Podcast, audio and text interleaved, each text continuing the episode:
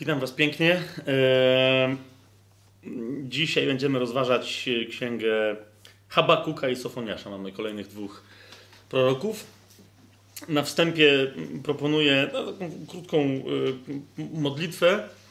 E, zainspirowaną dzisiaj troszeczkę ten temat e, rozwiniemy mm, później w trakcie tego wykładu. Modlitwę zainspirowaną trzecim rozdziałem e, Księgi Habakuka, 18 wersetem głównie.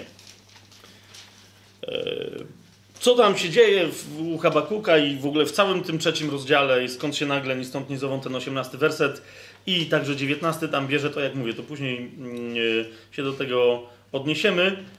Natomiast chciałbym, żebyśmy się, żebyśmy się na początku, niezależnie od trudnych tematów, które dzisiaj przy okazji tych dwóch proroków będziemy poruszać, żebyśmy się e, zanurzyli w radości, która wynika z wiary. Tak? E, ci, którzy są wierzący, po prostu mają taki dar. Kwestią jest nie tyle, żeby o niego prosić na nowo i go wyciskać z siebie, jego pozyskiwać, ale żeby poprzez przypomnienie sobie, poprzez poznanie tego, kim jesteśmy w Chrystusie, e, żeby, żeby go na powrót w sobie, ten dar radości uwolnić. I w takim sensie w takim sensie chcę, żebyśmy się e, nie o radość, ale właśnie radością na początku tego spotkania pomodlili. Dobry Ojcze, dziękuję Ci za kolejne spotkanie e, kolejnego już e, sezonu tajemnego planu. Dziękuję Ci za to, że Ty jesteś tak wierny, że my możemy to studium kontynuować.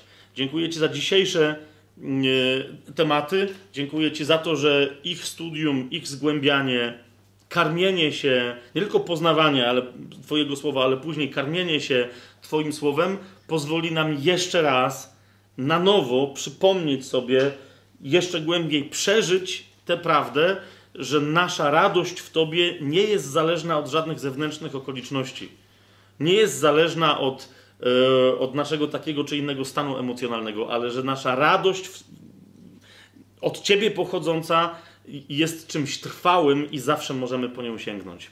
Dzięki Ci, Panie, że w wyniku e, tego dzisiejszego zgłębiania się, pochylania nad Twoim e, słowem, nie tyle tę radość otrzymamy, co, co będziemy w stanie odnowić w sobie dar radości i pogłębić go. Za to Ci, Panie, z góry dziękuję i za to, że nas jeszcze innymi darami nie tyle obdarzysz, co obdarzysz przypomnieniem, że je mamy, tak żebyśmy mogli wreszcie w pełni nimi w swoim życiu się cieszyć i posługiwać na Twoją chwałę i dla dobra innych bliźnich. Amen. Kochani, zaczynamy od Habakuka. Y, sami widzicie, jeżeli mamy dzisiaj Habakuka i Sofoniasza, no to de facto y, ktoś by powiedział, mamy do rozważenia tylko sześć rozdziałów, tak? To myśmy y, czasem na jednej sesji mieli parę dziesiąt na przykład rozważ- i to takich porządnych parę dziesiąt, na przykład rozważając Izajasza czy, yy, czy Jeremiasza. Tam się musieliśmy trochę skracać, tutaj możemy dzięki temu troszkę głębiej yy, wejść. Nie zmienia to jednak faktu, że, że każde, każdy z tych proroków, my go studiujemy, studiujemy w perspektywie całości. Tak? Widząc, e, widząc co się dzieje. Tak? Widząc e, wszystko rozważamy z perspektywy e, Chrystusa, pamiętając o tym, co się wydarzyło, E, co się działo wcześniej, a więc e, kolejny prorok nam tylko wskazuje na jakiś temat, który się przewija przez całą Biblię, a przy jego okazji możemy go taki temat wyjąć. Niemniej, żebyśmy dobrze zrozumieli, jakie tematy się przy okazji Habakuka, zwłaszcza, ale i Sofoniasza, wybijają nam i co nowego oni wnoszą, oczywiście najpierw potrzebujemy sobie każdego z nich umiejscowić żeby najpierw jego bezpośredni kontekst historyczny e, rozumieć. Zwłaszcza, że wielu powiada, że zarówno prorok Habakuk, jak i prorok Sofoniasz są z jakiegoś, nie wiem dlaczego powodu, zwłaszcza to przy Sofoniaszu niektórzy e, powtarzają, ale gdy, zwłaszcza gdy chodzi o Habakuka, niektórzy mówią, że się wyrwał jak Filip z konopi. Tak? I z jakiegoś powodu twierdzą, że nie da się w żaden sposób Habakuka ogarnąć, że trudno go umiejscowić, bardzo trudno coś na jego temat powiedzieć.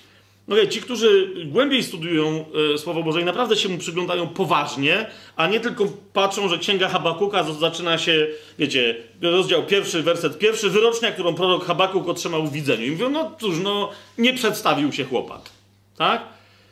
To to jeszcze nie znaczy, że my nie jesteśmy w stanie Habakuka wskazać, kiedy, w jakim czasie i w jakich okolicznościach działał i funkcjonował.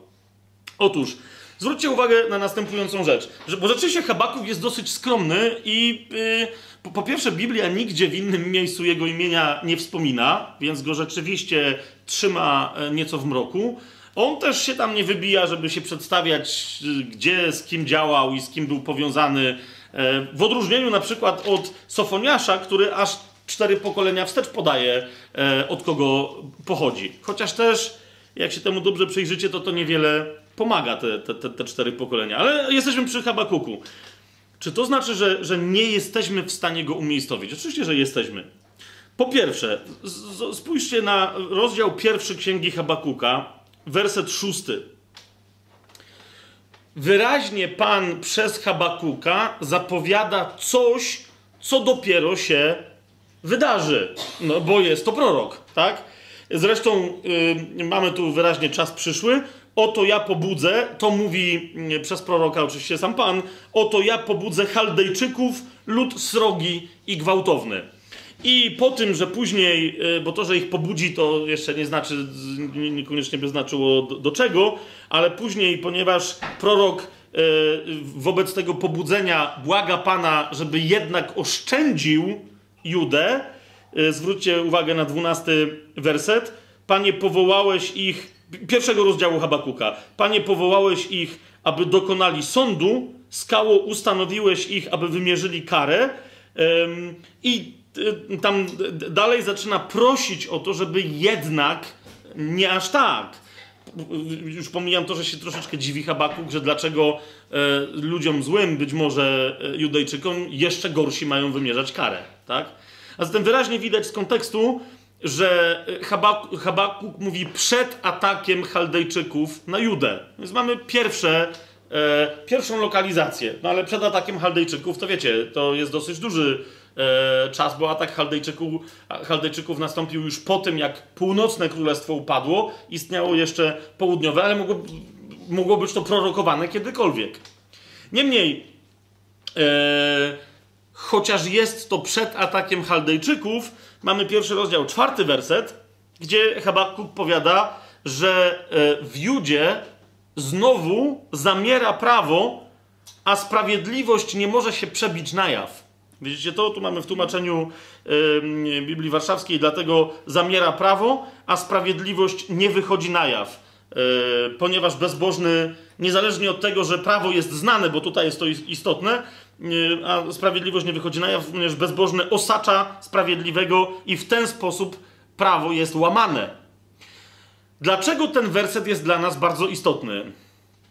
Ponieważ, kochani, myśmy o tym nie za specjalnie mówili podczas ksiąg historycznych, między innymi dlatego, że pamiętam, że później pewne szczegóły z tych ksiąg będziemy sobie doprecyzowywać później, ale teraz mo może jest właśnie dobry moment, żeby sobie uświadomić, że prawo zasadniczo e, zostało w Izraelu po Dawidzie i po Salomonie zagubione.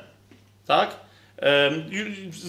I, I, przy nich nie, nie, do końca było znane, chociaż oni bardzo mocno szukali Pana, ale Izrael, Królestwo Północne, Juda e, kompletnie zagubili prawo. Tak? A zatem, jeżeli. Y, I, I, potem wydarzyło się y, coś wyjątkowego, pojawił się jeden król wśród samych złych królów judzkich, y, który tak bardzo, jak mówi pismo, szukał Pana, że był w tym podobny do Dawida i jednego, jednym z błogosławieństw, które otrzymał, było, że jeden z kapłanów e, pracujących wtedy w świątyni odnalazł Księgę Prawa.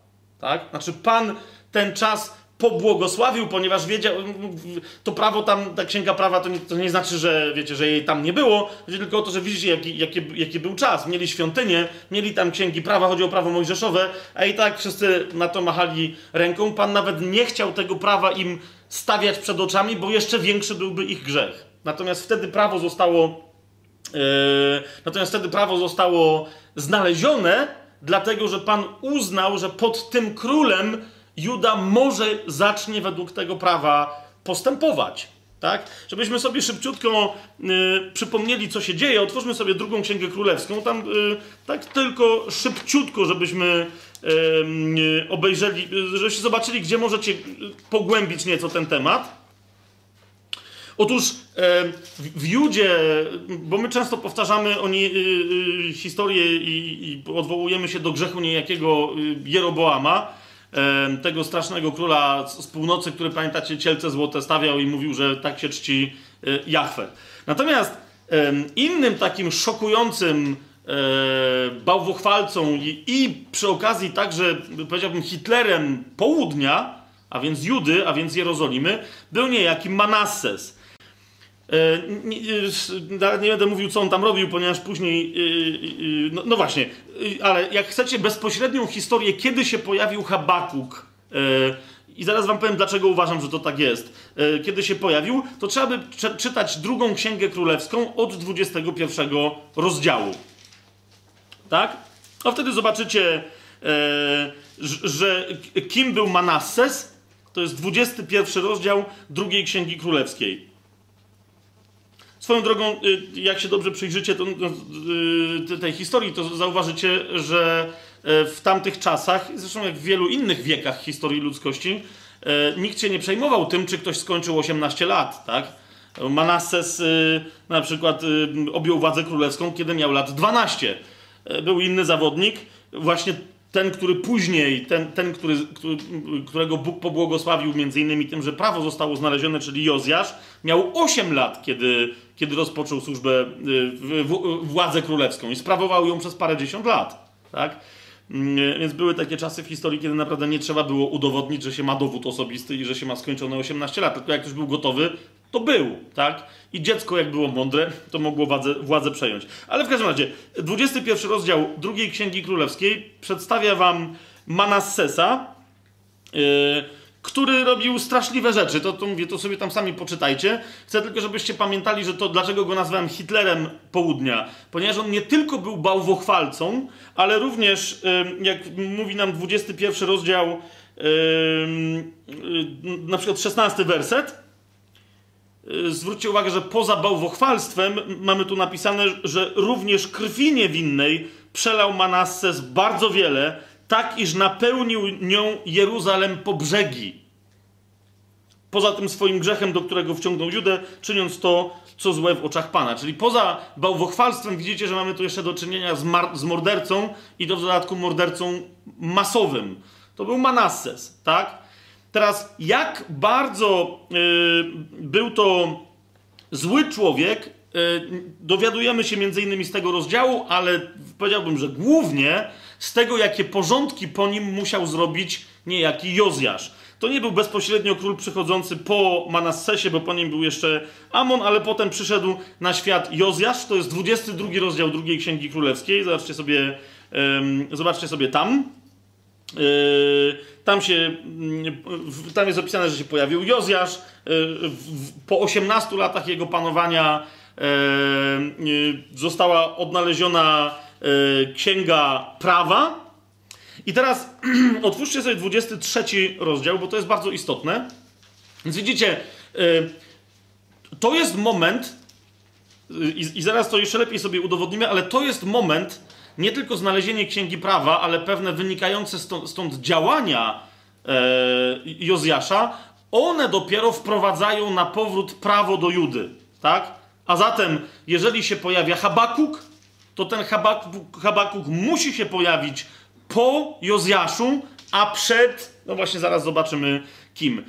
Niemniej, tak? Niemniej, bo to, to jest bardzo istotne, żebyśmy sobie to przypomnieli, przypomnieli, z czym musiał Jozjasz, z jakim, wybaczcie mi słowo, ale naprawdę, jak zaraz to poczytamy, to, to, to, to jeszcze raz jak sobie przypomnicie, z jakim syfem Naprawdę, nie ma lepszego określenia. No, mówię, wybaczcie mi, jak ktoś się czasem czuje, ale no, zaraz zobaczycie, to naprawdę bardzo delikatnie nazywamy to, to ochyctwo, które musiał czyścić e, Jozjasz e, w Judzie i w Jerozolimie. To jest 23 e, rozdział.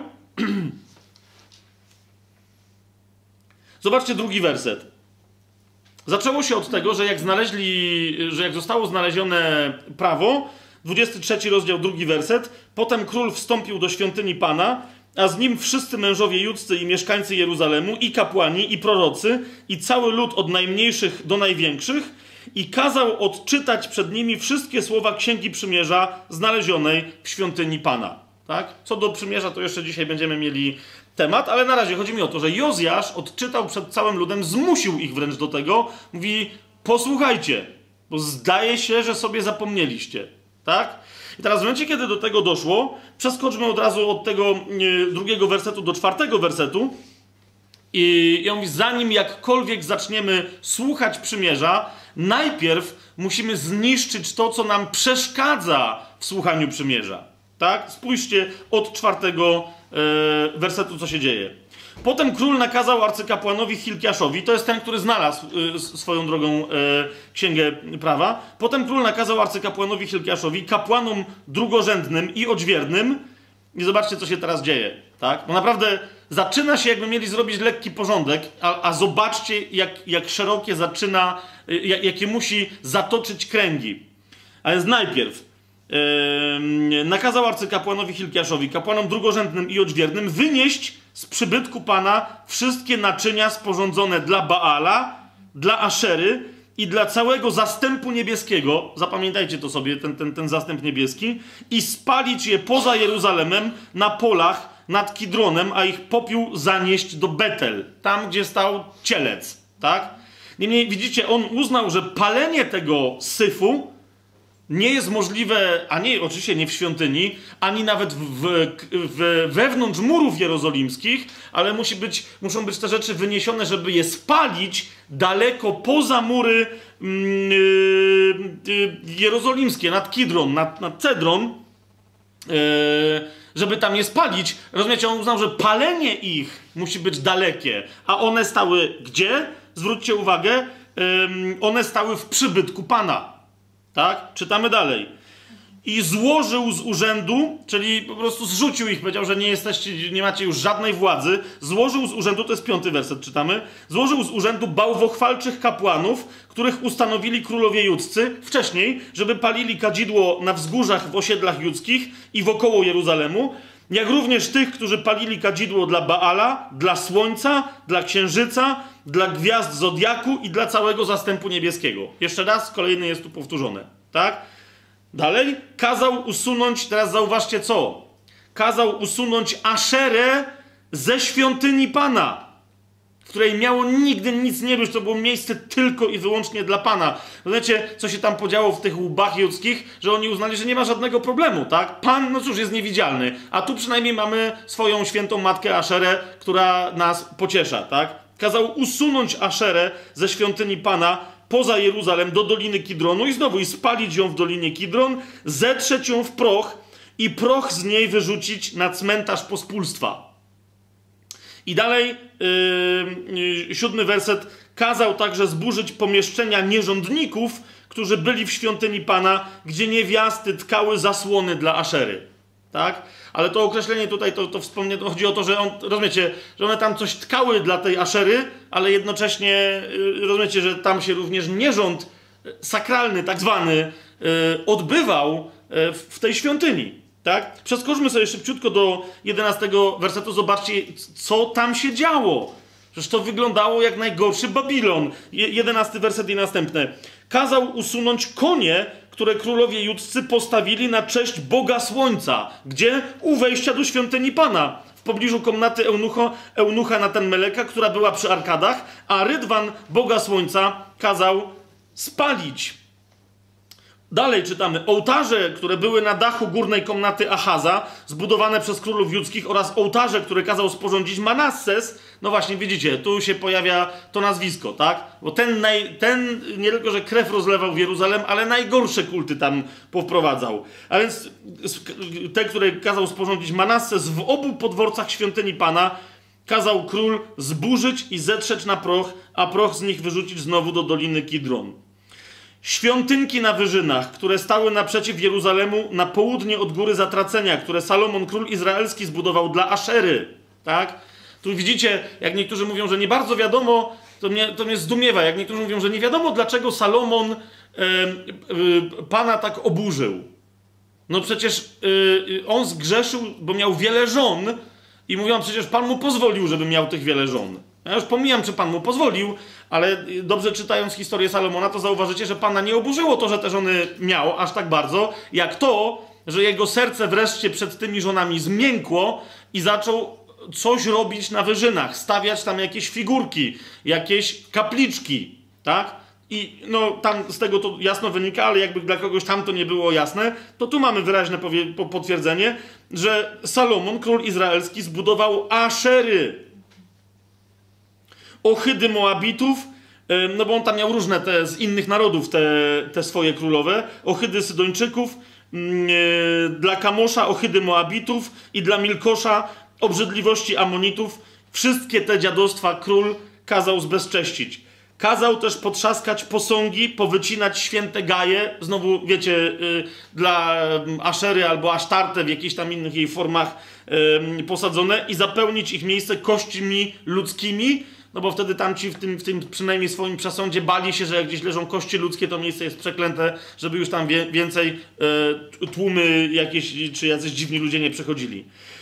I tutaj poszedł aż, aż do Betel, tak? Posunął się aż do Betel, zobaczcie 15 werset, również i ołtarz w Betel w świątynce wyżynnej, który kazał sporządzić Jeroboam, syn Nebata. To jest, wiecie, to jest ten, ten pierwszy Jeroboam, tak? Z tym tam cielątkiem durnym. Yy, więc tam też ten nasz odnawiający wszystko król wyruszył.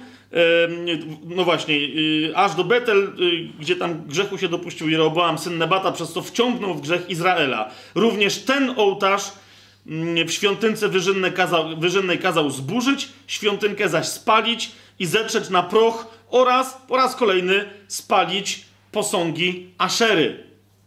I teraz przeskoczmy sobie y, szybciutko do 21 wersetu, bo jak już tu widzicie, ile. Y, oczywiście tego jest więcej, tak? Jak poczytacie, co robił Manasses, co musiał yy, czyścić po nim Jozjasz, no to zobaczycie, że bałwochwalstwo było straszne. Ale to, co jest najbardziej przerażające, a z czego większość ludzi nie zdaje sobie sprawy, mamy objawione dopiero od wersetu 21. Więc jak już sobie poradził z całym tym bałwochwalstwem, a przynajmniej tak mu się wydawało, król Jozjasz, zobaczcie, co wtedy powiedział. To jest 21 werset 23 rozdziału. Następnie rozkazał król całemu ludowi, uważajcie, obchodźcie paschę ku czci Pana, Boga waszego, jak jest przepisane w księdze tego przymierza. Znaczy, jak to? To co oni nie obchodzili paschy? 22 werset. Nie, ob, nie, nie obchodzono bowiem takiej paschy od czasu sędziów którzy sądzili Izraela przez cały okres królów izraelskich i królów judzkich. Dociera do Was? Coś, co miało być świętością, tak? Dla całego Izraela, dla, dla, dla, dla Judy, upamiętnieniem tego, jak Pan cudownie wybawił cały ten naród z ręki faraona, zostało tak szybko w ziemi Kanaanu zaprzepaszczone. To, to jest jedna z tych rzeczy, które sobie ludzie nie zdają sprawy, tak? Że widzicie, jak ja powtarzam, że, e, że oni zaczęli się bawić w religię, to jest właśnie to, że to, co miało stanowić o osobistej więzi z Panem, zostało zaprzepaszczone. Tak? Do świątyni chętnie łazili, zwłaszcza jak w tej świątyni e, zamiast spotykać się z Panem, spotykali się z aszerami, z Baalami i z innymi dziadostwami, z obrazami, figurami, obrzędami wszelkiego typu. Czcili zodiak, rozumiecie, wróżyli się z gwiazd, cokolwiek. Tak? ale to, co było obrzędem domowym i nie tyle obrzędem, co, co po prostu wieczerzą, tak? Na cześć Pana. Właśnie tam to, co nie miało charakteru stricte religijnego, ale miało upamiętniać, przypominać Żydom rok w rok, jaki jest Pan i co On dla nich osobiście czyni, właśnie to zaprzepaścili. Widzicie, jak Pan Jezus w objawieniu Janowym mówi: Oto stoję u drzwi i kołaczę. I chodzi mu oczywiście o drzwi serca każdego, kto jeszcze w niego nie, nie, nie, wierzy, ale potem mówi: Jeżeli kto drzwi mi otworzy, wejdę do niego i będę z nim wieczerzał, a on ze mną, to między innymi Pan Jezus tam się odwołuje do symboliki Paschy, wieczerzy pas, paschalnej. Rozumiecie o co mi chodzi? To, to jest to, że, że oni wtedy oczywiście nie do końca rozumieli, że zasiadają z Panem do tej wieczerzy. Tak? Nasza y, wieczerza, a więc pamiątka ostatniej wieczerzy Pana Jezusa, to, to, to, jest, to jest też to, tak? Nie, to, nie, to nie jest dokładnie powtórzenie wieczerzy paschalnej, ale, ale jednak jest, jest w, tym, w tej samej figurze, tak? Więc dla Pana wieczerzanie e, z kimś, kto w Niego wierzy, jest ważne. On dokładnie tego chce. Bezpośredniej, osobistej, czułej społeczności. A oni się zamienili w religijne bestie. Mówili, przecież Ci oddajemy chwałę. A, a, a zobaczcie, co się dzieje, tak? O, może, może oddawali chwałę, tak jak wszyscy inni bałwochwalcy dookoła, wszyscy poganie. A Bóg mówi: Ja nie chcę od was żadnej religii, chcę z wami społeczności. Tymczasem, jeszcze raz wróćmy do tego tekstu, zwróćcie uwagę, nie obchodzono takiej paschy od czasów sędziów. Kiedy myśmy sędziów yy, przerabiali, tak? że się tylko tu naszym czasem posłużę. Od czasu sędziów, którzy sądzili Izraela przez cały okres królów izraelskich i królów judzkich, aż dopiero w osiemnastym roku panowania króla Jozjasza obchodzona była ta pascha ku czci Pana w Jeruzalemie. I teraz kolejna bardzo istotna informacja, że jak tą paschę obeszli, to ludzie sobie przypomnieli, mówią, aha, zaraz, to my prywatnie też mamy czcić Pana. No tak, no to jest, to jest pascha, tak? I to wystarczy. Co, co mówi e, Księga Prawa? No jak oni się przyjrzeli, co jest w tej Księdze Prawa napisane, to wtedy, zwróćcie uwagę, 24 werset, zgodzili się również skończyć z horoskopami, wróżbiarstwem i całym tym dziadostwem. Jozjasz usunął też wróżbitów, a więc tych, którzy przepowiadają przyszłość na rozmaite sposoby, i czarodziejów, a więc tych, którzy na przykład e, rzucali zaklęcia i klątwy, tak? bo, bo ludzie za to wtedy płacili, podobnie jak i dzisiaj płacą, tak? Y, ja kiedyś byłem zaszokowany, że, jest, y, y, że było zarejestrowanych paręnaście lat już temu w Neapolu, wyobraźcie sobie, kilkanaście tysięcy wróżek i czarodziejek i czarodziejów, z czego niektórzy trudnili się tylko i wyłącznie rzucaniem zaklęć na biznesy, żeby prosperowały, lub też rzucaniem zaklęć na konkurencję biznesową, żeby upadła. Kapujecie? I biznesmeni za to we Włoszech y, płacili i płacą. No, natomiast no, ostatnio się dowiedziałem, że na przykład w Krakowie, tak, nie wiem jak jest w innych miastach Polski, ale też e, pod postacią salonu wróżbiarskiego czy jakichś tam innych usług ezoterycznych ludzie robią dokładnie takie same rzeczy. Tak? Biznes się nie skończył. Powiedziałbym business as usual. po prostu cały czas się ciągnie. Natomiast Jozjasz wtedy, spójrzcie, usunął wróżbitów, Usunął czarodziejów, zakazał również bożków domowych. Bo ludzie oczywiście mieli po domach swoje figurki, swoje ołtarzyki, swoje obrazy, inne tam historie. I też powiedział wyraźnie, że nie. Jeżeli cały naród się nawraca, a wy jesteście Izraelem pańskim, to nie możecie mieć również swoich prywatnych świątynek po domach. Yy, a więc usunął wróżbitów, czarodziejów, bożki domowe, bałwany i wszystkie obrzydliwości, jakie pojawiły się w ziemi judzkiej i w Jeruzalemie, aby przywrócić co? Ważność słowom prawa zapisanym w księdze, którą znalazł kapłan Hilkiasz w świątyni Pana. Tak? To wszystko trzeba zrobić, aby przywrócić także dzisiaj wagę słowu pańskiemu. Po prostu. Jak ktoś jeszcze z jakichś powodów szuka jakichś wymówek i mówi, że jedno z drugim można pogodzić, nie, nie można pogodzić. Wtedy nie można było pogodzić i dzisiaj tym bardziej nie da się absolutnie tego pogodzić. A zatem, a zatem, jeżeli, bo my tu mówimy o Habakuku, tak? Jeżeli Habakuk, widzicie, je, y, mówi o tym w pierwszej, y, y, tylko przypomnę, nie musicie tam otwierać, w pierwszym rozdziale swojej księgi, czwartym wersecie, że prawo wciąż y, wydaje się umierać, sprawiedliwość się nie objawia, ponieważ ci i tak żyją tutaj wszyscy fałszywie, to znaczy, że Habakuk się pojawił albo w trakcie mm, e, tej odnowy Jozjasza, albo po niej. Jasne to jest?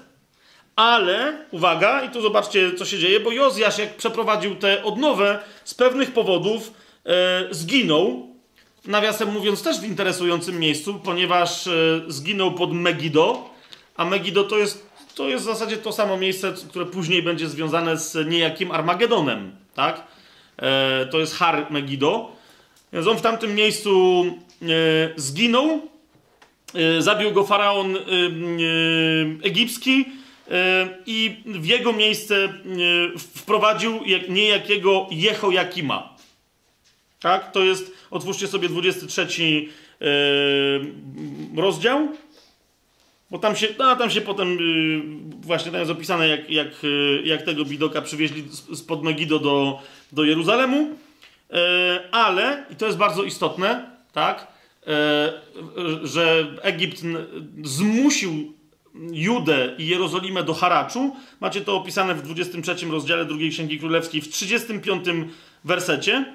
Yy, Eliakim został królem, yy, ale zostało jego imię zmienione, zmienione na Jehojakim. I teraz zwróćcie uwagę, 35 werset. Jehojakim płacił faraonowi srebrem i złotem, ale nie swoim ani, no właśnie, bo to, to jest to, o czym mówi Habakuk, ale nałożył na kraj podatek, aby móc te pieniądze dostarczyć według nakazu faraona. Od każdego więc według oszacowania, y, czy, czyli tutaj chodzi po hebrajsku, że według swojego widzimisię, bez żadnych sprawiedliwych y, praw, nie według sprawiedliwego oszacowania, pobierał srebro i złoto od prostego ludu, aby móc spłacić faraona Necho. I teraz zobaczcie tylko szybciutko 24 rozdział. Eee, ponieważ Habakuk w tych granicach działa. Tak? Według mnie działa dokładnie w tym czasie, który nam opisuje 23 rozdział drugiej Księgi Królewskiej, 35 werset. A więc pod Jehojakimem, który jest następcą yy, reformatora Jozjasza, a jeszcze przed czym? Przed przybyciem Chaldejczyków, które jest opisane, zwróćcie uwagę, w 24 rozdziale drugiej Księgi Królewskiej, w drugim wersecie lecz Pan wyprawił przeciwko niemu, yy, przeciwko Jehojakimowi właśnie, lecz Pan wyprawił przeciwko niemu chówce Chaldejczyków. Widzicie to? Widzicie to? Tak. Okej, okay, bo to yy, o to mi chodzi i potem tam jest tylko powiedziane. Trzeci werset, zobaczcie, doprawdy zgodnie ze słowem Pana spotkało to Judę, aby usunąć yy, ją sprzed oblicza jego Yy, za grzechy Manassesa, za to wszystko, co uczynił. I jak jeszcze zobaczycie w drugim wersecie końcówkę, tam jest wyraźnie powiedziane i to w hebrajskiej liczbie mnogiej, że zostało to wypowiedziane, zapowiedziane przez Pana, przez usta Jego sług proroków. Widzicie? Do tych proroków musiał należeć Habakuk. I teraz wracamy do księgi Habakuka, który powiedział, pierwszy rozdział, szósty werset: Oto ja pobudzę Chaldejczyków. Jasne jest yy, to moje rozumowanie? Ponieważ yy, wyraźnie Habakuk odwołuje się do prawa, to znaczy, że księga prawa już musiała być znaleziona, a ponieważ mówi, że Chaldejczycy dopiero nadjadą, to znaczy, że to jest jeszcze przed pierwszą inwazją Chaldejczyków. Jasne? Świetnie.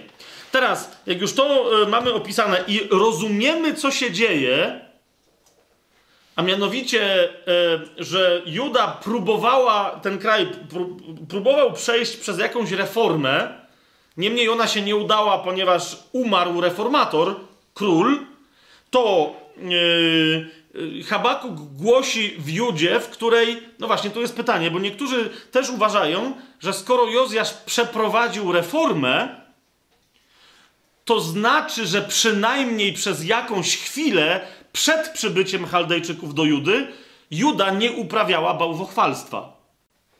Otóż, kochani, to, że Jozjasz zaatakował całe to dziadostwo i usunął z przestrzeni publicznej, a nawet, jak mu się zdawało, udało mu się nakazać ludziom usunięcie tych wszystkich dziadostw bluźnierczych z ich domów, to zwróćcie uwagę, tutaj szybciutko sobie przeskoczymy i przedstawimy naszego dzisiejszego proroka. To dzisiaj y, zrobię um, troszkę nietypowo. Przeskoczmy do księgi Sofoniasza, który zauważcie, jak się przedstawia. Ponieważ to jest, y, widzicie, właśnie w, ten sposób Biblia rozmaite informacje, które potwierdzają inne informacje, ma w zdumiewający sposób rozsiane. Nawet jakby ktoś gdzieś chciał coś urwać, to nie urwie z innego miejsca, bo nawet nie wie, że jak, jak nie zgłębia słowa, że to gdzieś tam jest. Popatrzcie, otóż Sofoniasz również był prorokiem i to na pewno z czasów tego ostatniego króla, na którego najechali Chaldejczycy. Zwróćcie uwagę, pierwszy rozdział, pierwszy werset.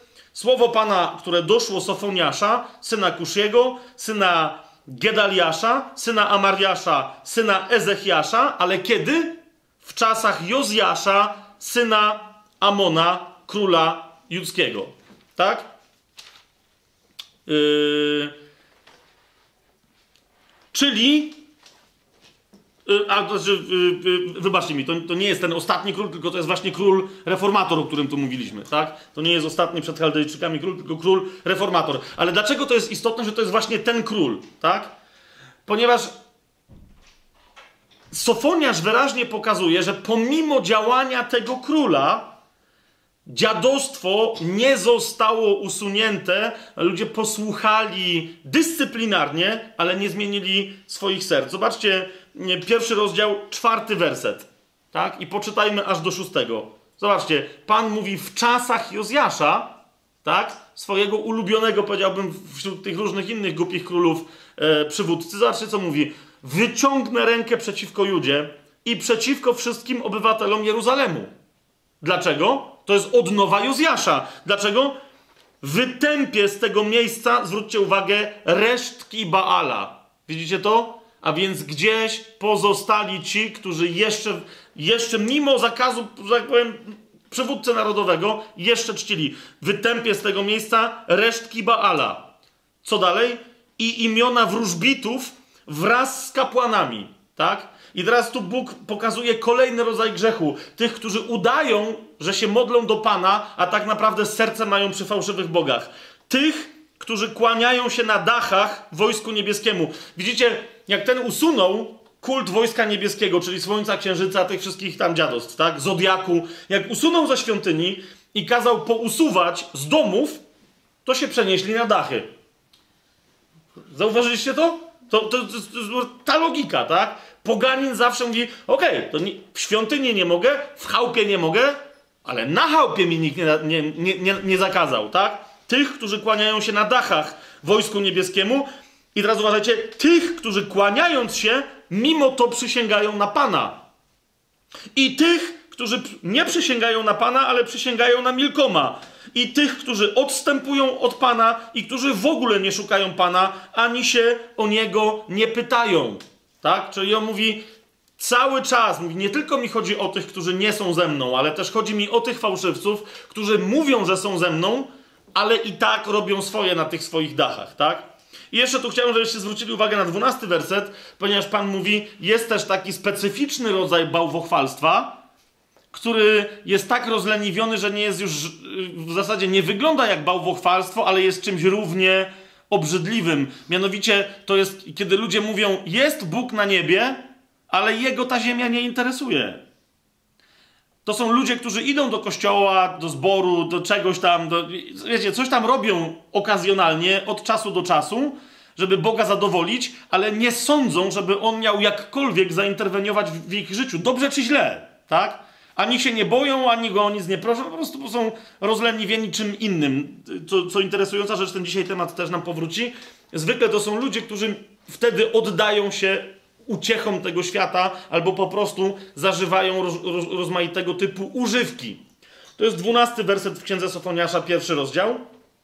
Yy, Pan tam mówi, że w trakcie tego czyszczenia Jerozolimy, no właśnie jak przyjdą Chaldejczycy, w owym czasie będę przeszukiwał Jeruzalem w świetle pochodni i będę karać mężów, którzy siedzą zdrętwiali nad mętnymi resztkami wina, a w swoim sercu powiadają sobie: Nie uczyni Pan ani nic dobrego, ani też nic złego.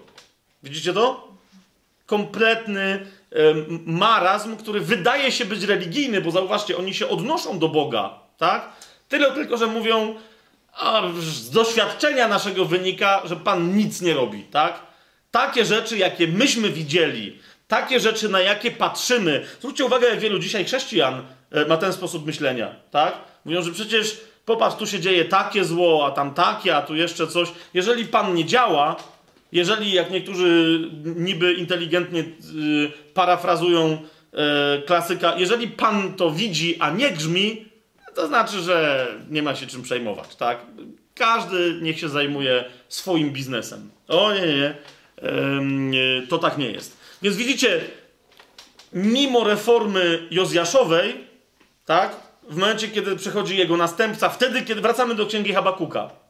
Chodzi mi o to, że Sofoniarz, jak widzicie, albo jest równoległy e, współczesny Habakukowi, albo nawet jest nieco wcześniejszy. Tak, ale wróćmy do księgi Habakuka. Otóż Habakuk e, ma do czynienia z takim właśnie bezprawiem, odnawiającym się grzechem bałwochwalstwa, e, wychodzącym po reformie Jozjasza z ukrycia i z niesprawiedliwością. Tak? Teraz, ponieważ wielu innych proroków już się z tym zmagało, co wyjątkowego i co innego pojawia się u Habakuka. No, mnóstwo rzeczy się pojawia zupełnie nowych i to naprawdę takich, uwierzcie mi, przełomowych na sposób rewolucyjny, nie tylko w tamtym czasie, ale i dzisiaj dla wielu to jest jeszcze rewolucja, która się im ani w sercu, ani w głowie nie dokonała. Ale powiedziałbym, że można Księgę Habakuka podzielić na y, y, następujące części. Pierwszy rozdział y, od wersetu pierwszego do czwartego. Niektórzy mówią, że do piątego, a to są kwestie sporne, nie będziemy się teraz tymi sporami mm, zajmować. To jest wołanie Habakuka który się pyta Pana, czy zareaguje, czy nie zareaguje, widząc, że pomimo reformy Jozjaszowej e, i tak to nic nie daje, że ludzie po prostu chodzi... pojawił się ktoś taki jak Jozjasz i nic, umarł i wszystko jest po staremu. Więc pierwsza rzecz to jest, czy on, czy Bóg zareaguje. Druga rzecz, ale na to sobie odpowiemy nieco później. E, popatrzcie, jak wielu chrześcijan dzisiaj ma dokładnie ten sam problem, tylko niestety nie to samo rozwiązanie co Habakuk. Mianowicie wołają do Pana: Mniejsza o to, że Ty nie reagujesz w Izraelu, ale dlaczego nie reagujesz w moim życiu? Ile jeszcze mam do Ciebie wołać?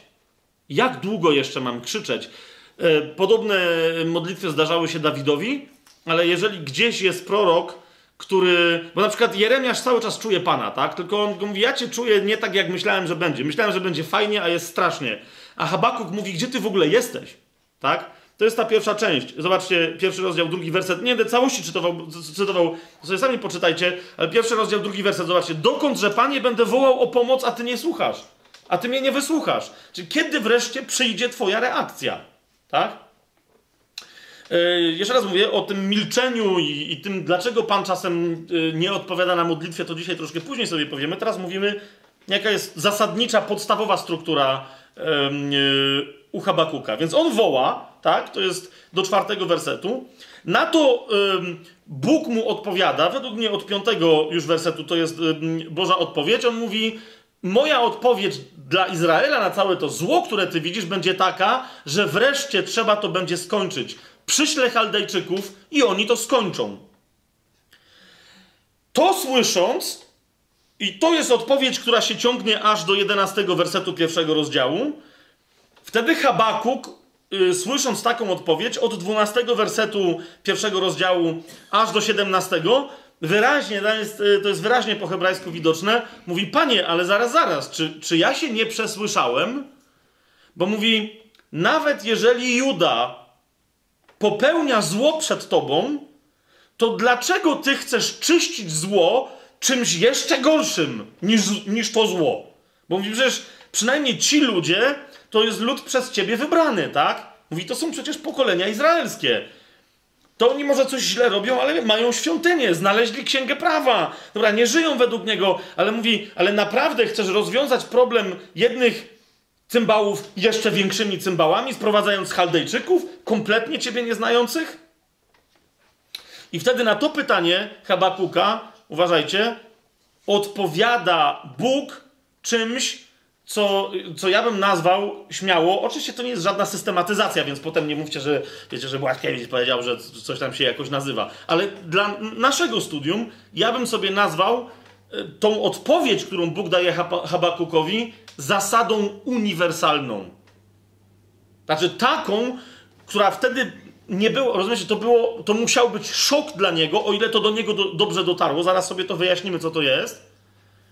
Ale ta zasada nie tylko, że nie została zniesiona w Nowym Testamencie, ale w, Nowym Testamencie się właśnie ujawniła prawdziwość tej zasady, że to jest zasada uniwersalna. W jaki sposób Pan postępuje z nieprawym, a w jaki sposób z prawem. Tak? Kto jest w jego oczach prawy, a kto nieprawy, i że to, ma, to, że to nie ma niczego wspólnego w pewnym momencie, że to nie ma niczego wspólnego z tym, z jakiego on jest, e, z jakiej jest rodziny, e, z jakiego pochodzenia etnicznego przychodzi. Jasne? Pan udziela takiej odpowiedzi, że, że tak powiem e, staropolskim, wierzajcie mi, nie byłoby bez tej odpowiedzi zrozumienia, kim jest Pan Jezus pełnego, albo on by musiał znacznie więcej pe pewne rzeczy i, i, i, szerzej wyjaśniać, dzięki Habakukowi już nie musiał, a już na pewno nie byłoby nauczania Pawła apostoła. I to takiego fundamentalnego nauczania Pawła apostoła. I teraz, jak, jak i Pan udziela, wprowadza do tej zasady i udziela odpowiedzi w drugim rozdziale od pierwszego do czwartego wersetu, Potem wyjaśnia, i my sobie też troszeczkę więcej na ten temat powiemy, że jeżeli Chaldea jest rzeczywiście niesprawiedliwa, to jest drugi rozdział od piątego wersetu, w zasadzie aż do końca, do dwudziestego, to, to, to Pan wyjaśnia, że jeżeli Chaldea rzeczywiście jest niesprawiedliwa, to wyjaśnia dlaczego, i że to nie dlatego, że nie są Izraelem, a więc jednocześnie mówi nam na dzisiaj, mówi każdy naród, a pamiętajcie, że my cały, bo my cały czas jako chrześcijanie głosimy my cały czas głosimy indywidualnie.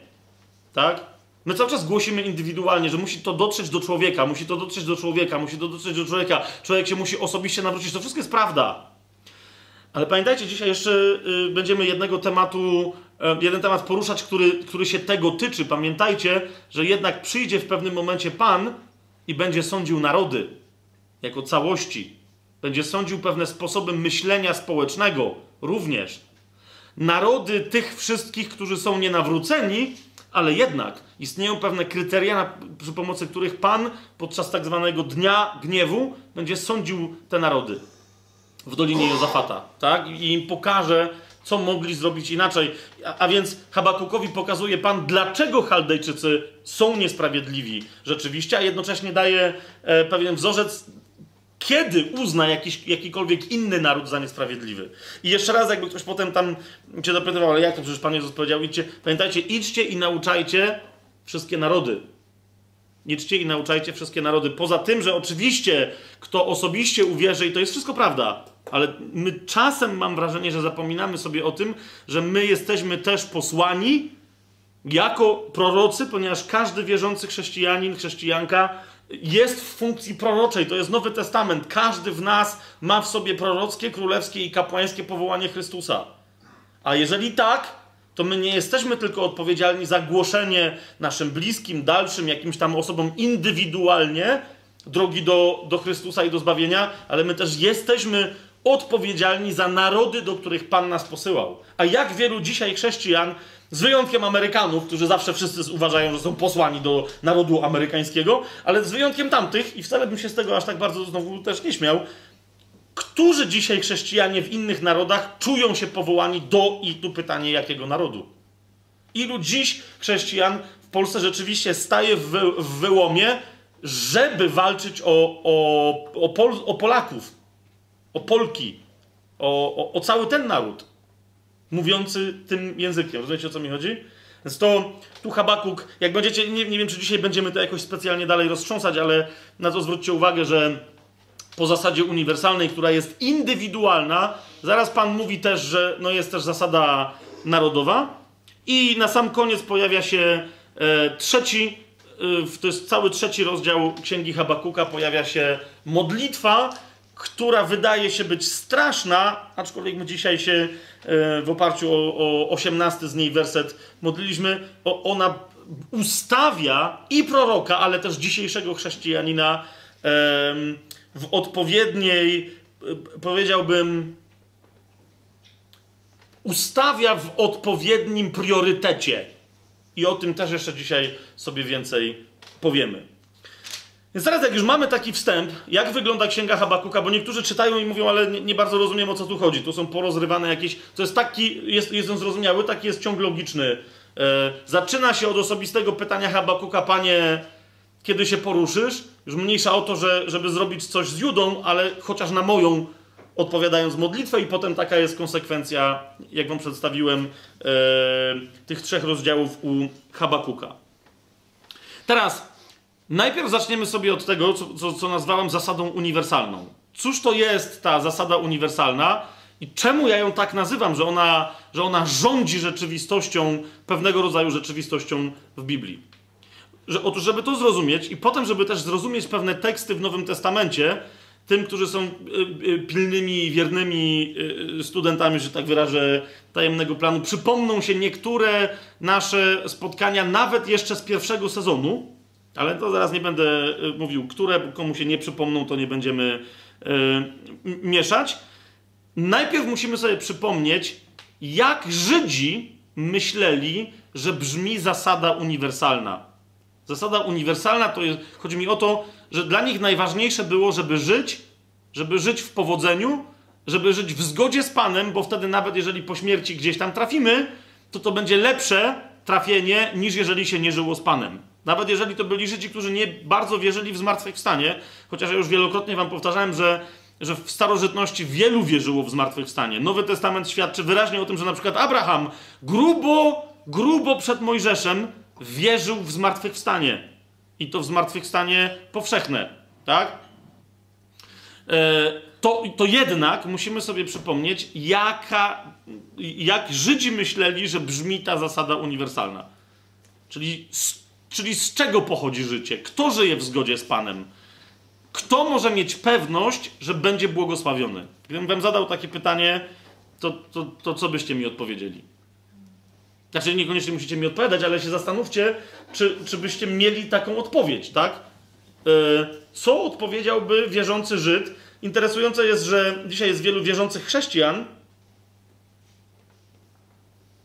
którzy twierdzą, że wierzą w Pana Jezusa, a w rzeczywistości nadal wyznają zasadę żydowską. Żona mnie upomniała, mówię tym, którzy nie widzą, co się dzieje, tym razem, że sobie ubrudziłem brodę kawą. A więc? Żono, ty myśl o Mojżeszu, nie o mojej brodzie. Otwórzcie sobie trzecią Mojżeszową w takim razie, ponieważ Żydzi natychmiast pomyśleliby Mojżeszem. O to mi chodzi. Najpierw sobie otwórzmy trzecią Mojżeszową, czyli yy, tak zwaną Księgę Kapłańską. 18 rozdział.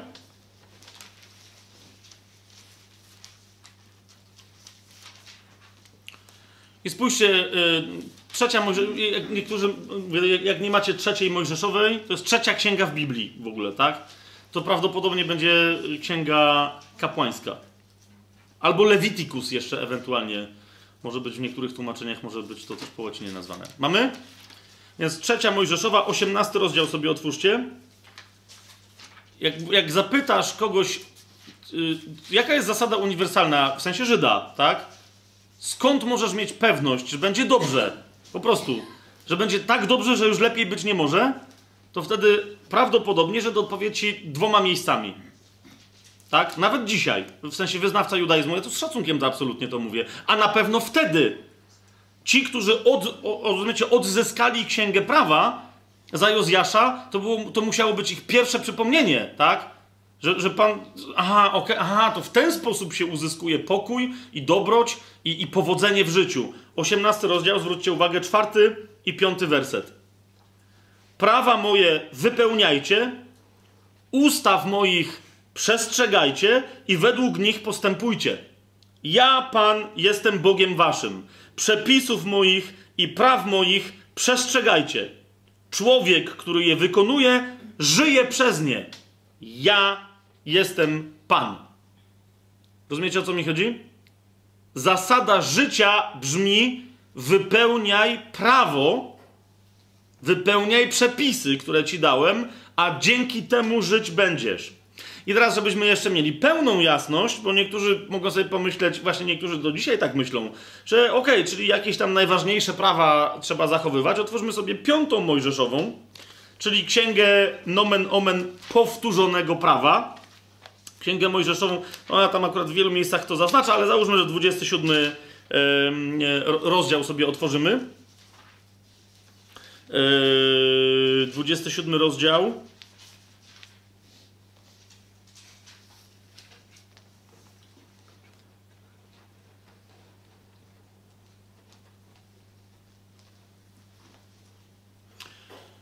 Na przykład yy, yy, 26 werset. Powiadam, to jest tylko przykład. 27 rozdział, 26 werset. Uważajcie. Przeklęty, kto nie dochowa słów tego zakonu, aby je spełnić. A cały lud na to odpowie Amen. Przeklęty, kto nie dochowa słów tego zakonu, aby je spełnić. Jasne to jest? A więc nie tylko jest tak, że żyć będziesz wypełniając to prawo, ale jeżeli nie będziesz wypełniać tego prawa, musi spaść na ciebie przekleństwo. Czy ma, macie tego jasność? I teraz jeszcze kolejna rzecz, która uzupełnia to, co wydawało się być Żydom zasadą uniwersalną, a mianowicie na, na przykład 28 rozdział tejże piątej księgi Mojżeszowej sobie otwórzcie, 15 werset. Y, no, tu od 15 wersetu to się zaczyna, dokładne wypowiedzi się zaczynają, kto gdzie jakich liszajów dostanie, jakich hemoroidy, jakie hemoroidy mu wyskoczą. Naprawdę, kiedy, co, co mu zeżre szarańcza, gdzie będzie susza i tak dalej, i tak dalej. Po prostu Bóg naprawdę się postarał o to, żeby postraszyć mm, y, tych, którzy dostali prawo mojżeszowe i pod nim się podpisali. Tak? Bóg się bardzo mocno o to postarał, ale przede wszystkim tu się pojawia ostatni element uniwersalnej zasady prawa mojżeszowego. To jest 15 werset. Jeżeli nie usłuchasz głosu Pana Boga Twojego i nie będziesz spełniał pilnie czego? Wszystkich Jego przykazań i ustaw. Wszystkich Jego przykazań i ustaw. Jeszcze raz powtórzę. Wszystkich Jego przykazań i ustaw. Nie chodzi o to, żeby sobie wybrać jakieś, albo powiedzieć, panie, ale te najważniejsze to przestrzegałem. Albo żeby powiedzieć, Boże, to nawet nie najważniejsze, ale w większości przestrzegałem. O tym i Paweł, i yy, Jakub na przykład w swoim liście w Nowym Testamencie przypominają tym, którzy chcieliby judaizować. Paweł i Jakub bardzo jasno na to wskazują. Mówi, czy wy nie wiecie o tym, co zapomnieliście sobie, jeżeli chcecie się trzymać prawa mojżeszowego to nie wiecie o tym, że wystarczy jedno przykazanie złamać, a jesteście winni tak, jakbyście nie przestrzegali żadnego? Pamiętacie to? Pamiętacie u Pawła, gdzie jest? Ok, a u Jakuba? Ok, tak? A zatem zasada uniwersalna brzmi: według umysłu żydowskiego należy przestrzegać prawa. Trzeba znać prawo i trzeba przestrzegać prawa jakiego całego, z wyjątkami bez wyjątków. Jeżeli złamiesz chociaż jedno przykazanie, jesteś winien, jakbyś złamał wszystkie i jakbyś żadnego przykazania nie słuchał. Czy jest to jasne? Ok. I teraz w tym kontekście, kochani, co się dzieje? Tak? Habakukowi Pan mówi, widzisz, że Juda, bo już Izrael już padł, Izraela już nie ma na północy, tak? Jest jeszcze Juda i ten mówi, Panie, co zrobisz z Judą? Bo mimo reformy Jozjasza, no jakaś taka nędza jest ogólna. A Pan mówi, przyślę Chaldejczyków i będzie koniec. Tak? I wtedy właśnie pod koniec pierwszego rozdziału to mówi, ale serio? Jak to? To znaczy jeszcze gorsi mają złych niszczyć, co jest grane? I Pan mu na to odpowiada, zrozum. Zrozum. Widzisz, prawo jedyne, co ci pokazało, znaczy okej, okay, to, to już jest potem, ja teraz już mówię Nowym Testamentem, tak? E, bo objawienie akurat Habaków zostało dosyć proste, ale no, zaraz wam to pokażę, tak? Nie, po, po, po, prostu w tym jednym zdaniu, które Habakuk dostał, on, w jego głowie naprawdę, rozumiecie, on musiał być tam przemielony, tak? To gorzej jak ten Jonasz w, w, tej rybie, co go połknęła. Dosłownie jakby go ktoś wrzucił w żarna i mielił, mielił, mielił. Z jednej strony wszedł Habakuk, z drugiej strony wyszła mąka. Rozumiecie? Z której już można swobodnie jakiś chleb upiec. Jedno zdanie go trafiło, tak? Które zdanie? Zobaczcie, drugi rozdział Księgi Habakuka. Pan mu powiedział, że to się. Wy... Y, trzeci werset najpierw. Drugi rozdział, trzeci werset. Widzenie dotyczy oznaczonego czasu i wypełni się niezawodnie. Jeżeli się odwleka, to go wyczekuj, gdyż na pewno się spełni, a nie opóźni się. I tutaj jedno zdanie Pan podaje, nawet chodzi o kawałek tego zdania, które wprowadza nową zasadę uniwersalną, chociaż ona nie jest wcale nowa. Właśnie na tym polega szok, który musiał przeżyć Habakuk, a, a, a, a z którego wciąż widać, że Żydzi się z nim nie pogodzili, to i, i, wielu chrześcijan go nie przyjęło. Cała robota Pawła wskazuje na to, że mówił: uświadomcie sobie coś, co już Habakuk wiedział. To jest drugi rozdział, czwarty werset. Oto człowiek niesprawiedliwy nie zazna spokoju duszy. Tak? I to jest jasne. A mówi, nieważne kto to jest, Żyd czy nie Żyd. Ale natychmiast mówi Habakuku, a jak ty się mnie zapytasz, kto to jest sprawiedliwy, to ci odpowiadam, to nie jest ten, kto zna prawo, kto go przestrzega, kto i tak dalej. Mówi, nie, nie, nie, nie, ja ci odpowiadam, kto to jest. Zwróćcie uwagę. Sprawiedliwy z wiary żyć będzie. Sprawiedliwy to jest ten, który żyje z wiary. Teraz powiecie, aha, no to fajnie, ale zasada uniwersalna, yy, przecież żeby zacząć słuchać prawa, to trzeba i tak uwierzyć Panu. O, o, o, o, o. Ja wam zaraz pokażę, dlaczego Habakuk musiał być ciężko zszokowany, a jednocześnie dlaczego to roz, rozsadziło go radością, bo usłyszał dobrą nowinę.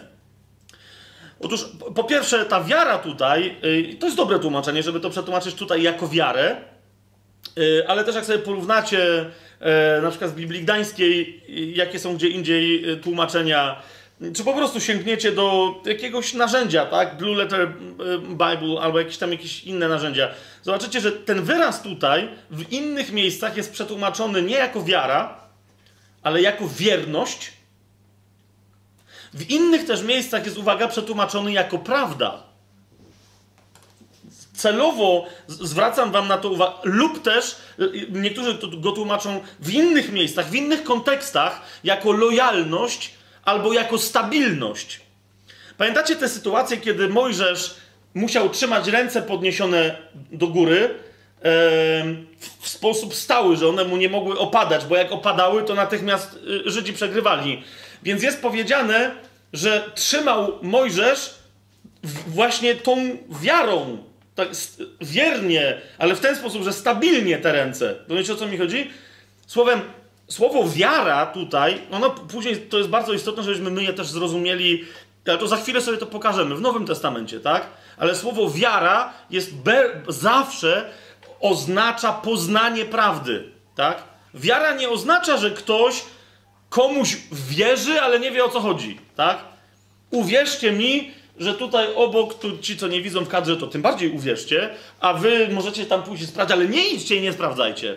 Tak? Jak czasem tam coś piszczy, to ktoś wam wmówił, że my mamy dwie świnki morskie w tym domu. Ja wam mówię, że to nie są świnki morskie. To są takie ogromne kury, ale które wyglądają bardziej jak dinozaury. Są całe, jeden jest pomarańczowy dinozaur, drugi jest fioletowy. Ten pomarańczowy ma na sobie czarne jaszczurki wymalowane, bo Madzia go tak pomalowała, a ten drugi, ten fioletowy, ma żółte jaszczurki, ale one mu same wyrosły. Co wy na to? No i teraz rozumiecie o co mi idzie? Niektórzy tak myśl, tak, tak definiują wiarę. Oni mówią, wiara jest dla głupków. Jeden drugiemu coś wciska i ten drugi bez żadnych dowodów coś ich przyjmuje. Otóż wiara w Biblii, to, to, to tutaj po, po, pierwsze hebrajska, a za chwilę sobie jeszcze więcej coś na ten temat pokażemy. Wiara, wiara w Biblii jest przede wszystkim rodzajem duchowego, ale poznania. Czy to jest jasne, co mówię? Że ty nagle dostrzegasz duchowo prawdę, którą, która niekoniecznie jest widzialna oczami. No wręcz później Nowy Testament powie, że ona w ogóle zwykle jest niewidzialna oczami, ale to nie znaczy, że ona jest w ogóle niewidzialna. Tak? Ale dostrzegasz prawdę, dostrzegasz zupełnie inny kontekst i mówisz, aha, masz poznanie. To poznanie zawsze wiąże się z osobą. Tak? Ponieważ ty poznajesz nie coś, ale kogoś. A więc Boga poznajesz, nagle go dostrzegasz i mówisz: A to jest Bóg. I teraz widzisz, że ten Bóg, którego widzisz, jest wart zaufania. Tak? A więc wiara zakłada w sobie wierzenie, które jest zaufaniem Jemu. To jest jasne, co mówię? To jest pierwsze. nie musisz wierzyć w żadne doktryny na jego temat. Tak? że jest tak czy inaczej, że Bóg jest trójjedyny, a że w ogóle daj spokój. Najpierw jest poznanie Jego jako kogoś, kto jest wart zaufania.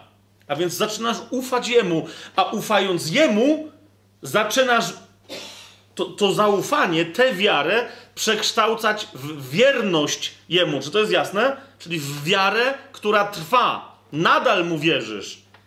Zauważcie, jak on powiedział, trzymaj Mojżesz łapy do góry w ten sposób i naprawdę, po prostu, tak? To, to wiecie, czy to była magia, że dopóki Mojżesz będzie trzymał, a jak go puści, to nie, zauważcie, jak tam dobrze przestudujecie sobie tam, tam ten fragment, to nie ręce Mojżesza yy, powodowały cokolwiek, tak? On tylko uczył całego Izraela wiary przez tego, co do którego wiedział, że ma w niego wiarę, czyli przez Mojżesza, tak? Mówi, zaufaj mi. Ja będę walczył, jak ty tą jedną rzecz zrobisz, będziesz trzymał łapy do góry, tak? I teraz zauważcie, Bóg nie jest w, wie, w wierze, w wymaganiu wiary, nie wymaga jakichś heroizmów, tak? Bo jak, pamiętacie, jak Mojżeszowi zaczynały słabnąć te ręce, to co się stało? Bóg mu powiedział, a stary, myślałem, że jesteś yy, fizycznie troszkę bardziej zaawansowany. Także siłownia i potem wrócimy do wojny, bo nie umiesz rąk utrzymać. Nie! Co się stało? Przyszli inni i zaczęli trzymać mu te ręce, pamiętacie to? I co? Yy, co Bóg powiedział? O, cheating, oszukujesz, nie wolno tak, no nie? Nie, okej. Okay. Każdy sposób jest dobry. Jak ci pomagają, to super. Tak? Zwłaszcza, że oni też uczestniczą wtedy w tym, oni się też uczą, tak? Że to ja walczę, ja Pan walczę, nie ty twoimi rękami. Nic, ty nic nie robisz. Tak? Jak, jak laską uderzył w skałę, to Pan się na niego, pamiętacie, wkurzył, bo miał raz uderzyć, tak? Panu chodzi tylko o to, żeby jemu ufał, a to nie on miał wyczarować, nie miał wytłuc tą, tą, tą laską ze skały żadnej wody, tak? Więc to jest cały czas lekcja wiary. Zacznij mi ufać, mówi Pan. Jak ci obiecałem, to, to wypełnię, tak? Tylko po prostu stój w miejscu, w którym ci powiedziałem, że ci dam, a nie zaczynaj się kręcić. Wyrazem naszej wiary jest wierność, tak? Stanie tam, gdzie Pan powiedział, że mamy stać. Pójście tam, gdzie On powiedział, żeby pójść. Tak? Czekanie tam, gdzie On powiedział, żeby czekać, a działanie tam, gdzie powiedział, żeby działać. Jasne to jest? To, to oznacza, że sprawiedliwy, to jest cały ten zbiór, sprawiedliwy z wiary żyć będzie. Zaraz sobie wyjaśnimy, o co chodzi w Nowym Testamencie tutaj. Ale kochani, najpierw dlaczego, bo y, Habakuk nie znał żadnego Nowego Testamentu. On tylko wiedział, że Mesjasz dopiero nas ciągnie. Dlaczego Habakuk był tak ciężko zszokowany? Bo otóż Habakuk, nawet jeżeli by nie znał prawa, chociaż ja myślę, że wielu proroków znało prawo, nawet jak lud go nie znał, no to tu żył w czasie, kiedy prawo zostało odbudowane, a prawo oznacza cały pięcioksiąg Mojżesza, tak? A w pięcioksięgu Mojżesza mamy jedno wydarzenie, do którego ten fragment się już odnosi, oraz jedną postać, do której ten fragment według mnie bezpośrednio yy, się odnosi. Otwórzmy sobie pierwszą księgę Mojżeszową. Tak? Zaraz na sam początek musimy wrócić. A więc zanim jeszcze jakiś Mojżesz się pojawił, zanim w ogóle jacyś Żydzi się pojawili, zanim poszli do Egiptu, zanim Józef przed nimi poszedł, żeby im przygotować to miejsce w Egipcie, zanim się w ogóle pojawił Jakub, od którego Izrael się nazwał Izraelem, zanim się pojawił jego ojciec Izaak, był kto? Był ojciec ich wszystkich, który nazywał się Abraham, tak? A najpierw Abram, czy Abraham. Yy, otwórzmy sobie pierwszą Mojżeszową, 15 rozdział.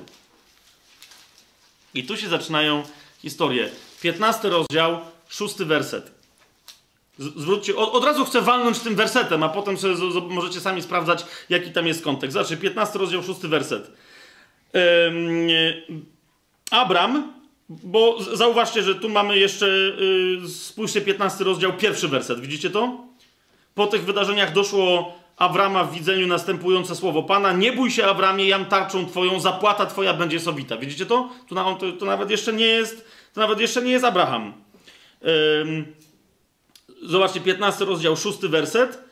Pan mu powiedział pod koniec piątego wersetu, mówi spójrz ku niebu i policz gwiazdy, jeżeli możesz je policzyć i że do niego tak liczne będzie potomstwo twoje.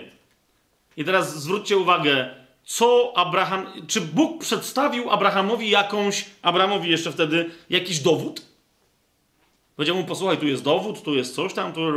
Nie, jedyne co Abraham miał, to znajomość z Panem. Rozumiecie, o co mi chodzi? Nie miał niczego innego, miał tylko znajomość z Panem, tak? Nie miał żadnych dowodów, Bóg się nie musiał mu tłumaczyć, on tylko ufał, zanim jeszcze Mojżesz przyszedł, który jest kilkaset lat później dopiero, tak? Mamy Awrama, który ufał Bogu. I zobaczcie szósty werset. Awram wtedy uwierzył Panu, i teraz to jest bardzo istotne, a Pan poczytał mu to za sprawiedliwość. W Biblii Warszawskiej będziemy mieli, a on poczytał mu to ku usprawiedliwieniu. Teraz, dlaczego to jest istotne? Bo otóż widzicie, Pan, możecie tutaj mieć to założone, jak potem jeszcze się chcecie temu przyjrzeć i przecierać oczy ze zdumienia, więc możecie sobie to trzymać założone, ale możecie wrócić do księgi Habakuka razem ze mną i jeszcze raz zobacz, zobaczcie, co się dzieje. Pan mówi, że człowiek sprawiedliwy to jest każdy ten, kto chce żyć z wiary. Sprawiedliwy z wiary żyć będzie. A więc Pan mu mówi: ja, ja, ja cię rozumiem, że wyście odkryli prawo. Przez lata, a zauważ, nie znaliście przez lata prawa i co? Ale wszyscy pamiętaliście o tym, żeby się rzezać. Nie pamiętaliście o tym? Oczywiście, że pamiętali. Dzisiaj nawet i nie Żydzi pamiętają o tym, żeby się obrzezywać na Bliskim Wschodzie. Tak? Więc mówi, wszyscy pamiętaliście o znaku Abrahama, żeby się obrzezywać. Tak? Nie pamiętaliście prawa, a co ja wam nie błogosławiłem? To dlaczego ja wam mimo to błogosławiłem? Robiliście najgorsze syfy przede mną, bluźniliście przeciwko mnie, odchodziliście ode mnie, cudzołożyliście mnie. Czy ja was potępiałem? Nie. Powstrzymywałem mój sąd, powstrzymywałem karę, która miała służyć waszemu opamiętaniu. Czyż nie? Zrozum więc, Habakuku, Chaldejczycy czy nie Chaldejczycy, do wszystkich przyjdzie i przychodzi moje objawienie. Sprawiedliwy to nie jest ten, kto zna prawo i go przestrzega, zwłaszcza, że sam widzisz, wy znacie prawo i co? Ale sprawiedliwy to jest ten, kto jak Abraham, który w ogóle nie znał żadnego prawa mojżeszowego, bo jeszcze raz uświadomcie to sobie, Abraham jest grubo, grubo, grubo, grubo przed Mojżeszem. Jasne? Pan mu mówi, sprawiedliwy to jest każdy, kto mi uwierzy, tak jak Abram, i kto tylko na tej wierze, zaufaniu do mnie będzie bazować. Naprawdę Bóg powiedział tutaj coś zdumiewającego. Mówi, na, naprawdę przeskoczył wstecz prawo mojżeszowe. Powiedział, prawo mojżeszowe to jest prawo mojżeszowe. A ja ciebie, Habakuku, przywracam, żebyś sobie przypomniał, że zanim przyszło prawo Mojżesza i, i ja wam objawiłem moje prawo przez Mojżesza, najpierw był Abraham. I on nie znał prawa, a jednak uznałem go za sprawiedliwego. Rozumiecie, co się dzieje? Teraz, dlaczego to jest istotne, dlaczego to jest szoker? E, no bo Habakuk tak czy siak musiał się zastanawiać, no okej, okay, ale to wobec tego prawo, to, to co to w takim razie, o co chodzi z prawem? I na razie, jeszcze raz powtarzam, bo dzisiaj cały czas ludzie mówią, ale prawo czy łaska? Chrześcijanie, biblijnie wierzący, ale czy jednak Bóg w wielu miejscach mówił... Jeszcze raz, zanim będziemy wchodzić w skomplikowane debaty teologiczne, jak y, dzisiaj rozmawiałem z jednym y, przyjacielem w Panu, który mi powiedział, że y, coś się zrobił w rękę, tak? Teraz będziemy modlić o, o, o tą jego rękę. Był na nartach, ale mówi, że to jest właśnie, to tak się kończy, jak ktoś aplikuje skomplikowane techniki, nie mając podstaw. I to jest jak ludzie zaczynają gadać na temat prawa i łaski w chrześcijaństwie i zaczynają skomplikowaną dysputę teologiczną, a zapominają o podstawach. Tak? Podstawa jest taka, że Pan jeszcze w Starym Przymierzu powiedział: Najważniejsze dla mnie jest to, co zrobił Awram. I teraz jeszcze zwróćcie uwagę, zanim nawet jeszcze został obrzezany, a więc zanim cokolwiek co wy dzisiaj rozumiecie jako prawo, obrzezanie ciała i cała reszta praw mojżeszowych, zanim cokolwiek z tego przyszło, to, co go zbawiło, to, z czego on żył, to, dlaczego ja go mam za sprawiedliwego i to, dlaczego wy, Żydzi, swoje własne niebo nazywacie łonem Abrahama, bo wiecie, że kto jak kto, ale Abraham na pewno jest w niebie, mówi to właśnie dlatego, że zanim nawet jeden znak prawny przymierza przyjął, którym było obrzezanie, to najpierw mi uwierzył. Jasne to jest? I teraz, dlaczego to jest istotne? Ponieważ, kochani, później Paweł, ja już pomijam, że buduje, y, wyjaśnia i Żydom, i nie Żydom, dlaczego prawo jest wtórne. Po prostu mówi wyraźnie, prawo wypełnił Chrystus. A najistotniejsze jest wierzyć tak jak Awram. Tak? Kto wierzy tak jak on, ten i wierzy w kogo? W potomka Awrama, który był zapowiedziany, a był nim Jezus Chrystus, ten po pierwsze wypełnia całe prawo poprzez wiarę, ponieważ poprzez wiarę Chrystus żyje w nim, a on jest wypełnieniem prawa. Jasność? To jest pierwsze. A po drugie, dzięki swojej wierze w Chrystusa, nadal tak jak Awram, jest wierny temu prawu, ponieważ wie, że nie stoi na swoim zaparciu się, na dymaniu i teraz będę wierny, tylko cały czas ufa Jezusowi, który daje mu moc wypełniać prawo. Czy to jest jasne? Tam się pojawia bardzo skomplikowane zagadnienie, kochani, w Nowym Testamencie, mianowicie w wielu miejscach, nawet w Biblii Warszawskiej, yy, mamy rozróżnienie pewne. W Nowym Testamencie, ale mówię to dziś nie będziemy tego tykać, ja tylko tym, co takim bardziej dociekliwym badaczom zwracam na to uwagę, że w Nowym Testamencie jest mowa o wierze w Jezusa Chrystusa i o wierze Jezusa Chrystusa, która działa w nas. Tak? A zatem rozumiecie, pierwszym sprawiedliwym, pierwszym, który tworzy wiarę, jest ten, który jako człowiek zaufał swojemu Ojcu, a był to nasz Pan. Słowo Boże oczywiście, ale wcielone, tak? Człowiek, Jezus, który jest Mesjaszem, Jezus z Nazaretu. I teraz chodzi o to, że nawet nasza wiara w Niego tak naprawdę co robi? Y, jest tylko sięgnięciem po Jego wiarę, która jest nie do poruszenia. Jego wiara jest stabilną wiernością. Y, czy to jest jasne, co, co teraz mówię? Y, w niektórych miejscach, niektórzy w ogóle w Nowym Testamencie nie widzą tej gramatycznej różnicy i wszędzie, gdzie jest wiara i Jezus Chrystus, tłumaczą to jako wiara w Jezusa Chrystusa. A jest parę miejsc, tylko mówię, to nie jest dzisiejszy wykład, to będzie już w Nowym Testamencie, jest parę miejsc, gdzie jest wyraźnie, my, my się mamy odnieść nie do naszej wiary w Jezusa Chrystusa, ale mamy się oprzeć na wierze Jezusa, którą On miał i ma dla nas. Jasne to jest? Nawet jak jest niejasne, to miejcie to w głowie, tak? Że On jest dla nas wzorem wszystkiego, włącznie z wiarą, tak? Że nawet nasza wiara, fakt, że, że my wpuszczamy łaskę, łaską jesteście zbawieni przez wiarę, tak? To, że my wpuszczamy łaskę, okej, okay, ale to ona tylko co robi? Łączy nas z wiarą Chrystusa i tylko dzięki temu nasza wiara może się zamienić w wierność i może trwać, tak? Okej, okay, żebyśmy, bo ja teraz tu się podnieciłem i tu jakieś rzeczy zacząłem gadać. Chcę, żebyście to zobaczyli, że naprawdę to jest tak wyjaśnione przez Pawła. Otwórzmy sobie najpierw list do Rzymian. E, czwarty rozdział. Bardzo to jest istotne, żebyście to zobaczyli tutaj, e, bo Paweł naprawdę, widzicie, e, uznaje to za tak, szok tak szokujące, że, że naprawdę tak w rzeczywistości, kochani, trzy listy Pawłowe, jakby ktoś chciał dzisiaj sobie ten temat rozbudować, to wam od razu mówię, że trzy listy Pawłowe tak naprawdę e, są poświęcone życiu z wiary oraz usprawiedliwieniu z wiary oraz byciu sprawiedliwym dzięki wierze. To jest cały list do Rzymian, naprawdę. To jest wyjaśnienie i Żydom, i nie Żydom. O co chodzi? My teraz troszeczkę do tego listu, Rzymian, listu do Rzymian sobie sięgniemy. To jest, y, to jest list do Galacjan. Y, w liście do Rzymian, zobaczcie, zaraz na początku Paweł się w ogóle odnosi. Pierwszy rozdział, y, gdzie to jest? 17 werset. Później troszkę więcej o tym powiemy.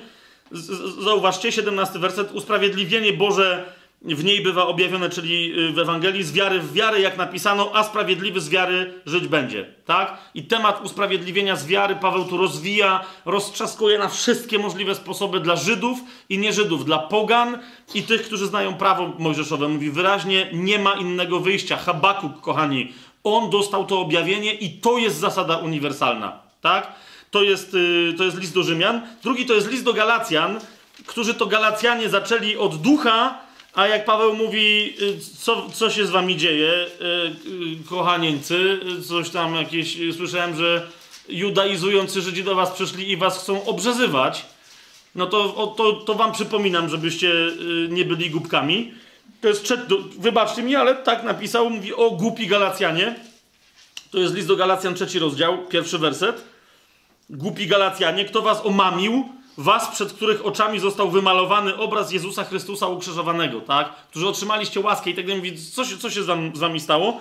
I zobaczcie, znowu centrum listu do Galacjan i to dosłownie centrum. Pamiętacie, jak mówiliśmy sobie o, o tym, że e, w, w hebrajskiej retoryce coś, yy, cała wypowiedź zmierza do szczytu i potem ze szczytu schodzi? To w liście do Galacjan, zobaczcie, to jest trzeci rozdział, ten szczyt się znajduje w trzecim rozdziale, w jedenastym wersecie, zdecydowanie, tak? Cały ten list krąży wokół tego yy, tematu, którym jest co? Sprawiedliwy z wiary żyć będzie. Widzicie to? Habakuk 2,4 jest cytowany. Yy, a więc list do Rzymian roztrzaskuje temat, co znaczy być usprawiedliwionym z wiary. W liście do Galacjan Paweł przypomina, jak się to ma wyrażać i dla, dlaczego nie ma sensu, będąc już usprawiedliwionym z wiary, wracać do życia prawem, ponieważ usprawiedliwiony ma żyć sprawiedliwie również dzięki wierze. Dzięki wierze. Prawo nie ma się w nim uruchamiać na stary mojżeszowy sposób. No i teraz oczywiście, widzicie, to jest jeden z powodów, dla których uważam, że również Paweł i tylko Paweł mógł napisać list do Hebrajczyków, to jest to, że według mnie list do Hebrajczyków domyka temat usprawiedliwienia z wiary dla Żydów, tak? Nie tylko dla Żydów, bo on jest dla nas też istotny, ale w kontekście głębokiej, rabinicznej znajomości Pisma Świętego. List do Hebrajczyków jest, że tak powiem, stanowi tryptyk. Po liście do Rzymian i po liście do Galacjan Paweł znowu wraca do Habakuka i już tym razem do Żydów mówi: Tyle żeśmy głosili dobrej nowiny. Wy jesteście nawróceni, a przynajmniej słyszeliście, jak my głosimy Ewangelię, bo tam nie wszyscy są nawróceni. I mówi: Nadal nie łapiecie tego, co już Bóg, nasz najdroższy ojciec Jahwe, objawił Habakukowi? Zobaczcie e, list do Hebrajczyków. I teraz, właśnie ze względu na to, że, że tylko Paweł tak genialnie rozumie Habakuka, dlatego ja uważam, że list do Hebrajczyków to nie jest jedyny powód, tak? A, ale bardzo mocny. Uważam, że list do Hebrajczyków jest również napisany e, przez Pawła. Yy, znajdziecie w dziesiątym rozdziale listu do Hebrajczyków ten cytat z Habakuka. Nieco zmodyfikowany, ponieważ e, cała, wszystkie cytaty w liście do Hebrajczyków yy, są. Yy, cytowanie w liście do Hebrajczyków jest typowo rabiniczne, tak? Znaczy, Paweł sobie pozwala na mieszanie tutaj różnych cytatów, tworzenie z nich kompilacji i tak dalej, ponieważ i tak wie, że ma do czynienia z ludźmi, którzy znają pismo i wiedzą, z czego on kompiluje. Tak? Niemniej w 10 rozdziale, w 38 wersecie znowu znajdziecie w nieco innym kontekście, to, ale to o tym za chwilę sobie możemy powiedzieć. W 10 rozdziale, w 38 wersecie listu do Hebrajczyków macie, ten werset się zaczyna tym razem od stwierdzenia z Habakuka: Sprawiedliwy mój z wiary żyć będzie. Widzicie to? Co jest interesujące, e, tutaj tłumacz w, tym wydaniu moim Biblii Warszawskiej nawet nie raczył zaznaczyć, że to jest cytat z Habakuka, tylko że jest to cytat z listu do Rzymian lub z listu do Galacjan, tak? Bardzo interesujące. To, oczywiście, że jest to cytat, jest to cytat z Habakuka, tak? E, ale okej, okay, więc widzicie, e, to jest, to jest zasada uniwersalna. Tylko teraz przyjrzyjmy się, jak ona się rozbudowuje. Czy ja słusznie powiadam, że już Habakuk w dużej mierze powinien tę zasadę uniwersalną rozumieć ze względu na postać Awrama? Otóż, jeszcze raz, list do Rzymian sobie otwórzmy, jak, jak powiedziałem wcześniej, czwarty e, rozdział.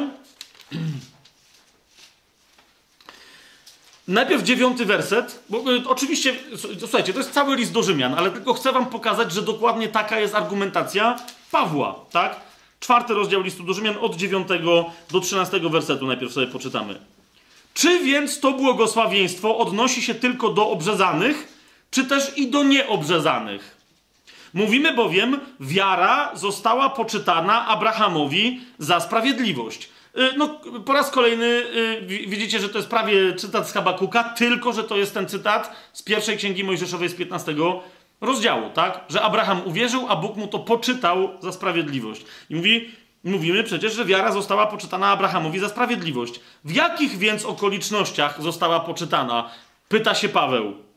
Było to po obrzezaniu czy przed obrzezaniem? Bo wiecie, już nie zadaje pytania, bo uważa, że każdy głupek to powinien wiedzieć, że oczywiście, że Abraham żył przed Mojżeszem. Więc się nie pyta, czy to było przed nadaniem prawa, czy po, tak? Ale mówi w życiu, Mojż- w życiu Abrahama. Czy było to przed obrzezaniem, czy po? Nie po obrzezaniu, ale przed obrzezaniem. On mówi, więc po pierwsze, rozumiecie? Mówi, nie było żadnego znaku prawnego, jakby przymierza prawnego i otrzymał znak oprzezania później, tak, jako pieczęć już danego, ja, ja, teraz tu dodaję, ale chodzi mi o to, że tutaj Paweł, jemu chodzi o to, że, że znak obrzezania nawet tak? Nie został dany Abrahamowi jako obowiązek do spełnienia, ale zauważcie, został mu dany na potwierdzenie, to jest to, co, co twierdzi Paweł, a to jest Słowo Boże natchnione, na znak potwierdzenia tego, że jest usprawiedliwiony, a nie, że będzie usprawiedliwiony, jak będzie rzezał potem wszystkie swoje dzieci. Jest to yy, jasne? Zobaczcie, otrzymał znak obrzezania jako pieczęć usprawiedliwienia z, z wiary, którą miał przed obrzezaniem. Tęż wiarę, tak?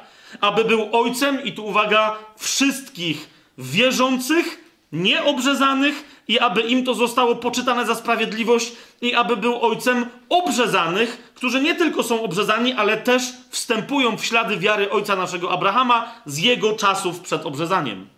Rozumiecie? On mówi wyraźnie, nie ma różnicy, to samo Pan objawił Habakukowi, o to mi idzie, taka jest myśl, tak? On powiedział, nieważne, mówi, Żydzi czy Chaldejczycy, sprawiedliwy to jest ten, kto żyje z wiary. Kim był Abraham?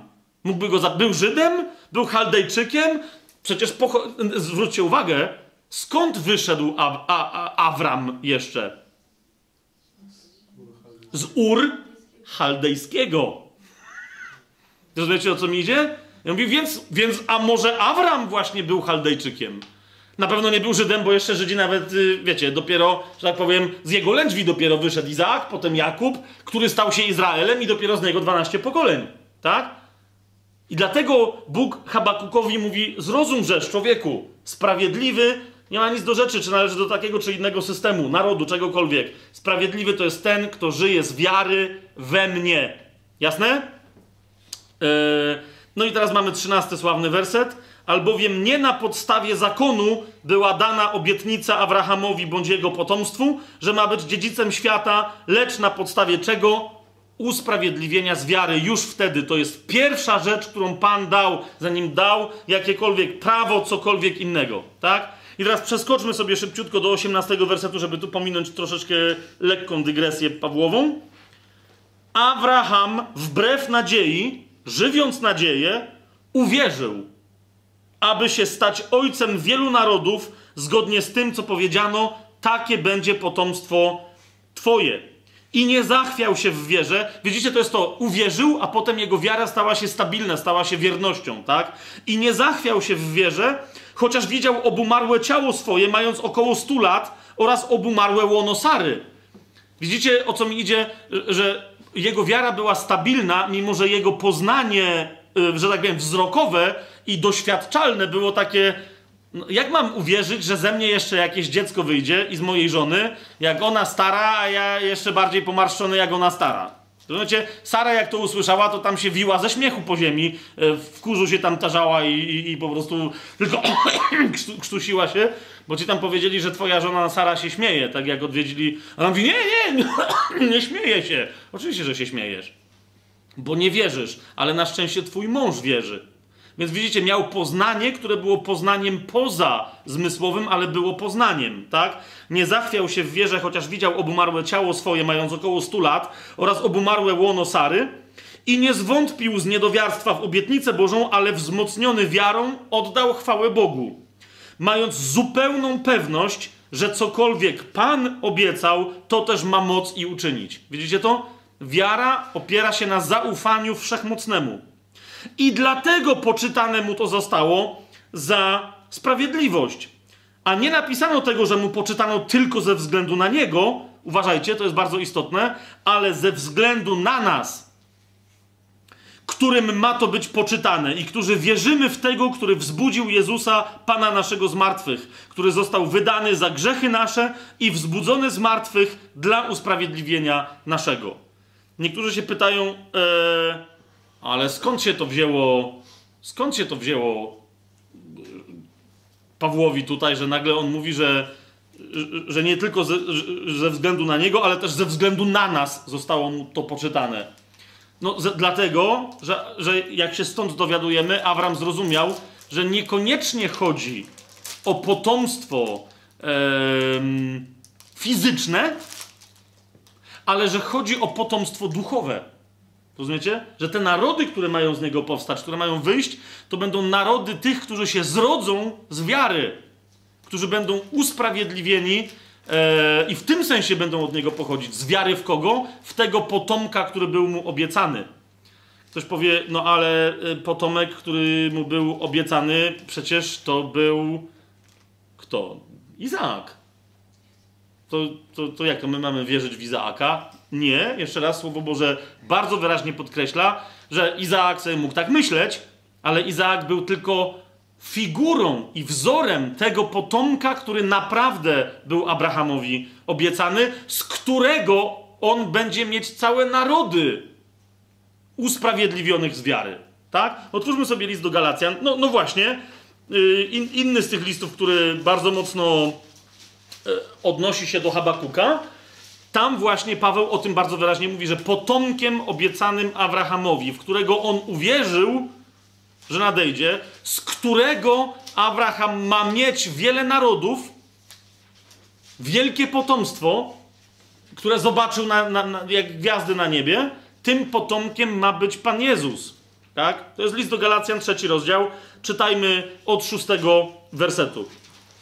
Zwróćcie uwagę, tutaj znowu Paweł do tego samego tematu podchodzi, tylko Galacjanie tam są jakby już troszkę bardziej zaawansowani, to nieco e, inaczej o tym pisze. Trzeci rozdział, szósty werset i następne. Tak Abraham uwierzył Bogu i poczytano mu to ku usprawiedliwieniu. Widzicie, znowu odwołuje się do tego 15 rozdziału, 6 wersetu z pierwszej Mojżeszowej. I teraz popatrzcie, mówi, co z tego wynika? Z tego możecie poznać, że ci, którzy są z wiary, są synami Abrahama. Widzicie to? Czyli najpierw zaznacza, mówi, każdy, każdy, który, który jest z wiary, jest synem Abrahama. Tylko teraz Paweł musi ustalić, z jakiej wiary. Ok, kontynuuje, mówi, a pismo, które przewidziało, że Bóg z wiary usprawiedliwi pogan, uprzednio zapowiedziało Abrahamowi, w tobie będą błogosławione wszystkie narody. Widzicie to? Błogosławieństwo, które przychodzi do narodów, nie jest tak jak niektórzy dzisiaj mówią, że trzeba błogosławić Izraela i wtedy będzie błogosławiony naród. Co to w ogóle jest jakaś koncepcja? Nie Izraela, tylko Abrahama, i w nim mają być błogosławione narody. W jaki sposób? Jeżeli te narody będą przyprowadzone do wiary Abrahamowej. Tak?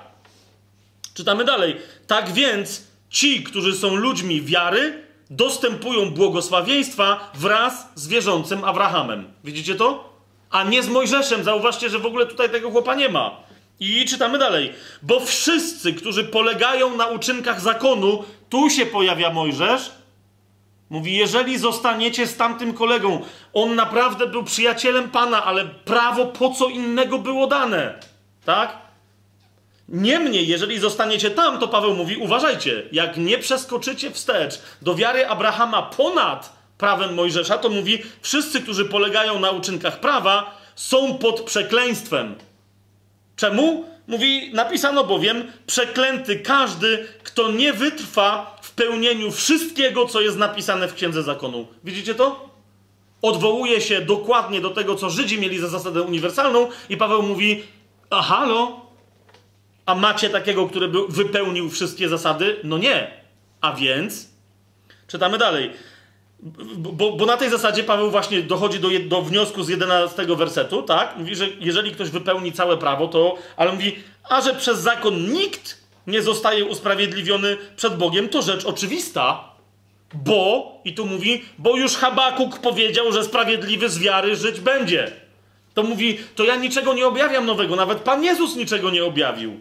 To Habakuk powiedział to Bóg objawił jeszcze zanim się jakieś historie podziały, zanim przyszedł Mesjasz. Parę set lat, grube przed nim, tak? Powiedział Pan to wyraźnie. Nie słyszeliście? Dał nową zasadę, a wy nadal mówicie, nie, zasada uniwersalna jest w prawie. Ja wam mówię, że nie, jest u Habakuka. Widzicie to? I teraz kontynuuje Paweł dalej, aż do powiedzmy 14, bo to, on, to cały list jest temu poświęcony, ale tylko do 14 wersetu dojedziemy. Zobaczcie. Zakon zaś nie ma nic wspólnego z wiarą, ale ma, co, co ma wszystko wspólne z następującą zasadą, kto go wypełni, przezeń żyć będzie. Pamiętacie, no to, to, to, to co żeśmy sobie cytowali e, na przykład e, z Księgi Kapłańskiej, czy e, to jest też oczywiście w Księdze Powtórzonego Prawa, tak? I teraz Paweł mówi: Nikt nie może, żaden człowiek nie może sam z siebie wypełnić całego prawa. Ale, trzynasty werset. Chrystus wykupił nas od przekleństwa zakonu, stawszy się za nas przekleństwem.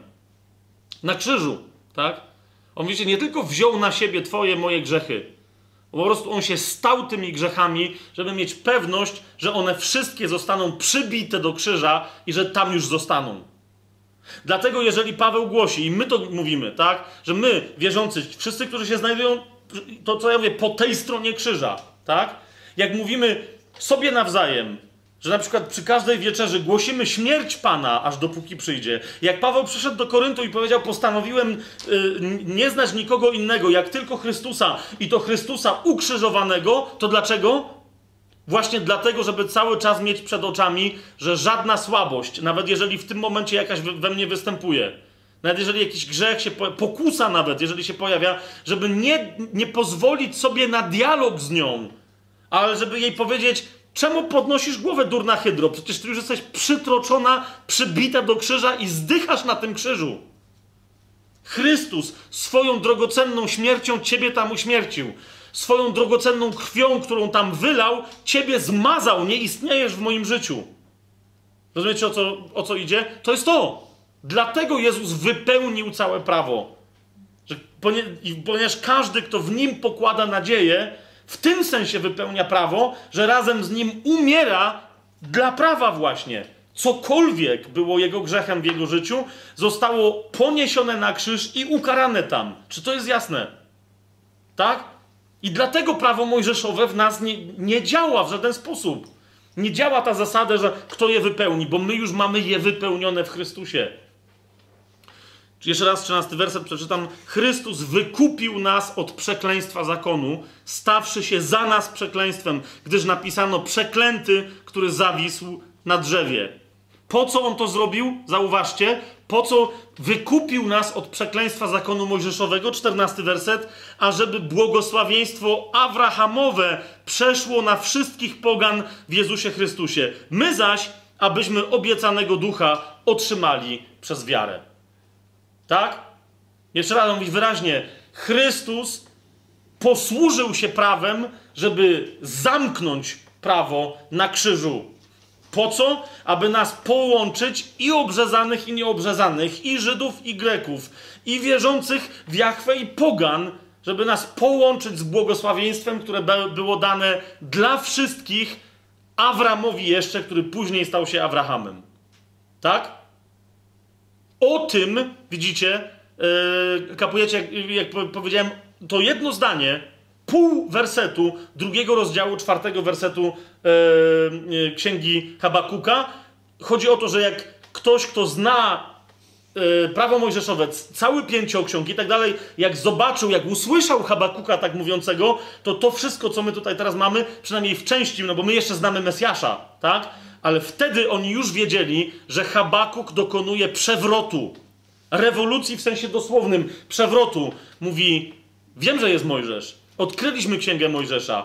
Nadal według niego nie żyjemy, ale to nie ma nic do rzeczy, ponieważ Pan mi powiedział, że sprawiedliwy z wiary w niego będzie żyć. A nie z tego, czy pełni, czy nie pełni, czy wypełnia, czy nie wypełnia prawa. Jasne? E, rozumiecie, dlaczego mówię, że to jest szoker? bo to jest Stary Testament, tak? Paweł, y, list do Rzymian, list do Galacjan, list do Hebrajczyków, jeżeli trzeba, y, właśnie do umysłów mających tendencję, żeby wrócić do praw, pod prawko mojżeszowe, on im mówi, ej, Abraham, my jesteśmy przez Chrystusa połączeni y, z, z Abrahamem. Przez Chrystus, On jest potomkiem gdzie to jest napisane, ale to już nie będziemy teraz, bo to jest też w liście, e, to jest też w liście do Galacjan, tak? Że, że to Chrystus jest obiecanym potomkiem Abrahama. Ale to już zostawimy teraz, bo to, bo to już kiedyś o tym wielokrotnie e, mówiliśmy. Habakuk wyraźnie swoim, zanim jeszcze Mesjasz do nich przyszedł, powiedział e, i w tym sensie, bo niektórzy mówią, że Habakuk nie zapowiada Mesjasza, oczywiście, że go zapowiada. Tak? Oczywiście, że go zapowiada, ponieważ Mesjasz musiał być kimś, kto tę rewolucję przeprowadzi w sposób fizyczny, tak jak próbował przy pomocy prawa przeprowadzić rewolucję Jozjasz, ale mu nie wyszło po prostu, bo prawo nie było w stanie takiej rewolucji przeprowadzić. Jedyne, co pokazało ludziom, to jak źli są. I to wszystko. To jest to, co prawo robi zawsze. I dlatego, kochani, ja tylko, tylko szybciutko to przeskoczmy, Ale wiecie, dlatego, ponieważ jest Habakuk, dlatego tak często, bo niektórzy mówią, że ale Pan Jezus tak nie głosił, Pan Jezus tu nie mówił takich rzeczy, że ludzie, Pan Jezus wiedział, co powiedział Habakuk. Żydzi wiedzieli, co powiedział Habakuk. I że na tym bazując, Jezus nie musiał się za bardzo, wiecie, wyprodukowywać. Skąd my to wiemy? Na przykład, zobaczmy sobie Ewangelię Janową, tak? Bo w innych Ewangeliach tam jakby inny jest cel pisania tych Ewangelii, ale, ale widzicie, Ewangelia Jana dokładnie o tym przypomina. Mówi, inne Ewangelie Mateusza, Marka, Łukasza są napisane tam w rozmaitych celach, żeby pokazać, kim był Pan Jezus, Żydom, nie Żydom i tak dalej. Ale ja, ja wam chcę pokazać coś, coś, co tam było może nie, nie do końca zaakcentowane. Tak? I teraz, co Jan nam pokazuje? Pierwszy rozdział najpierw, 17 werset. To jest do, dokładnie to wynika z Habakuka, to, to jest Jezus, tak? Jak zaraz na początku swojej Ewangelii, po przedstawieniu, jak to Jezus, będąc Słowem, będąc Bogiem, stał się człowiekiem, zaraz następnie zobaczcie, co mówi. Pierwszy rozdział, 17 werset i, 8, i 18. Ale 17 werset, tak? Zakon bowiem został nadany przez Mojżesza. Łaska zaś i prawda, pamiętacie e, hebrajskie słowo wiara? To jest też prawda, tak? Łaska zaś i prawda stały się przez Jezusa Chrystusa. Widzicie to? To jest to. Żeby mieć e, prawo, to wystarczył Mojżesz. No to po co w takim razie przyszedł Pan Jezus? Ponieważ, żeby żyć, potrzebujesz mieć łaskę. Łaską jesteście zbawieni przez wiarę. Potrzebujesz poznać prawdę, uwierzyć prawdzie wcielonej, którą jest Jezus Chrystus, i wówczas otrzymujesz Jego życie, co jest łaską. Tak? I, I, możesz na bazie tego życia zacząć dopiero funkcjonować. Zakon został nadany przez Mojżesza, łaska zaś i prawda stały się przez Jezusa Chrystusa. Boga nikt nigdy nie widział, ale jednorodzony Bóg, który jest na łonie Ojca, objawił go. I oczywiście tym jednorodzonym Bogiem jest kto? No, Jezus Chrystus, przez którego stały się e, łaska i prawda. I teraz zauważcie, że właśnie w tym kontekście, w kontekście Habakuka, tak? Jezus wyraźnie mówi, najsławniejszy werset, jakim się w pewnym momencie posługiwali chrześcijanie wszędzie na świecie i wierzący, ale niewierzący, tak? Bo go znali, a kompletnie niektórzy go nie rozumieli, niektórzy go tak wyświechtali, że, że, że naprawdę ja miałem, ja miałem fazę w swoim życiu, że nie lubiłem słuchać ewangelistów, którzy się nim posługu, posługiwali. Ale odświeżmy go. Znając Habakuka, rozważając dzisiaj Habakuka, pamiętając, co później z niego, jaką, jaką moc teologiczną zbuduje Paweł, zobaczcie, yy, Jezus się pojawia i co głosi? Tak? Trzeci, yy, trzeci rozdział. W rozmowie z nauczycielem Izraela, z uczonym w piśmie, z Nikodemem. Co, co, co jemu mówi? Trzeci rozdział, yy, szesnasty werset. Mówi mu, że Bóg kocha człowieka wszystkich ludzi na całej ziemi i że ma dla nich rozwiązanie. De facto, jeszcze raz, przypomina mu, ty uczysz ludzi prawa i mówisz, że tam jest życie. A zobacz, gdzie jest rozwiązanie. De facto, tu nie ma cytatu z Habakuka. No ale powiedzcie mi, czy do czego innego może w Starym Przymierzu się tutaj Jezus odnosić, jeżeli nie do Niego. I do tej zasady uniwersalnej. Spójrzcie, trzeci rozdział, szesnasty werset i następny. Albowiem tak Bóg ukochał cały świat, że Syna swojego jednorodzonego dał, aby każdy, kto w niego wierzy, nie zginął, ale miał życie wieczne. Widzicie to? Sprawiedliwy z czego żyje? Z wiary. A Jezus mówi w wiary. Widzisz to, to, to oni, bo ten wiedział, tak? Że sprawiedliwy z wiary rzecz będzie. A on mu mówi, Nikodemie, ja ci mówię, że to musi być wiara we mnie. Tak? Nikt nie przychodzi do Ojca, bo w, oj, w Jachwę nikt nie przychodzi do Ojca inaczej, jak tylko przeze mnie. Ja jestem drogą, prawdą i życiem. To jest ta sama Ewangelia. Zobaczcie, 17 werset. Nie posłał Bóg swojego Syna na ten świat, żeby ten świat sądził, lecz aby ten świat był przez Niego zbawiony. Kto wierzy w Niego, nie będzie sądzony. Kto zaś nie wierzy, to już sam siebie osądził, dlatego że nie uwierzył w imię jednorodzonego Syna Bożego. Mamy jasność? Jeżeli ktoś mówi, że łaska Pana działa jakkolwiek inaczej, przez jakieś dziwne kanały, przez jakichś pośredników, jakichś kapłanów, kogokolwiek, to jest nieprawda.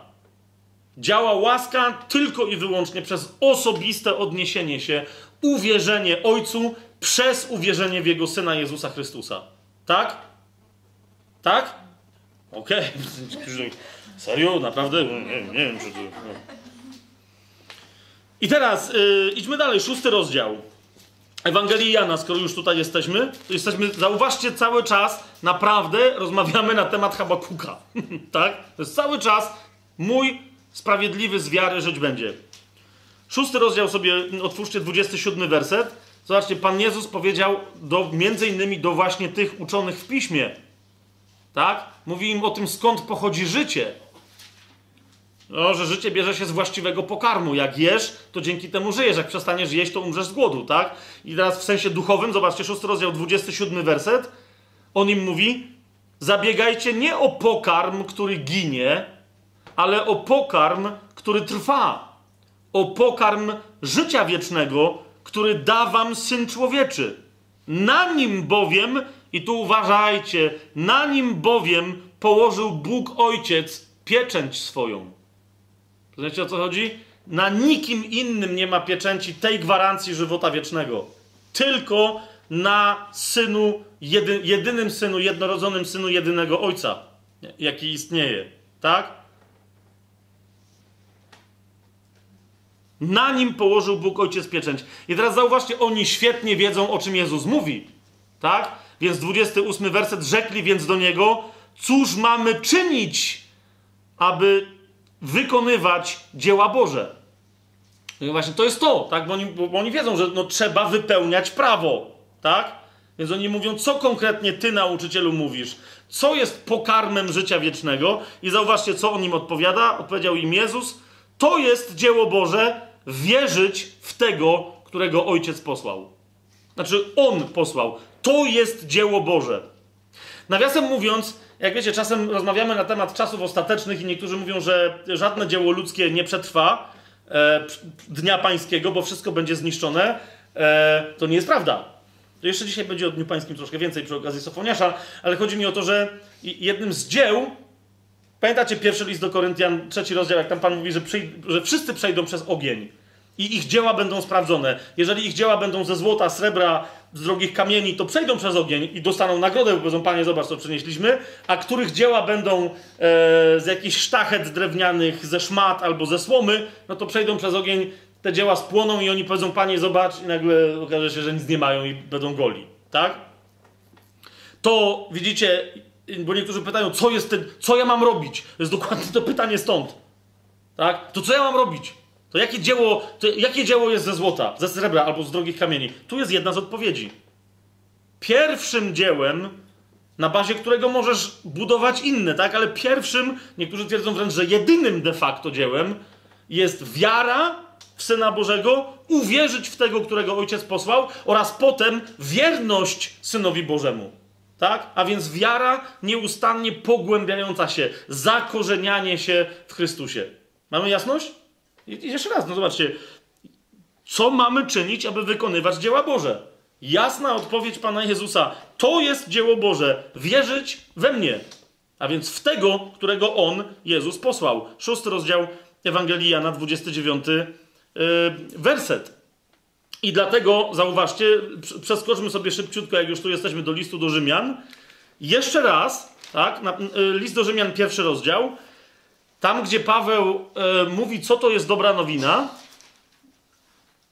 pierwszy rozdział, 16 i 17 werset, zauważcie, co mówi, e, bo nie wstydzę się Ewangelii Chrystusowej, no bo to jest w kontekście tam, czemu miałby się wstydzić, tak, ale e, tam jest kontekst wcześniejszy, mniejsza o to, w którym mówi e, mówi o Ewangelii Chrystusowej, jest ona bowiem, zauważcie, Ewangelia, czyli dobra nowina, jest mocą Bożą ku zbawieniu każdego, kto wierzy. Tak? Najpierw Żyda, potem Greka. I teraz, e, bo usprawiedliwienie Boże w niej jest objawione z wiary w wiarę. Tak? Zaczyna się od wiary, ale potem nadal jest budowane na wierze. Z wiary w wiarę. Jak napisano, sprawiedliwy z wiary żyć będzie. To jest to, co tu Paweł chce powiedzieć. Mówi, z wiary w wiarę. Wiara, a więc akt uwierzenia, zaufania, zamienia się w bycie wiernym. Tak? Z wiary w wiarę. Oto jest życie e, dobrą nowiną. A zatem z wiary w wiarę, czyli list do Efezjan, to jest ta wiara, od której się zaczyna, rzecz jasna, drugi rozdział, ósmy werset.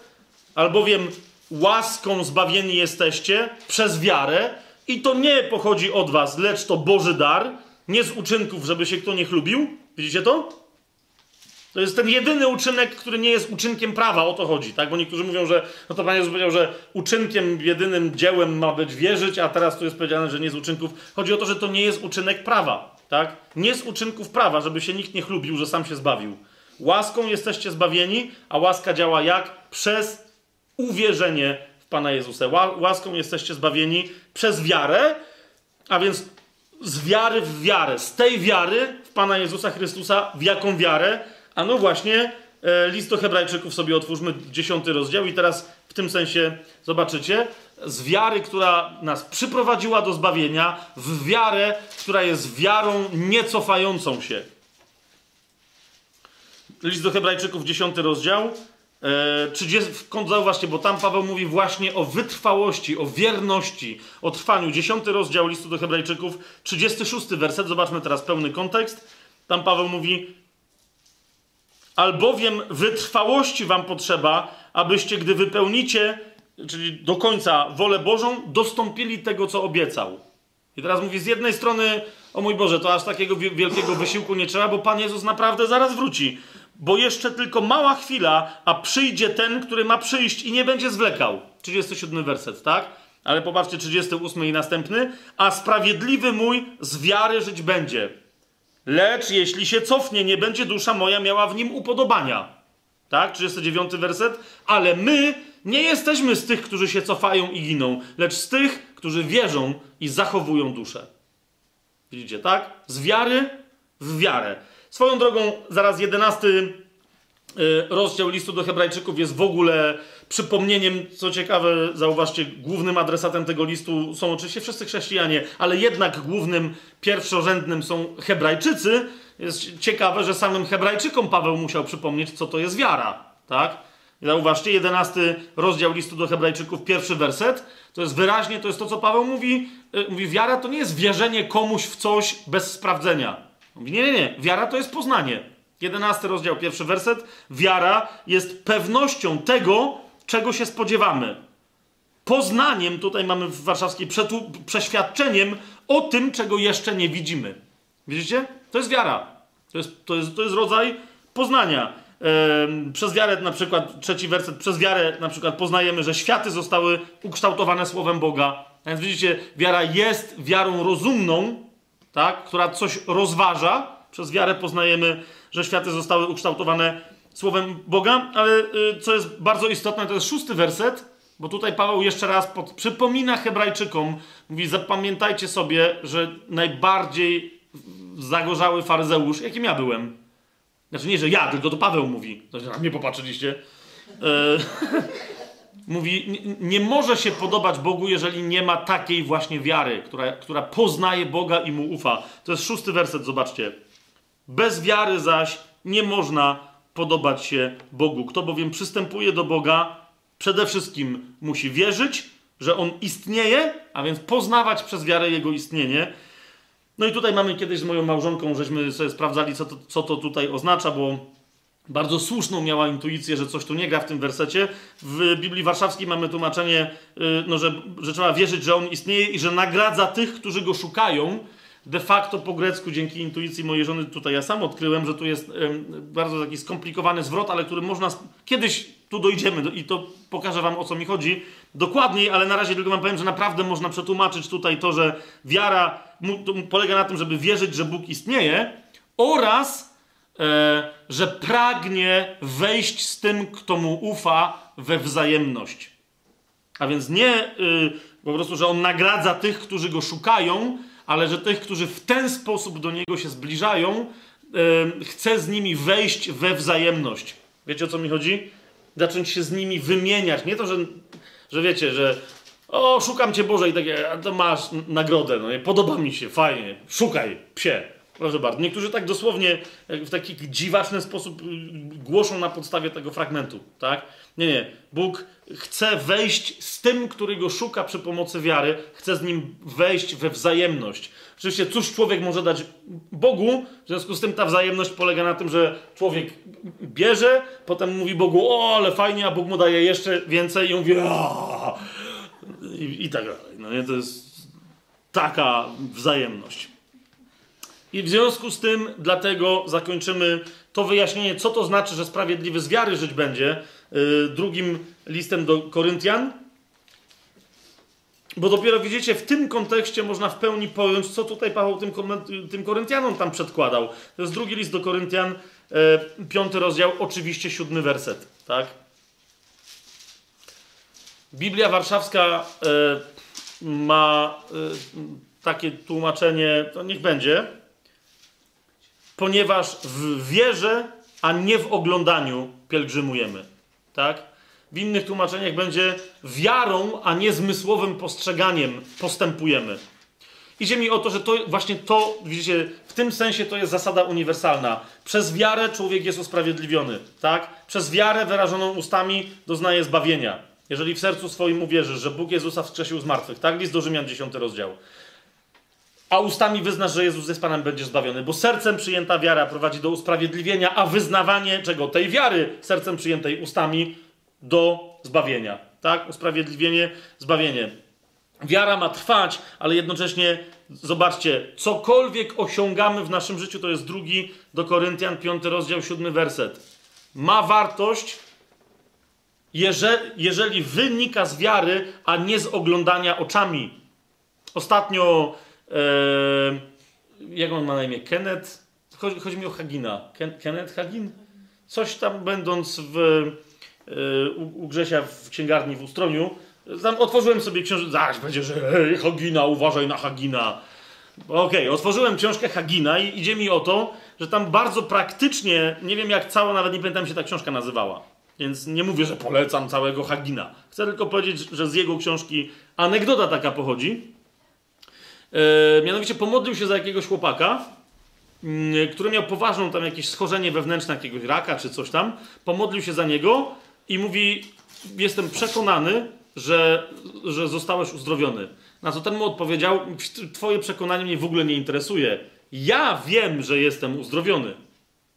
I poszedł. Mówi: Dziękuję Ci bardzo, wiem już jak to działa. Poszedł do domu. Wrócił do domu i ogłosił wszystkim, że jest uzdrowiony. Powiedział rodzicom, mówi, słuchajcie, jestem uzdrowiony, super.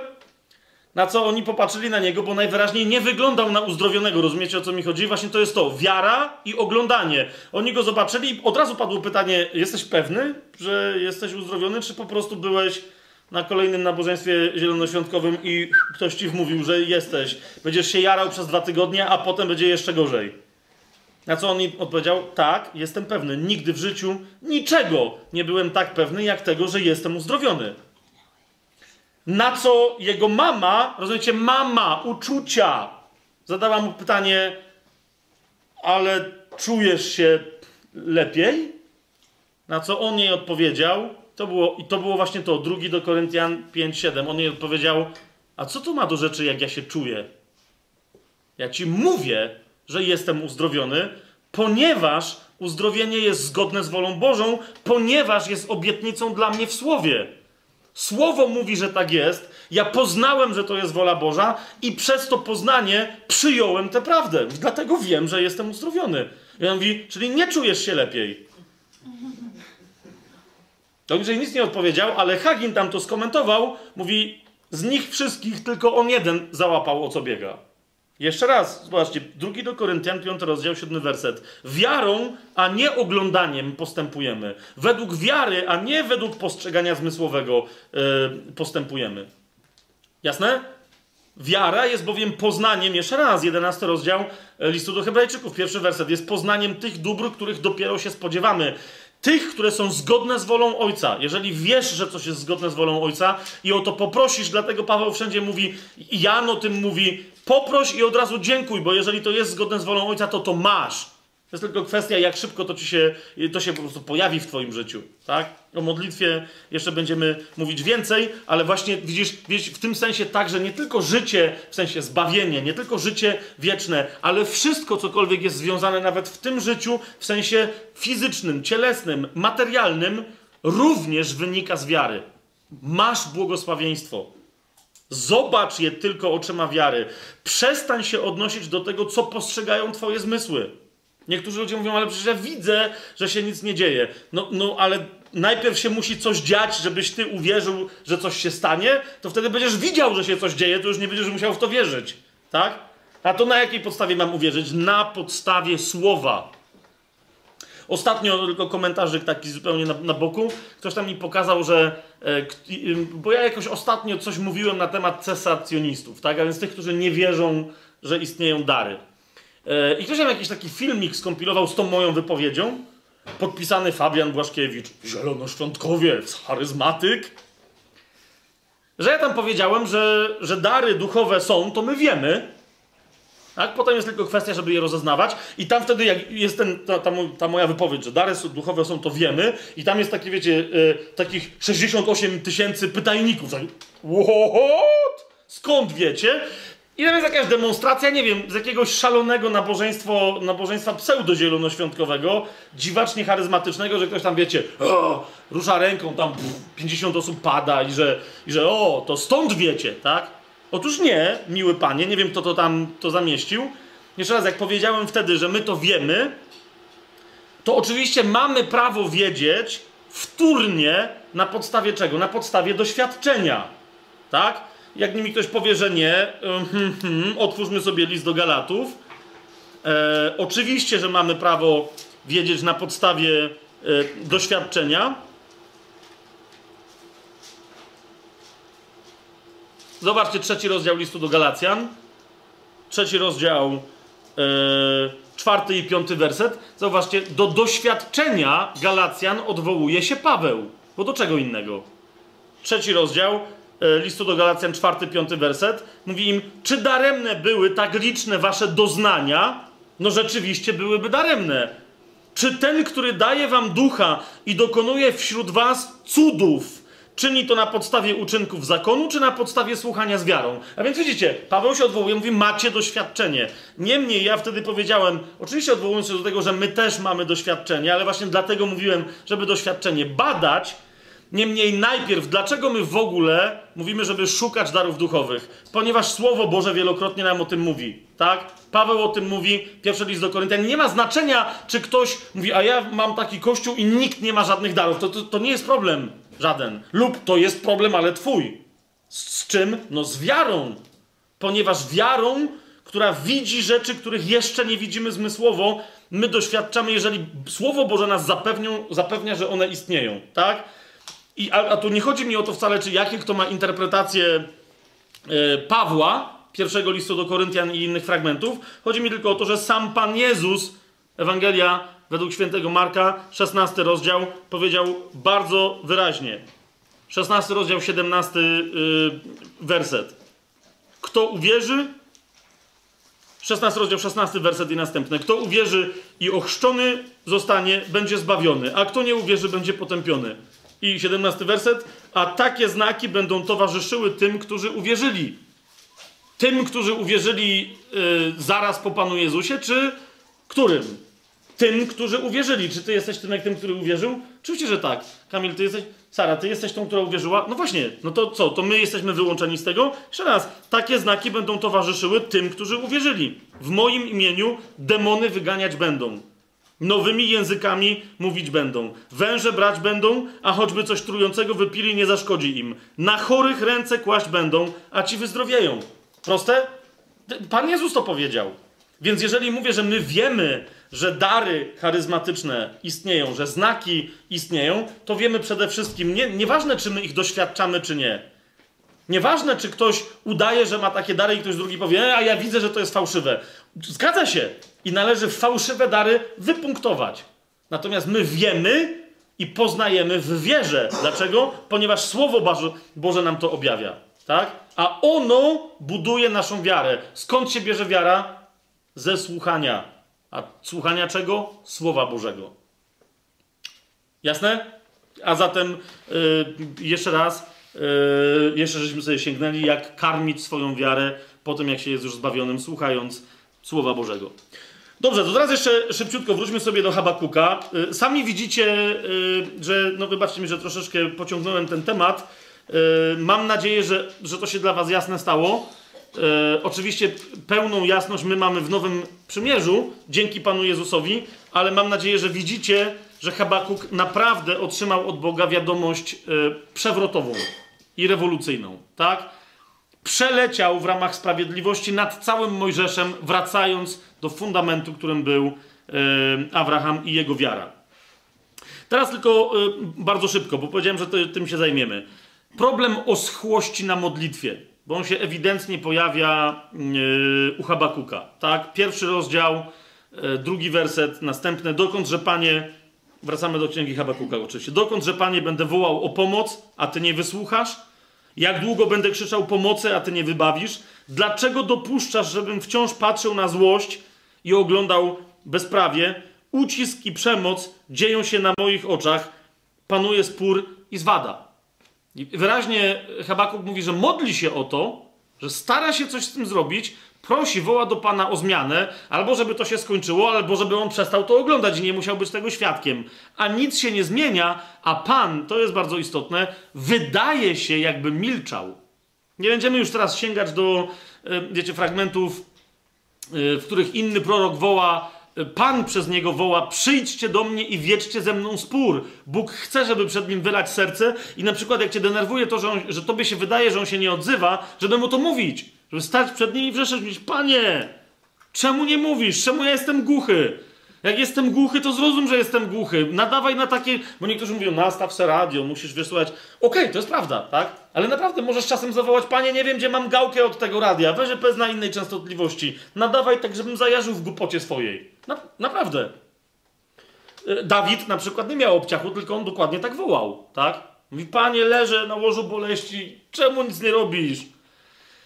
Otóż Habakuch też jest taki śmiały i tak woła. Yy i teraz, co jest interesujące, on jest nie tylko taki śmiały, ale e, jak woła, że Pan nie odpowiada, to nagle jemu się uświadamia coś, co powinno być oczywistym uświadomieniem dla wszystkich chrześcijan. E, no, że to nie to, że Pan do niego nie odpowiada, tylko jednak od niego jako od proroka, a każdy chrześcijanin i każda chrześcijanka jest prorokiem, więc po prostu tak, od, od nas też się tego wymaga, żeby co? Niektórzy powiadają, Czekam, aż się Pan poruszy. To jest dokładnie to, co tu Habakuk mówi. Panie, porusz się. Rusz się wreszcie. A odpowiedź Pana brzmi, to może Ty się ruszysz. To może Ty się ruszysz. Może nie o to chodzi, że Ty stoisz, rozumiesz, a ja do Ciebie nie przyszedłem. Może chodzi o to, mój przyjacielu, że ja biegnę, a, a Ty właśnie stoisz, zamiast pobiec ze mną i przyłączyć się. Możesz mi zapytać, Panie, czemu biegniesz, ale to się rozpędź, i się mi pytaj w biegu. Panie, czemu biegniesz? Ja Ci wtedy odpowiem.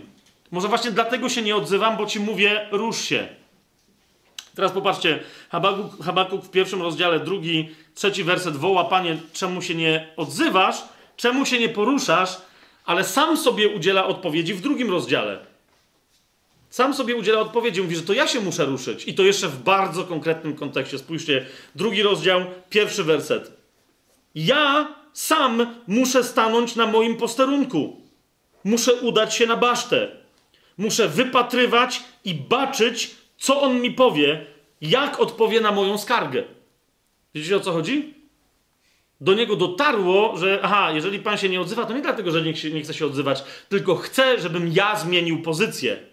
I zauważcie, drugi werset, i odpowiedział mi pan. Natychmiast. Nie siedź, jak siedzisz w miejscu i mówisz, pan się nie rusza, jeszcze raz mówię ci, pamiętaj, że jednym z elementów Twojego powołania chrześcijańskiego jest powołanie prorocze, prorockie, a prorok, o tym sobie już mówiliśmy, jeżeli pamiętacie, przy Ezechielu, jest tym, który stoi w wyłomie. Jest tym, który ma zadanie, który najlepiej słyszy wtedy, kiedy stoi w miejscu, z którego, z którego mu wolno wołać. Nie tylko kiedy się modli, ale kiedy modli i czuwa, a czuwanie prorockie jest czuwaniem w wyłomie. Zauważcie, jeszcze raz, muszę stanąć na moim posterunku. muszę się udać na moją basztę, muszę wypatrywać i czuwać, co on mi powie, jak odpowie na moją skargę. I odpowiedział mi Pan. Do czego odwołuje się Habakuk?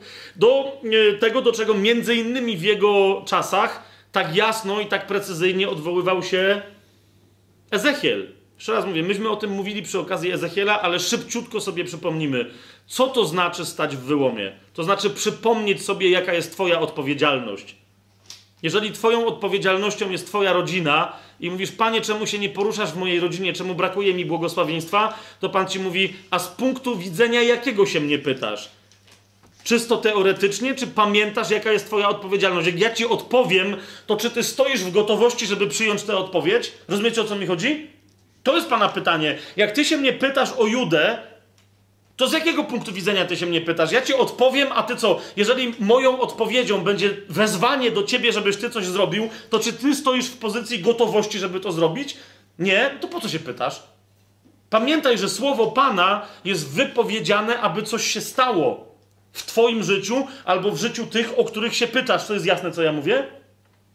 Otwórzmy sobie Ezechiela, bo wierzę Wam, że to jest jasne, ale jak mówi yy, stare katolickie, yy, starych mnichów katolickich porzekadło, ja Wam wierzę, ale Wam nie ufam. Wybaczcie mi, jakieś stare, cielesne przeszłości ze mnie wyszły. Otwórzmy sobie Ezechiela, yy, na przykład 22 rozdział, żebyście zobaczyli, o co mi chodzi. Jeżeli to nie jest jedyna oczywiście odpowiedź, czemu czasem wydaje ci się, że na modlitwie Pan ci nie odpowiada. Ale lekcja, jaką daje nam Habakuk, brzmi: stań na swoim posterunku. Jeżeli pytasz Pana, czemu nie działasz w tym konkretnym obszarze, to być może najpierw sprawdź, czy ty stoisz w pozycji gotowości, żeby kiedy Pan odpowie, żeby zrobić to, co On mówi, bo inaczej po co macie odpowiadać? Czy to jest jasne? Dobra, i w tym kontekście 22 Ezechiel, 22 rozdział, 30 werset. Spójrzcie, to jest skarga Pana, skarży się do Ezechiela yy, na, na temat yy, proroków w Izraelu. I co mówi 30 werset? Szukałem wśród nich męża, który by potrafił wznieść mur i przed moim obliczem stanąć w wyłomie. Widzicie to? Który by potrafił wznieść mur i w tym murze stanąć w wyłomie przed moim obliczem, wstawiając się za krajem, żebym go nie zniszczył, ale nikogo takiego nie znalazłem. Widzicie to? I dlatego Bóg wcześniej yy, mówi w 28 wersecie i, mówi, prorocy wszystko to im otynkowują, zwiastując im złudne widzenia. Dla, mówi, na, narzeka. Gadają co chcą, myślą, że mają objawienia ode mnie, myślą, że słyszą mój głos. Ale jak mogą słyszeć mój głos, jak nie stoją na swoim posterunku, jak nie stoją w murze, w swoim wyłomie, na swoim odcinku obrony tego, y, tego miasta i tego kraju? To jak, jak, jak to mają słyszeć? 13 rozdział Ezechiela sobie yy, otwórzmy. 13 rozdział no trzeci werset i tam potem następny. To, to, dlatego Bóg y, właśnie takich proroków, którzy się modlą o objawienie, ale nie stoją w wyłomie, nazywa głupkami, dosłownie. 13 rozdział, trzeci werset i następny. Zobaczcie. Tak mówi wszechmocny Pan. Biada prorokom głupim, którzy postępują według własnego swojego ducha, chociaż nic nie widzieli. Twoi prorocy Izraelu są jak lisy w ruinach. Nie weszli w wyłom. Widzicie to? i nie usypali kamiennego wału wokół domu izraelskiego, aby mógł się, aby mógł się ostać w bitwie w dniu Pana. Natomiast co mieli? Mieli fałszywe widzenia i prorokowali kłamliwie. Jak się komuś wydaje, nie będąc gotowym, żeby wypełniać wolę Pana, że coś od Pana słyszy, bo zasiedzi komfortowo i mówi, Panie, co mi dzisiaj powiesz? I zaczyna sobie wymyślać, co by Pan mógł mu powiedzieć, nie będąc wcale gotowym do zmiany w swoim życiu lub do głoszenia odważnego wobec innych. Tego, co Pan objawi to, to naprawdę nie dostanie żadnego objawienia. Pan nie mówi do takiego pseudoproroka. Natomiast jedyne co on ma, to fałszywe swoje własne rojenia, bo w jego duchu, w momencie kiedy ten duch nie słyszy niczego od Ducha Świętego, to zaczyna słuchać tego, co ma w umyśle, co ma w swojej duszy i z tej duszy zaczyna mm, prorokować. Tak? Ezechiela jeszcze, już tu jesteśmy, trzeci rozdział sobie otwórzmy, tylko żeby to przypomnieć. 24 werset. Bo tam wcześniej jest powiedziane, wiecie, Ezechiel właśnie jest tym, który usłyszał tego wołania, tak? W trzecim rozdziale jest powiedziane, że Pan go powołuje na strażnika Izraela.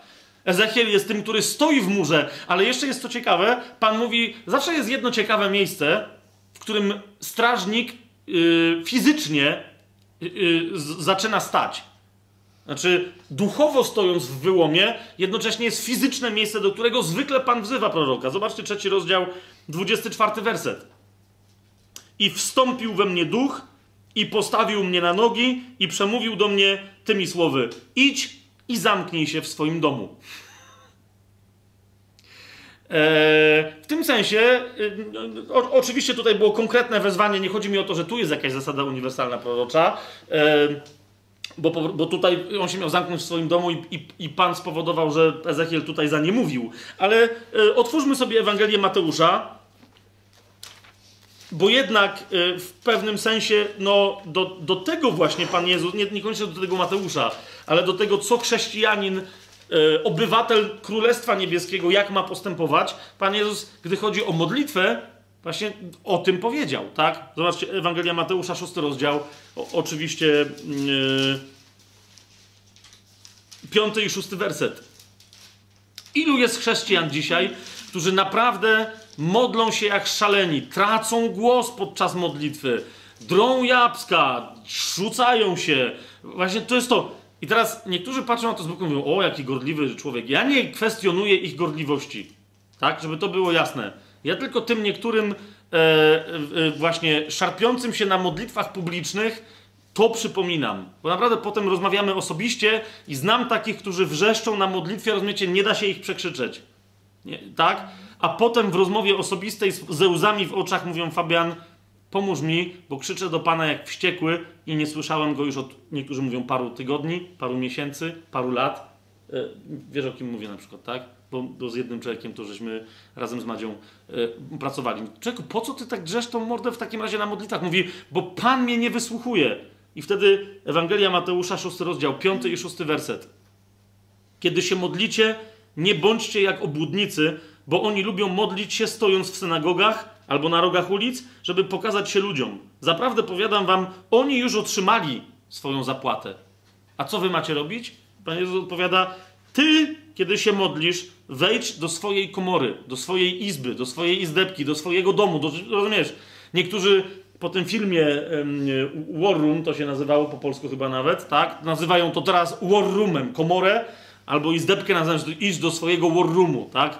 Niech to będzie nawet, rozumiesz, szafa, naprawdę, zamknij się w szafie, tak? Gdy ty się modlisz, wejdź do swojej komory, a zamknąwszy drzwi za sobą, widzicie, to jest to, zamknąwszy drzwi za sobą, módl się do swojego Ojca, który jest w ukryciu, a Ojciec Twój, który widzi w ukryciu, odpłaci Tobie. Jasne? Więc pierwsza rzecz, e, jak ktoś mówi, że nie jest wysłuchiwany na modlitwie, niech się upewni, czy jest gotowy, jak Pan do niego przemówi, żeby nawet najtrudniejszą rzecz w swoim życiu, żeby na przykład się osobiście w jakiejś kwestii upamiętać, żeby pokutować za coś, co jeszcze jest w nim z ciała e, i nie jest poddane o, pod ogień miłości Chrystusa. Czy jest jeszcze w Twoim życiu coś ważniejszego niż Chrystus? Jasne? Bo to może być to. I Pan Ci to chce pokazać, ale On wie, że Ty jeszcze nie masz w sobie gotowości, żeby to poddać, żeby to przepalić. To po co ma do Ciebie dalej gadać? Właśnie po to milczy, żeby tak cię ucisnąć, żeby cię rozerwało w środku. Tak? Żeby powiedział, że panie, dobra, co to jest? I on wtedy mówi, jak, jak jest w tobie gotowość. Ale druga rzecz, naprawdę częściej Pan takiej rzeczy dokona w twojej izdebce, za zamkniętymi drzwiami, w twojej komorze, w twoim domu, a nie na, na wiecie, publicznych y, y, jakichś modlitwach. Tak? Te publiczne modlitwy o tyle są głębokie i mocne, jeżeli tam się modlą ludzie, którzy więcej modlili się w swoim domu, w ciszy, albo i głośno, ale sami z Panem, a nie tak, żeby inni ludzie o tym wiedzieli. Tak? Dobrze. Teraz na kolejną rzecz y, wam czytuję, jak są, jak są pytania, tylko jak wiecie, chcecie, wiecie, chcę z tym zdążyć. E, kolejna rzecz, którą znajdujemy u Habakuka, bardzo interesująca, to jest w drugim rozdziale od 5 wersetu aż do 20. Niektórzy to nazywają, że tam się pojawia pięć biada.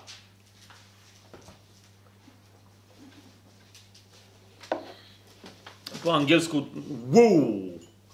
Jest takie, wiecie, wow. Biada, biada komuś, tak?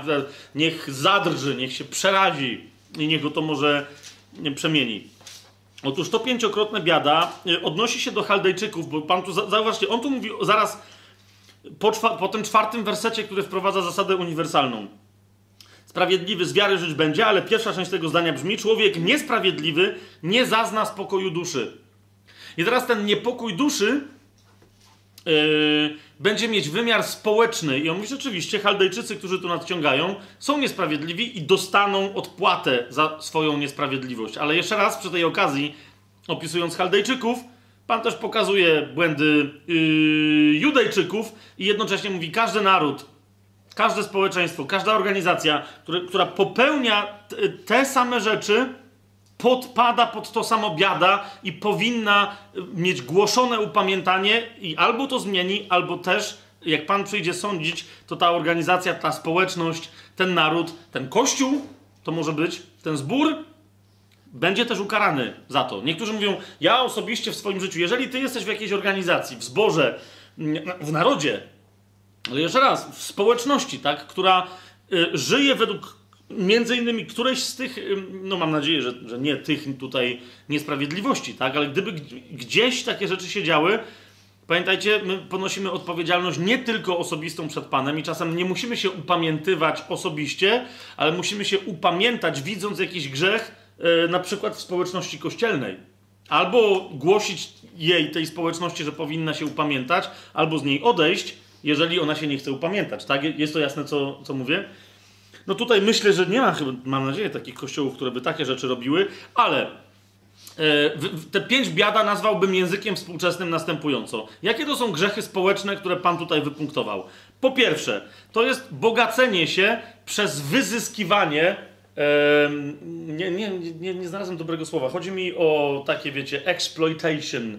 E, jak to nazwać po, no, wy, wyzyskiwanie. Ale chodzi mi o to, wiecie, y, innych narodów przez jakiś naród.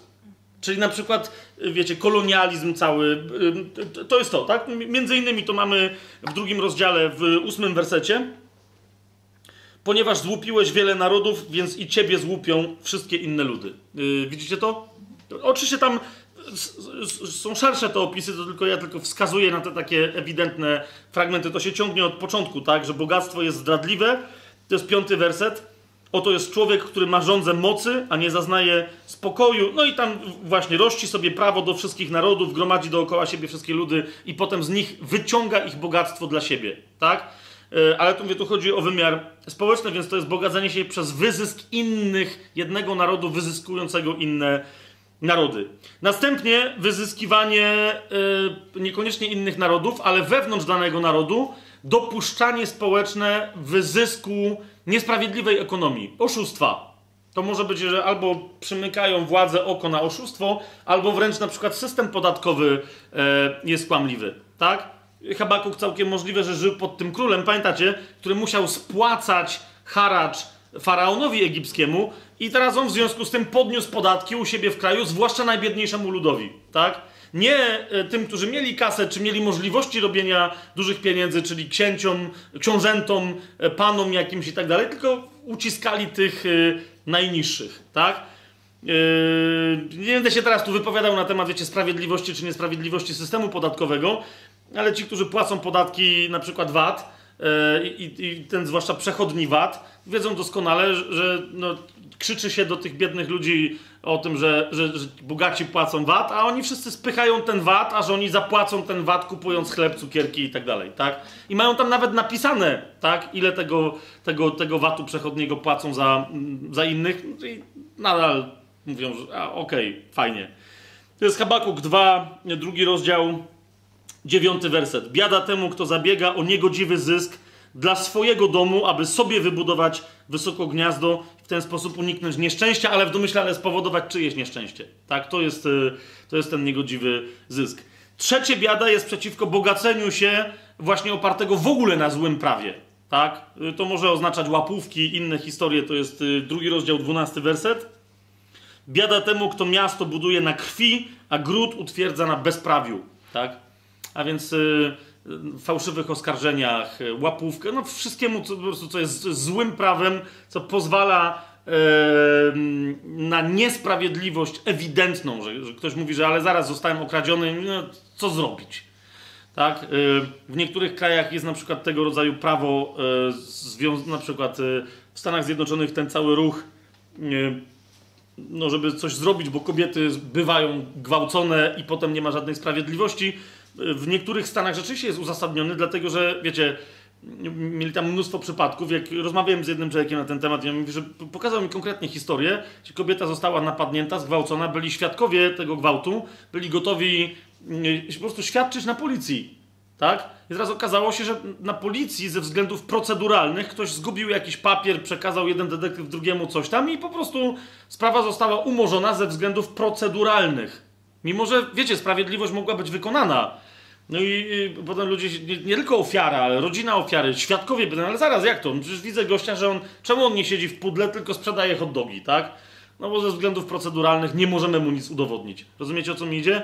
No to to jest jeden z przykładów tego, co może być taką e, niesprawiedliwością i takim budowaniem miasta na krwi. Jasne? E, tutaj troszeczkę przeskoczymy, ponieważ jedną rzecz bardzo ciekawą chcę Wam pokazać. Do ostatniego biada, czwarte pominę. Tym czwartym biada jest oczywiście no, biada społeczeństwu, które akceptuje bałwochwalstwo, tak? A bałwochwalstwo oczywiście jest jasno pokazane jako kłanianie się obrazom e, i figurom. To jest dziewiętnasty werset drugiego rozdziału. Biada temu, który mówi do drewna obudź się, a do niemego kamienia rusz się. Czy może on dać ci jakieś wskazanie? Przybrany jest złotem i srebrem, ale przecież nie ma w nim żadnego ducha.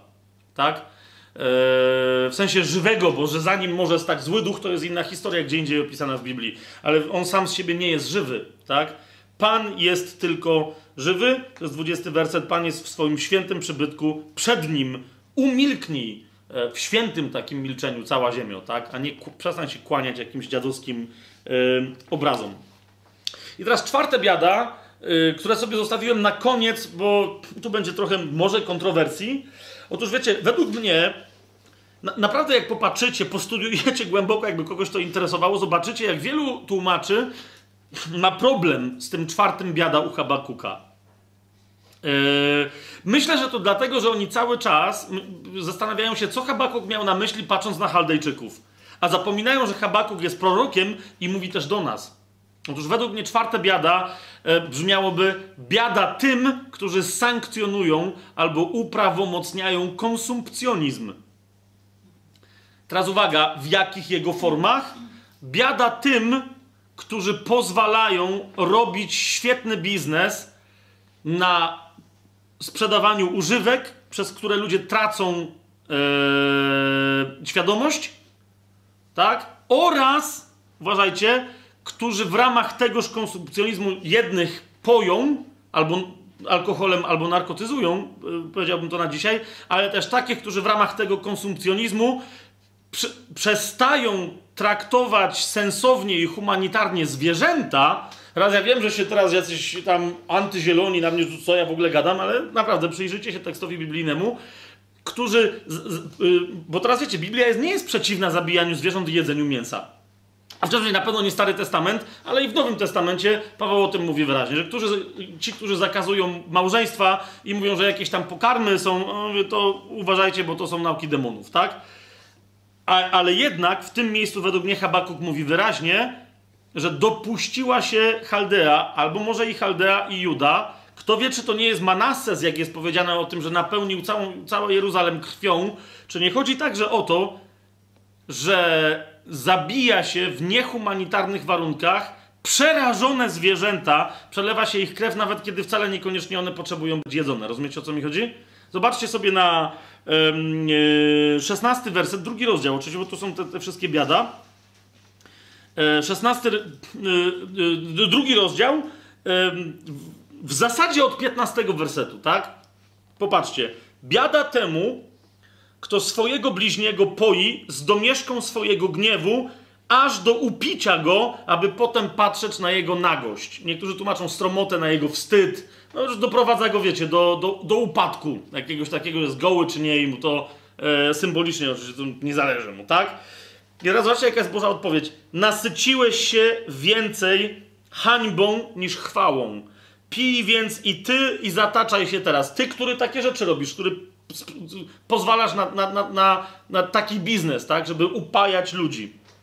I popatrzcie, przyjdzie i do ciebie kielich z prawicy Pana i będziesz syt hańby zamiast chwały. Zobaczcie, co się tutaj dzieje. Gdyż obciąży cię bezprawie popełnione na Libanie, rzeź zwierząt, która to je przeraziła, powali cię także z powodu przelanej krwi ludzkiej i gwałtu dokonanego na kraju, na grodzie i na wszystkich jego mieszkańcach. Widzicie to? Że to, to jest jeden z takich momentów, który naprawdę jest dziwny. Niektórzy tłumaczą, że może te zwierzęta przeraziła rzeź tych ludzi później i tak dalej. Ale nie, tu jest na, naprawdę oryginalnie w tym hebrajskim, wszyscy się na to zgadzają, że tu jest ewidentnie rzeź zwierząt, która jest taka dziwna, że przeraziła te zwierzęta. I to jest grzech, który Pan tu wyraźnie podnosi. Tak? Mówi, nie, nie, nie. Ja nie mówię, żebyście nie zabili zwierzęcia, żebyście nie zjedli wołowiny. Wszystko gra, tak? Ale mówi, co jest grane.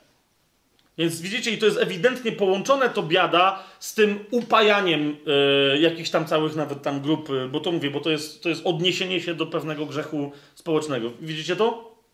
Jasne, że tutaj ktoś może powiedzieć, nie, to jest kontrowersyjne, nie, ale jednak yy, mówię wam, że każda inna interpretacja tutaj, z wyjątkiem tego, że po prostu te zwierzęta były przerażone ogromem rzeźni i jakąś niedbałością o tą, o, o tą rzeź. Zupełnie to było w jakiś. Coś dziwnego było w tym zabijaniu zwierząt, że one się przeraziły, a to się panu nie podobało. Tak? E, że, że, e, więc jeszcze raz mówię, to nie chodzi o to, żeby nie, nie, e, wegetarianizm, czy tam weganizm, czy, czy coś tam, spokojnie, ale jednak to nie jest tak, że Pan nie patrzy na krzywdę zwierzęcia. Zwłaszcza, że jedni prorocy też mówią, że jak przyjdzie królestwo, to Pan też swoje przymierze z całym stworzeniem, z wszystkimi zwierzętami e, odnowi. Tak? Czy bo to już było zawarte przy Noem, ale po prostu zawrze kolejne. Całe stworzenie jęczy i wzdycha, czekając na, e, na ten moment. Jasność? Okej. Okay. I teraz jeszcze ostatnia rzecz, szybciutko tylko wam zaznaczę, bo jeszcze mam potem jeden duży temat z, u Sofoniasza, rzecz jasna. Zobaczcie, taki mały habakuczek, trzy rozdziały, a co się tutaj dzieje, tak? Otóż cały trzeci rozdział Habakuka jest dosyć taką dziwną modlitwą. Eee, zwracam wam uwagę na to, zwłaszcza w kontekście następnego naszego tematu, którym będzie Dzień Pana według mnie tutaj prorok demonstruje Dzień Pana, że nadciąga y, Dzień Pana. Y, zobaczcie, trzeci rozdział, szósty werset. Trzęsie się ziemia, kiedy on powstaje, kiedy patrzy, drżą narody. Y, I tak dalej, i tak dalej. Y, jedenasty werset. Słońce i księżyc wstrzymały swoją jasność w świetle Twoich szybkich strzał i w blasku Twojej lśniącej włóczni, w zawziętości kroczysz po ziemi, w gniewie depczesz narody. Jeszcze raz powtarzam, inne opisy wyraźnie sugerują, że tutaj Habakuk przyłącza się do głosu innych proroków i mówi o tak zwanym Dniu Pańskim. Ale chodzi mi teraz o coś innego. Mianowicie, niezależnie od tego, jak straszne są okoliczności, zauważcie, że Habakuk, nawet jeżeli one by go osobiście miały dotknąć, zauważcie, co mówi, że podstawą kogoś, kto jest sprawiedliwy z wiary, jest usprawiedliwiony z wiary i żyje z wiary, podstawą jego funkcjonowania następnie, pierwszym owocem, do którego ma się odnieść, sposobem życia jest, uwaga, radość. Zobaczcie, trzeci rozdział, osiemnasty werset, no, od 17, czy 16 nawet werset. Zobaczcie, co się dzieje. On mówi, że radość nie jest wynikiem okoliczności, ani zewnętrznych, ani jakiegoś przyczynkowania wewnętrznego. Że ja sobie mówię, że się ja sam pocieszę, że co prawda jest źle, ale jutro przyjdzie wypłata. O, super, no nie? Nie.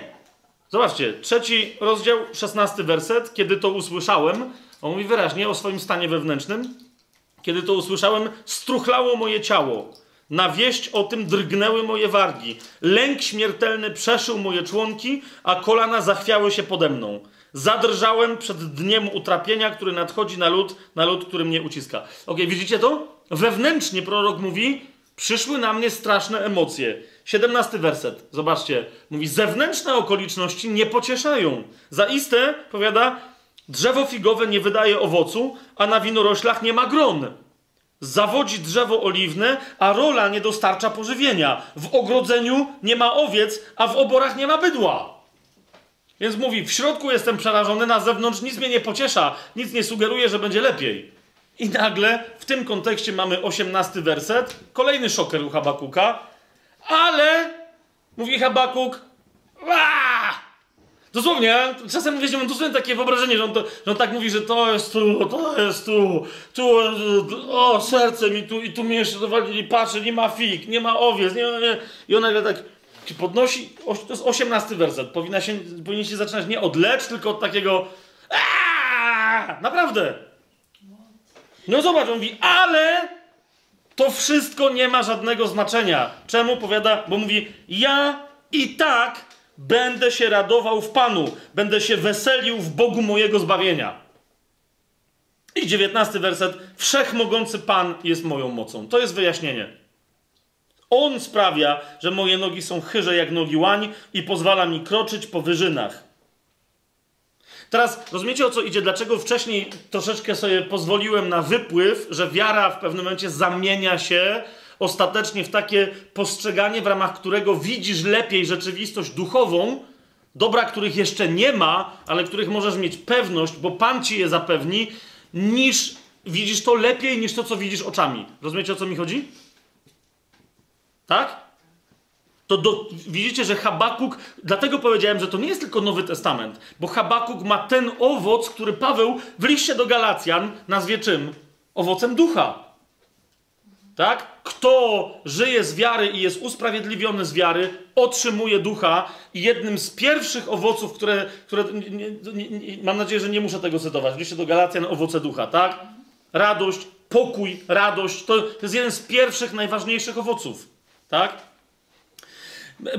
Ja, ja czasem tak z przekąsem nazywam smutasami, którym trzeba było przypomnieć tę prawdę, że ej, jesteście chrześcijanami, więc radość, więc radość, Rado, banan, radość, jesteście chrześcijanami. To, to byli tacy chrześcijanie, którzy mówili, no tak, ale my tu, wiesz, haratamy, ciężko pracujemy, wiesz, choroba, no wiesz, staramy się. I oni mówili, ale to w ogóle nie, rozumiecie, Radość wynika z tego, co poznajecie w wierze. Możecie zrobić pewne rzeczy dzięki temu, że macie radość, a nie macie się radować, jak się te rzeczy staną. Tak? To byli Filipianie. Jak mi nie wierzycie, otwórzmy sobie list do Filipian szybciutko, bo widzę, że musimy go chyba otworzyć.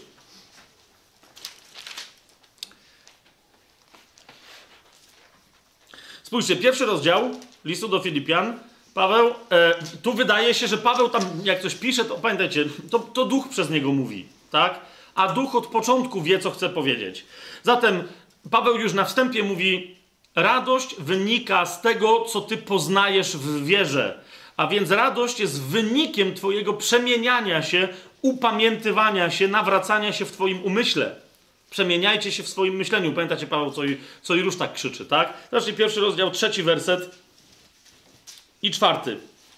Dziękuję Bogu mojemu za każdym razem, ilekroć was wspominam, zawsze w każdej modlitwie mojej za was wszystkich, z radością się modląc. Widzicie to? Paweł zaznacza, mówi, że jest radość, kochani. Ktoś powie, no dobra, no tu jeszcze nie jest. Zobaczcie drugi rozdział, drugi werset. Tam Paweł y, ni stąd, ni zowąd znowu posługuje się tym samym tematem. Mówi, dopełnijcie radości mojej, I teraz wskazuje im, mówi, że y, y, radość jest związana z myślą, jest związana z umysłem, a nie z tym, co ty czujesz w swojej duszy, w swoich emocjach lub z okolicznościami zewnętrznymi. Zobaczcie, dopełnijcie radości mojej i bądźcie jednej myśli, mając tę samą miłość, zgodni, ożywieni jednomyślnością. I teraz znowu, żeby czasem oni sobie nie pomyśleli, bo Filipianie, jak wszystkie smutasy, myślą, aha, jednomyślność oznacza Chińska Republika Ludowa, czasy, że wszyscy chodzili w takich samych mundurkach. Musimy myśleć to samo. W związku z tym Paweł im mówi, nie, nie, wiem, że tak sobie pomyślicie, bo jesteście smutasami i w związku z tym mówi im piąty werset, nie, nie macie myśleć to samo, ale macie być względem siebie takiego samego usposobienia. Takiego samego, czyli jakiego? Takie, jakie było w Chrystusie Jezusie. Tak? A więc każdy z was niech będzie wpatrzony w Chrystusa i wobec innych postępuje tak, jakby Chrystus w tobie postępował według, według innych. To jest jednomyślność. A w związku z tym będziecie zachowywać się różnie wobec siebie, ale dokładnie tak, jak Chrystus by chciał, żebyście wobec siebie postępowali. Jasne? Okej. Okay. No teraz zobaczcie drugi rozdział, 17, werset. Bo teraz w tym, w tym wszystkim Paweł nadal jeszcze podkręca, dolewa oliwy do ognia. Mówi, słuchajcie, ja to jestem taki radosny chłopak, że jakby zaczęli ze mnie krew wypuszczać, po prostu zaczęliby mnie szlachtować, dalej się będę cieszył. Zobaczcie, drugi rozdział, 17 werset. Ale gdyby nawet krew moja miała być dolana do ofiary i obrzędu ofiarnego wiary waszej, raduję się i cieszę razem z wami wszystkimi w domyśle smutasy. Zaraz wam powiem, czemu tak y, twierdzę, że to były smutasy, tak? Raduję się i cieszę z wami, bo przecież wy się też radujecie. Nie! 18 werset. Z tego wtedy i wy się radujcie i cieszcie się razem ze mną. Mówię, że cieszę się z wami, ale jakbyście się jednak nie cieszyli ze mną, to wam mówię, to jednak się cieszcie. Naprawdę, nawet jak nie będą szlachtować, cieszcie się. I teraz, czy rzeczywiście Filipianie to były aż takie smutki? No to zobaczcie, trzeci rozdział, pierwszy werset. Paweł tu mówi wyraźnie, że on, na, to nie tylko Duch Święty przez niego mówił, ale on był bardzo świadomy. Ponadto, bracia moi, radujcie się w Panu. Tak jeszcze mi się przypomniało, tak? Ale żebyście wiedzieli, że te wszystkie radości, o których do tej pory wspominałem, to ja naprawdę świadomie to zrobiłem, to zauważcie, zaznacza, pisać do was jedno i to samo nie przykrzy mi się, dla was zaś to jest bardzo istotne zabezpieczenie. Więc widzicie, że Filipianie naprawdę, Paweł pisząc do nich list, on wiedział, że oni tam mogą mieć jakieś takie e, smutne podejście do życia.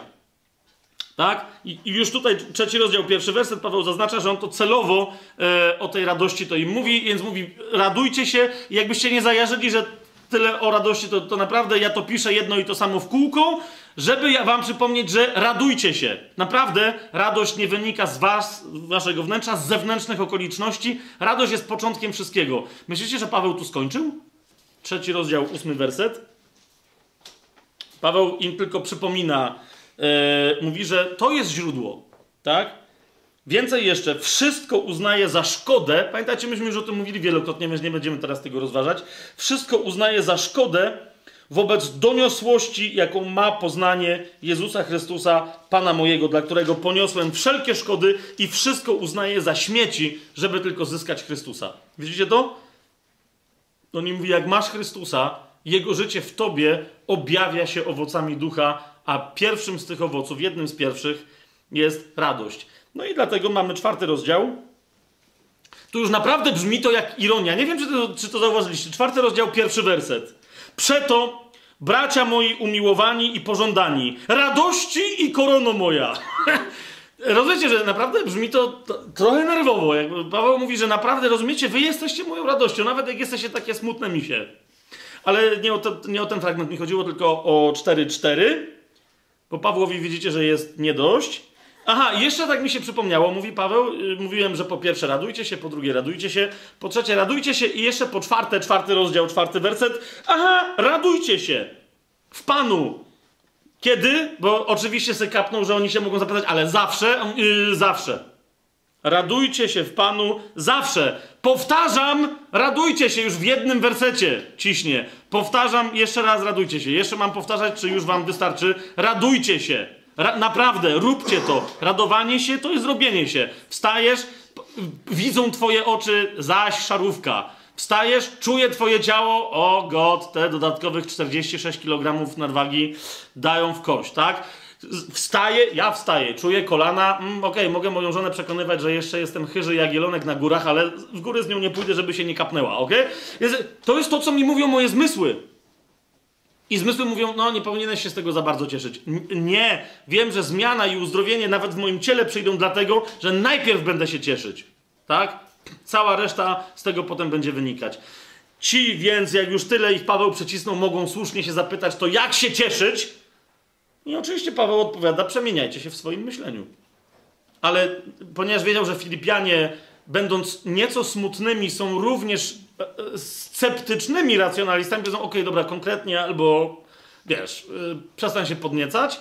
No więc Paweł udziela im bardzo konkretnej odpowiedzi. Zobaczcie, szósty werset i następny. Mówi przede wszystkim, nie troszczcie się o nic, ale we wszystkim w modlitwie i w błaganiach z dziękczynieniem powierzcie prośby wasze Bogu. O co wam chodzi? Prośba, od razu dziękujecie, koniec. Przestańcie bredzić tyle. Bóg naprawdę wie, o co wam chodzi. Poproście, podziękujcie i wracajcie do radowania się. No dobra, okej, yy, serio? Tak, on mówi, siódmy werset. Pokój Boży, który przewyższa wszelki rozum, strzec będzie serc waszych i uwaga, i myśli waszych w Chrystusie Jezusie. I tutaj podaję ósmy werset, ale jakbyście jeszcze nie rozumieli, pokój Boży, Boży będzie was strzegł, ale ja was znam, Filipianie. Nie będziecie więcej prosić Boga, ale będziecie myśleć w tych waszych czerepkach. Ale czy on by na pewno usłyszał? Jakby tak jeszcze raz powtórzyć, je, jeszcze, naprawdę powiedzenie, Boże, uzdrów mnie z bolących kolan, raz. Ja nawet nie pamiętam, czy to dobrze powiedziałem. Paweł mówi, nie. Masz potrzebę, powiedz, podziękuj. Rozumiesz? Aż przestaniesz wreszcie prosić, a po prostu będziesz prosić od razu dziękując, bo twój ojciec wie, czego potrzebujesz. Skoncentruj swoje myśli, uważaj, ósmy werset. Wreszcie, bracia i siostry, myślcie, i tu jest bardzo istotna, to jest zasada, którą Paweł podaje, jak się przemienia umysł. Myślcie tylko o tym, po pierwsze, co prawdziwe, po drugie, co poczciwe, po trzecie, co sprawiedliwe i po następne, co czyste, co miłe, co chwalebne, co jest cnotą i co jest godne pochwały. Mówi bardzo wyraźnie, czym się zajmują twoje myśli.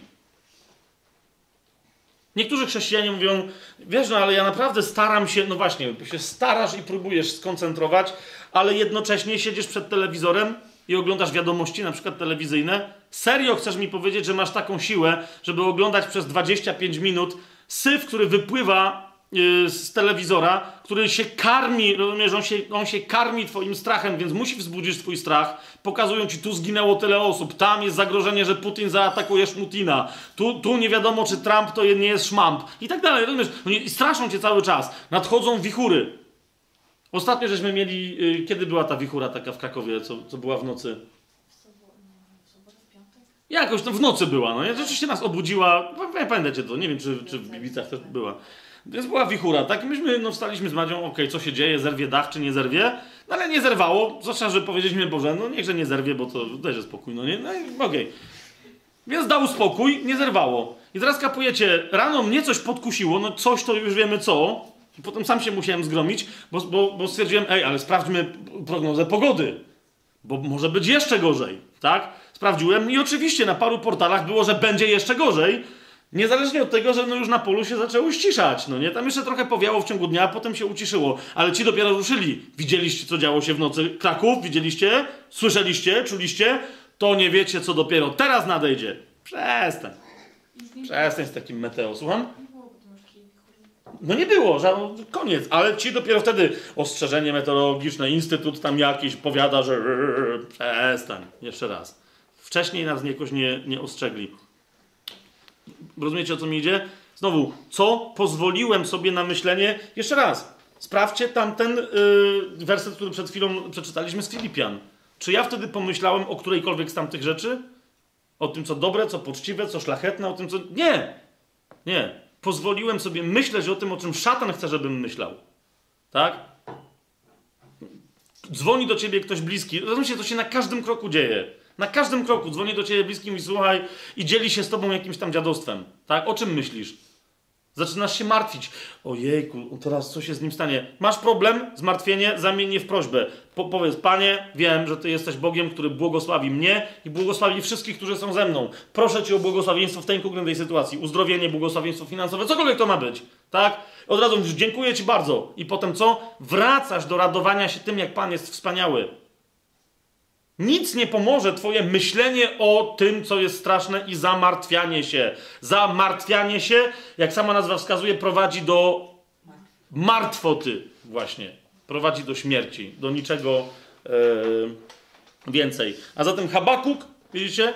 Jeszcze raz, drugi do Koryntian, piąty rozdział, siódmy werset. Czym chodzimy? Wiarą, a nie oglądaniem zmysłowym. Nasze myśli mają być skoncentrowane na czym? Na tym, co nam objawia wiara zasłuchana w Słowo Boże, a nie to, co nam objawia ktoś, kto nam coś próbuje wlać przez oczy, uszy i inne historie. Jasność? Gites. Mamy jeszcze siłę na Sofoniasza? Tak. Dobra, no to w takim razie Sofoniasz. Eee, wierzcie mi, że u tego Habakuka jest jeszcze parę ciekawych tematów, ale to by było trochę przegięcie, jakbyśmy z trzech rozdziałów zrobili. E, dajmy szansę Sofoniaszowi. Sofoniasz się, jak już powiedziałem wcześniej, przedstawia nam bardzo ładnie tutaj przed milionami słuchaczy. Eee, pierwszy rozdział, pierwszy werset mówi wyraźnie, że jest Sofoniaszem synem Kusziego, synem Gedaliasza, syna Amariasza, syna Ezechiasza, który wystąpił w czasach Jozjasza, syna Amona, króla ludzkiego, a więc w czasach tego króla reformatora. Niektórzy twierdzą, że Sofoniasz jest więc potomkiem w tym pokoleniu, które wymienia, czyli w czwartym jest potomkiem króla Ezechiasza. E, zgadzam się z niektórymi, że może takowym być, bo niektórzy prorocy byli z pochodzenia książętami i on też Sofoniasz takim mógł być ale jednocześnie zgadzam się z innymi, którzy mówią, że równie dobrze mógł podać, bo wiecie, to jest w ogóle rzadkie, że on podaje aż takie dalekie pochodzenie. Całkiem możliwe, że akurat był w otoczeniu, które znało wielu sofoniaszy, żeby było jasne, który sofoniarz bierze odpowiedzialność, to musiał podać swoje imiona, wtedy nie było nazwisk, tak? Aż do czwartego pokolenia, żeby było wiadomo, a to jest ten sofoniarz. I jeżeli tak jest, to ten Ezechiasz, z całym szacunkiem, e, ale gdyby chodziło o króla, to jednak myślę, że albo to jest środowisko, które rozumie, że, że oto mamy do czynienia z księciem i on się powołuje na to, że jest w czwartym pokoleniu potomkiem króla, albo po prostu to nie jest król, bo jednak myślę, że nawet taki ktoś zaznaczyłby, że jest potomkiem Ezechiasza, króla judzkiego. W wielu innych miejscach, jak ktoś się powołuje na tego czy innego króla judzkiego, to dodaje, że się powołuje na króla judzkiego. A widzicie tutaj trochę, y, trochę tutaj y, tego, tego, tego króla ludzkiego brakuje. Niemniej, kochani, to co ja wam chcę powiedzieć, to to, że no nie do końca ma to dla nas, bo, nie, bo naprawdę niektórzy czasem nam takie pytania przesyłają, ale czy aby... Istotne jest, że czasy Jozjasza są dosyć dobrze w Biblii opisane. Myśmy je sobie przedstawili, tak? Druga kronik, druga królewska. Yy, tamte fragmenty, które mówią o tym, że Jozjasz był reformatorem, co on tam naprawiał, po, po dziadostwach Manassesa i tak dalej. Wtedy występuje Sofoniarz. Kim on tam osobiście był? Nam tu wiele dla jego tekstu, y, wiecie, nie, nie, nie, nie, nie jest nam to potrzebne, żeby to wiedzieć. Tak? Eee, natomiast jedno jest, jest dość oczywiste, mianowicie, że z jego tekstu wynika, że on nie tylko był Judejczykiem, ale rzeczywiście, i stąd, no właśnie, możliwe, że był pochodzenia królewskiego, ponieważ widać, że kocha Jerozolimę, mówi o Jerozolimie w sposób bardzo, powiedziałbym, osobiście intymny. Widać, że zna Jerozolimę, tak? Jeżeli ktoś nie jest z Krakowa, e, i ja mu powiem, że ktoś się, wyobraź sobie, że w ciągu jednego dnia przeleciał z Nowej Huty z Miszczejowic, e, nieważne gdzie, no ale z Miszczejowic, wyobraź sobie, że doleciał aż do Kazimierza, E, na szeroką zjadł zupę rybną. Dobra, wie, wiecie gdzie, nie, żeby nie było teraz, że reklamuje zupę rybną, wiadomo gdzie, tak? Ale na, na szerokiej wiecie, wiecie, gdzie zjadł zupę rybną, tak? Potem dobiegł do bramy floriańskiej, e, z niej minął barbakan, wsiadł w tramwaj i dojechał e, na Bronowice. To, no to wyobrażacie sobie mniej więcej ci, co są z Krakowa, co się dzieje, tak? Ale jak ktoś nie jest z Krakowa, to mówi, okej, okay, to fajnie macie, no nie? I teraz zobaczcie Księgę Sofoniasza, jak nam się przedstawia Sofoniarz, że jest z Jerozolimy. No bo właśnie podaje takie szczegóły, jak ja wam teraz podałem. Dziesiąty rozdział, mm, jedenasty. W owym dniu, mówi Pan, słychać będzie od bramy rybnej krzyk, od nowego miasta narzekanie, z pagórków natomiast wielki trzask. I dobrze, narzekajcie mieszkańcy dzielnicy dolnej, bo zniszczony będzie cały lud kramarzy a, i wytępieni wszyscy, którzy odważają tam srebro. Rozumiecie o co mi chodzi? Jeżeli ktoś podaje takie szczegóły na temat Jerozolimy, yy, to znaczy, że, się, że, on, że on wie o czym mówi, tak? Był tam, był w tej dzielnicy, wiedział co oni tam odważają, był w innym miejscu, wiedział jak one się nazywają lokalnie, tak? Stąd wiemy, że, że tu mamy do czynienia z panem, który był z y, Judejczykiem i to jeszcze z Jerozolimy. Kochani, tematów u Sofoniasza jest mnóstwo, albo też tylko jeden. Bogu niech będą dzięki, bo on go dosyć dobrze e, przedstawia także pewne problemy, które nam się nawet w Nowym Testamencie, jak niektórzy twierdzą, nie rozjaśniają. Między innymi dzięki Sofoniaszowi się rozjaśniają. Otóż tak naprawdę temat, który się pojawia, uwierzcie mi, w taki czy inny sposób u wszystkich proroków. Eee, a, a jest to wydarzenie, które jeszcze nie miało miejsca na świecie, na które nawet my, znając osobiście Pana Jezusa przez wiarę, też na nie czekamy. Tak? Sofoniasz, powiedziałbym, jest człowiekiem, który, mimo że wszyscy inni o tym wydarzeniu mówią, on na tym wydarzeniu jest najbardziej skoncentrowany. To wydarzenie w Biblii nazywane jest najczęściej Dniem Jahwe albo Dniem Pana. Bywa też nazywane Dniem Gniewu Pańskiego, Dniem Odpłaty. Kilkanaście razy pojawia się. Zaraz wam pokażę, gdzie, żebyście zobaczyli, naprawdę to jest. Ale nie pamiętam, teraz mogę przesadzić, ale stawiam na to, że na pewno ponad 200 razy, ponad może, no, nie wiem czy 300, nie, może nie, ale no ponad 200 to prawie z całą pewnością pojawia się jako określenie tego dnia albo ten dzień. Tak? W ten dzień. Także niektórzy wręcz nie muszą nazywać go Dniem Pana, bo wiedzą, że jest tylko jeden dzień, do którego zmierza cała historia tego wieku. Tak? Nie cała historia tego świata, chociaż ten świat takim, jakim go znamy, kiedy się zderzy z tym dniem, to ten świat się zmieni, więc w pewnym sensie to będzie trochę koniec świata, ale nie do końca. Tak? Będzie koniec tego wieku. Eee, Sofoniarz o nim mówi dosyć e, wyraźnie, że będzie dniem straszliwego gniewu dla tych, którzy nie traktują poważnie ostrzeżenia. Naprawdę, zobaczcie, drugi rozdział yy, u Sofoniasza. On, on, wyraźnie mówi, naprawdę nikt nie musi doświadczyć tego gniewu. Pan może, po, bo po prostu Pan przyjdzie i naprawdę jego celem nie będą ludzie. Jego celem będzie przeoranie. Tak to powiem. I, I naprawdę możecie się załapać na ratunek. Możecie po prostu polecieć gdzie indziej Teraz, żeby nie było, że UFO jakieś, po, po, prostu Pan was uratuje przed tym dniem, tak? Tylko uwierzcie, że ten dzień naprawdę, jak będziecie trzymać do końca i się nie załapiecie, to razem z, z tym światem będziecie przeorani. Zobaczcie drugi rozdział. Zbierzcie się, zbierzcie, narodzie niesforny, to mówimy o Sofoniaszu, tak? Zanim staniecie się jak plewa, którą wiatr unosi, zanim was dosięgnie żar gniewu Pana zanim zaskoczy was dzień gniewu Pana. Widzicie to? Szukajcie Pana, wszyscy pokorni ziemi, którzy wypełniacie Jego prawo. Szukajcie sprawiedliwości, szukajcie pokory, może się ukryjecie w dniu gniewu Pana. Widzicie to? Teraz e, pytanie brzmi, gdzie mają szukać sprawiedliwości? No jeszcze raz, Habakuk zdążył już nam odpowiedzieć na to pytanie. Tak? Oto człowiek niesprawiedliwy, drugi rozdział, czwarty werset, nie zazna spokoju duszy, ale sprawiedliwy jest ten, kto z wiary chce żyć. I sprawiedliwy rzeczywiście z wiary żyć będzie. Tak?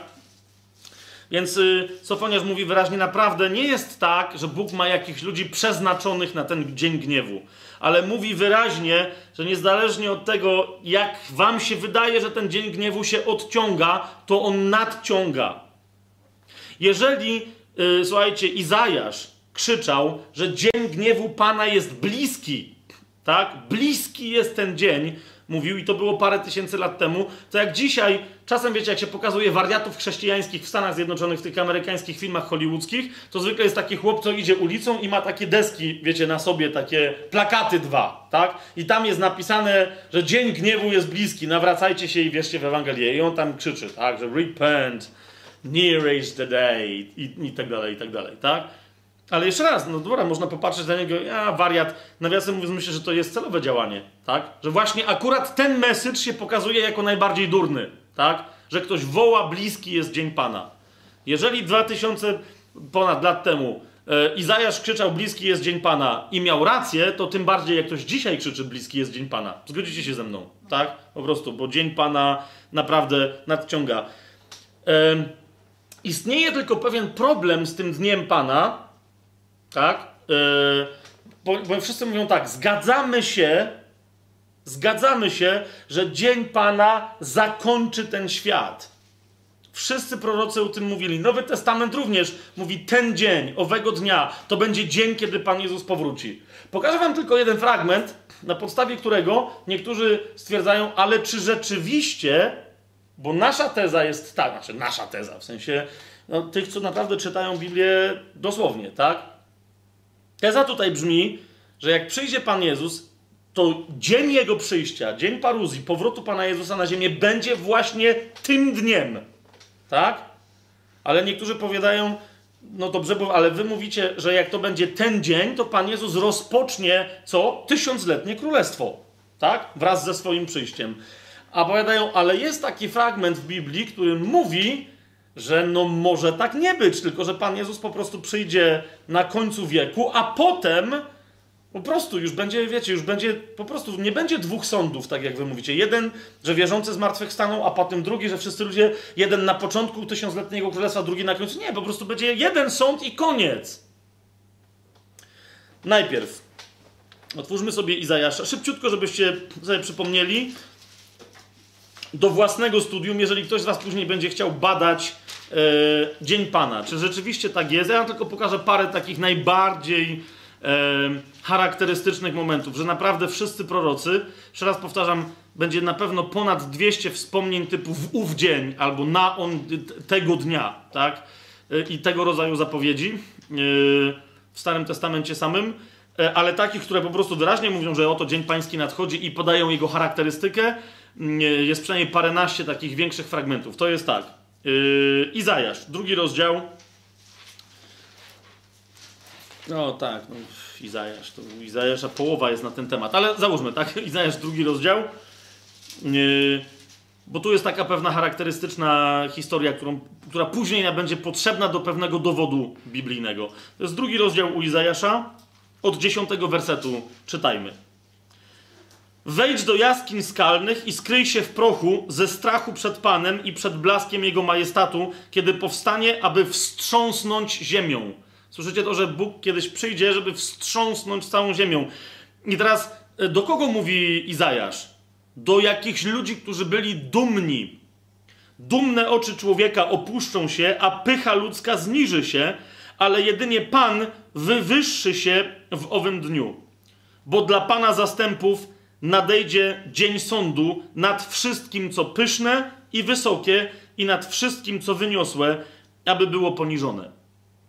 Kochani, tu jeszcze tylko wam zaznaczam, e, jakbyście sprawdzali zasadę uniwersalną u Habakuka, to tam odkryjecie inną ciekawą rzecz, mianowicie, jeżeli tym, co powoduje, że człowiek jest usprawiedliwiony i może żyć, jest wiara, to co stoi na antypodach wiary? Co jest przeciwieństwem wiary? Niewiara? Pycha. I to niech będzie wam dodatkowym uzupełnieniem e, tego, czym jest wiara, tak? Czym jest zaufanie komuś, a zwłaszcza zaufanie Bogu, tak? Ktoś, kto jest pyszny, a więc zadufany jakkolwiek w jakimś aspekcie siebie i polegający bardziej na jakimś chociaż jednym aspekcie siebie niż Pana, ma w sobie jeszcze jakieś okruchy yy, pychy, tak? Kiedyś taki sławny kaznodzieja Bunyan schodził z mównicy, bo genia... widać po tym było, że naprawdę wiedział o co chodzi. Schodził z genialny kaznodzieja, tak? Schodził z mównicy e, po fantastycznym tam jakimś ponoć przemówieniu i podbiegła do niego jakaś kobieta, jak to często bywa kobieta, i powiedziała mu: Kaznodziejo, pastorze, cudowne kazanie, wspaniałe kazanie. A co on mówi? Wiem, już mi to ktoś przed tobą powiedział. I ona taka zdziwiona, no bo wiecie, leciała, żeby pierwsza pochwalić pastora. I mówi, kto? On nie odpowiedział, szatan.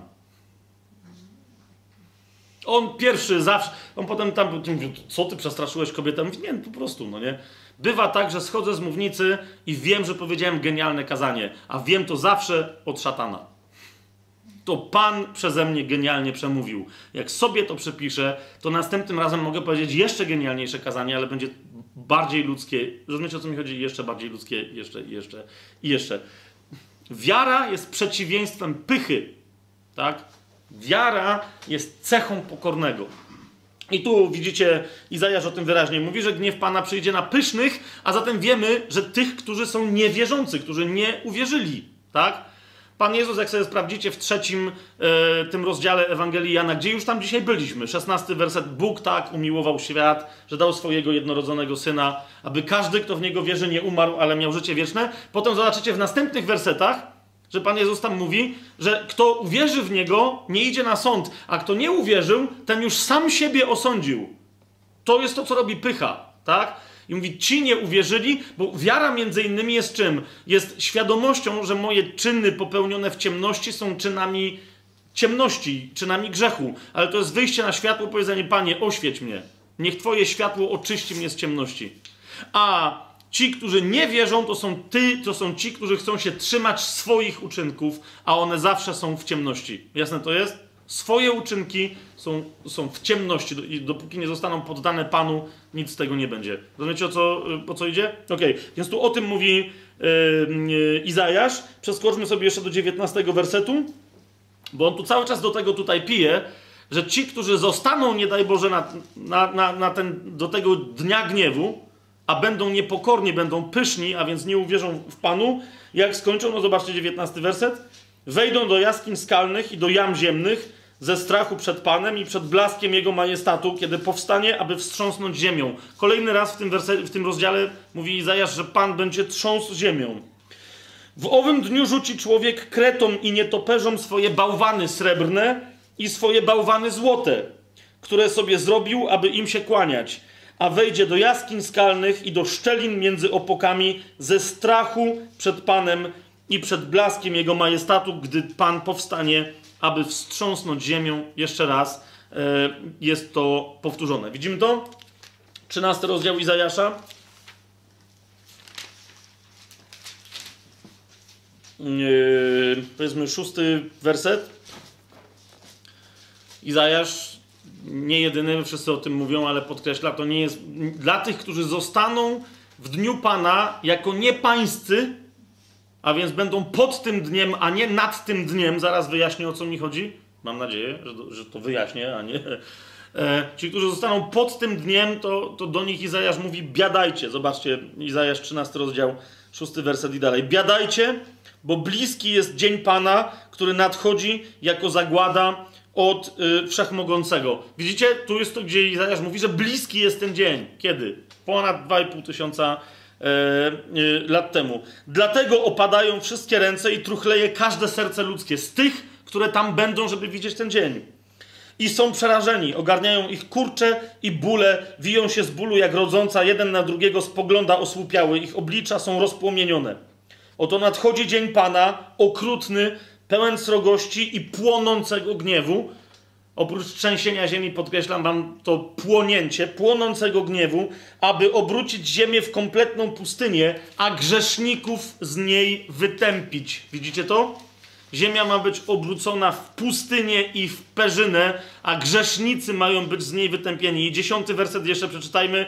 Ponieważ gwiazdy niebios i ich planety nie dadzą swojego światła, Słońce zaćmi się zaraz, gdy wzejdzie, a księżyc w ogóle nie błyśnie swoim światłem. Widzicie to?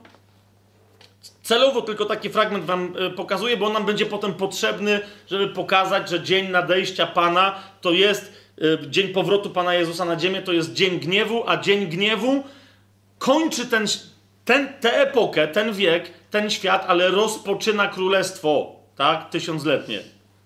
Jest nam bardzo będzie, to się nam przyda. Jeremiasza sobie otwórzcie, 46 y, rozdział.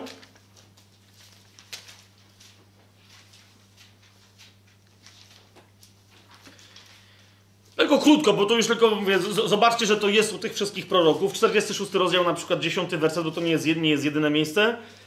Lecz ów dzień, 46 rozdział, 10 werset. Lecz ów dzień należy do wszechmocnego, Pana zastępów. Jest to dzień pomsty, aby się pomścił nad swoimi wrogami. Miecz Pana, zwróćcie uwagę, tutaj Jeremiasz zapowiada, że miecz Pana będzie się mścił na wrogach pańskich. Miecz Pana pożera, nasyca się i upaja ich krwią, ponieważ wszechmocny Pan zastępów wyprawia ucztę ofiarną w ziemi północnej nad rzeką Eufrat. E, to już Ezechiel o pewnych tam tematach, pamiętacie ucztę dla ptaków? To samo Księga Objawienia. Jak ktoś nie pamięta, to tylko tym, tym co pamiętają, to, to zaznaczam. Tak? No, skoro mowa o Ezechielu, to sobie otwórzmy na przykład Ezechiela 30, tylko rozdział 30, rozdział trzeci werset. Ezechiel jest również tym, który krzyczy, że bliski jest dzień Pana. 30 rozdział Ezechiela, trzeci werset. Bliski jest dzień, bliski jest dzień Pana, będzie to dzień ponury dla narodów. Wszędzie, gdzie w Starym Przymierzu, ale i w Nowym jest powiedziane narody, to znaczy, że to są ludzie, którzy jakoś są zgromadzeni nie jako nowy naród, który należy do Pana, ale są jeszcze zgromadzeni jako narody starego stworzenia. Jasne to jest? E, a więc zawsze jest powiedziane naród, ale chodzi o naród pogan. Tak? E, a więc tych, którzy nie chcą uwierzyć e, Jahwe. Księga Joela, myśmy niedawno Joela sobie badali, więc nie będziemy się teraz jakoś specjalnie ekscytować nim, ale Joel wiele mówi, jeżeli pamiętacie tam te tematy szarańczy i innych historii, Joel wiele mówi o, o Dniu Gniewu, ale Dniu Pańskim, ale zobaczcie tylko pierwszy rozdział, 15 werset. To jest właśnie to, że on, on, zanim powie, że to dzień pański, to po prostu mówi, że to jest ten dzień, tak? Pierwszy rozdział, 15 werset mówi, ach, cóż to jest za dzień? Bo bliski jest dzień Pana, a przychodzi jak zagłada yy, od Wszechmocnego. Spójrzcie sobie drugi rozdział, 11 werset. Pan wyda swój donośny głos przed swoim wojskiem, gdyż bardzo liczne są jego zastępy i potężny jest wykonawca jego rozkazu. Tak, wielki jest dzień Pana, pełen grozy, któż go przetrwa? To jest trochę pytanie, e, powiedziałbym, retoryczne. Trzeci rozdział Księgi Joela, czwarty werset. Słońce przemieni się w ciemność, a księżyc w krew. Zanim, albo też można było przetłumaczyć tuż przed tym, jak przyjdzie ów wielki, straszny dzień Pana. Bardzo konkretne e, znaki e, a propos tego dnia Pana są zapowiedziane. Amos, zobaczcie, następny zawodnik. Piąty, yy, piąty rozdział. A ja tylko takie najbardziej charakterystyczne rzeczy wskazuję. Piąty rozdział, yy, osiemnasty werset. I następne. Biada wam, którzy z utęsknieniem oczekujecie dnia Pana. Yy, to takie, oszaleliście?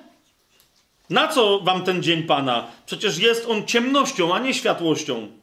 To tak, jakby ktoś uciekał przed lwem, a spotyka niedźwiedzia, a kiedy wejdzie do domu i opiera rękę o ścianę, ukąsi go wąż. Zaiste dzień Pana jest ciemnością, a nie światłością, mrokiem, a nie jasnością.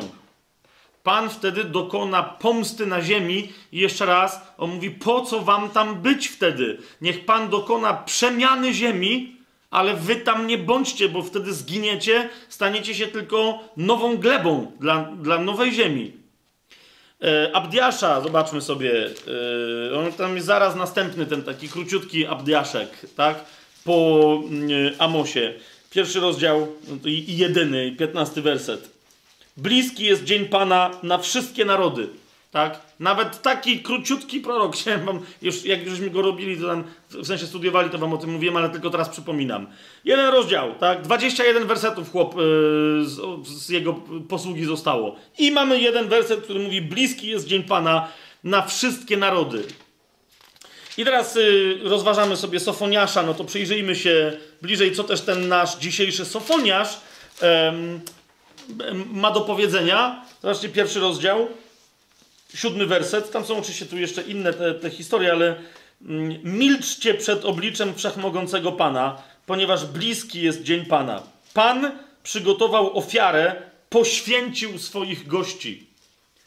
Ci, którzy zostaną na dzień Pana, e, naprawdę jest ciężką głupotą, ponieważ już z góry jest powiedziane, że którzy tam zostaną, to się staną ofiarą.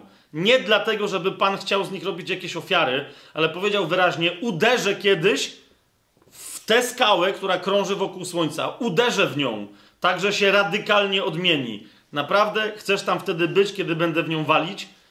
Ratunkiem jest nawrócenie się do mnie, uwierzenie mnie, a ja spowoduję, że cię tam nie będzie, kiedy będę uderzać w tę skałę krążącą wokół Słońca, tak?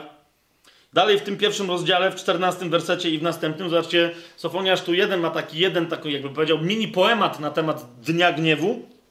To jest pierwszy rozdział, czternasty werset i następny. Bliski jest wielki dzień Pana, bliski, bardzo szybko nadchodzi. Słuchaj, dzień Pana jest gorzki. Wtedy nawet i bohater będzie krzyczał w sensie z przerażenia. Dzień ów jest dniem gniewu, dniem ucisku i utrapienia, dniem huku i hałasu, dniem ciemności i mroku, dniem obłoków i gęstych chmur, dniem trąby i okrzyku wojennego przeciwko miastom obronnym i przeciwko basztom wysokim. Ześlę wtedy strach na ludzi, tak że będą chodzić jak ślepi, ponieważ zgrzeszyli przeciwko Panu. Ich krew będzie rozbryzgana niby proch, a ich wnętrzności rozrzucone niby błoto. Ani ich srebro, ani ich złoto nie będzie mogło ich wyratować w dniu gniewu pańskiego, bo dzień gniewu Pana pochłonie, zwróćcie na to uwagę, dzień gniewu Pana pochłonie co? Całą ziemię. Jak niektórzy później zaraz wam pokażę, co niby odkryli w Nowym Testamencie, to jakoś, nie wiem, nieuważnie tu czytają. Całe Stare Przymierze woła, że tak, przyjdzie dzień gniewu Pana i on, on ten dzień pochłonie całą ziemię. Doprawdy, koniec straszną zagładę zgotuje wszystkim mieszkańcom ziemi, którzy tam jeszcze wtedy, no, nie daj Boże, że tak powiem, żeby byli, tak? Księga Zachariasza, otwórzmy sobie 14 rozdział.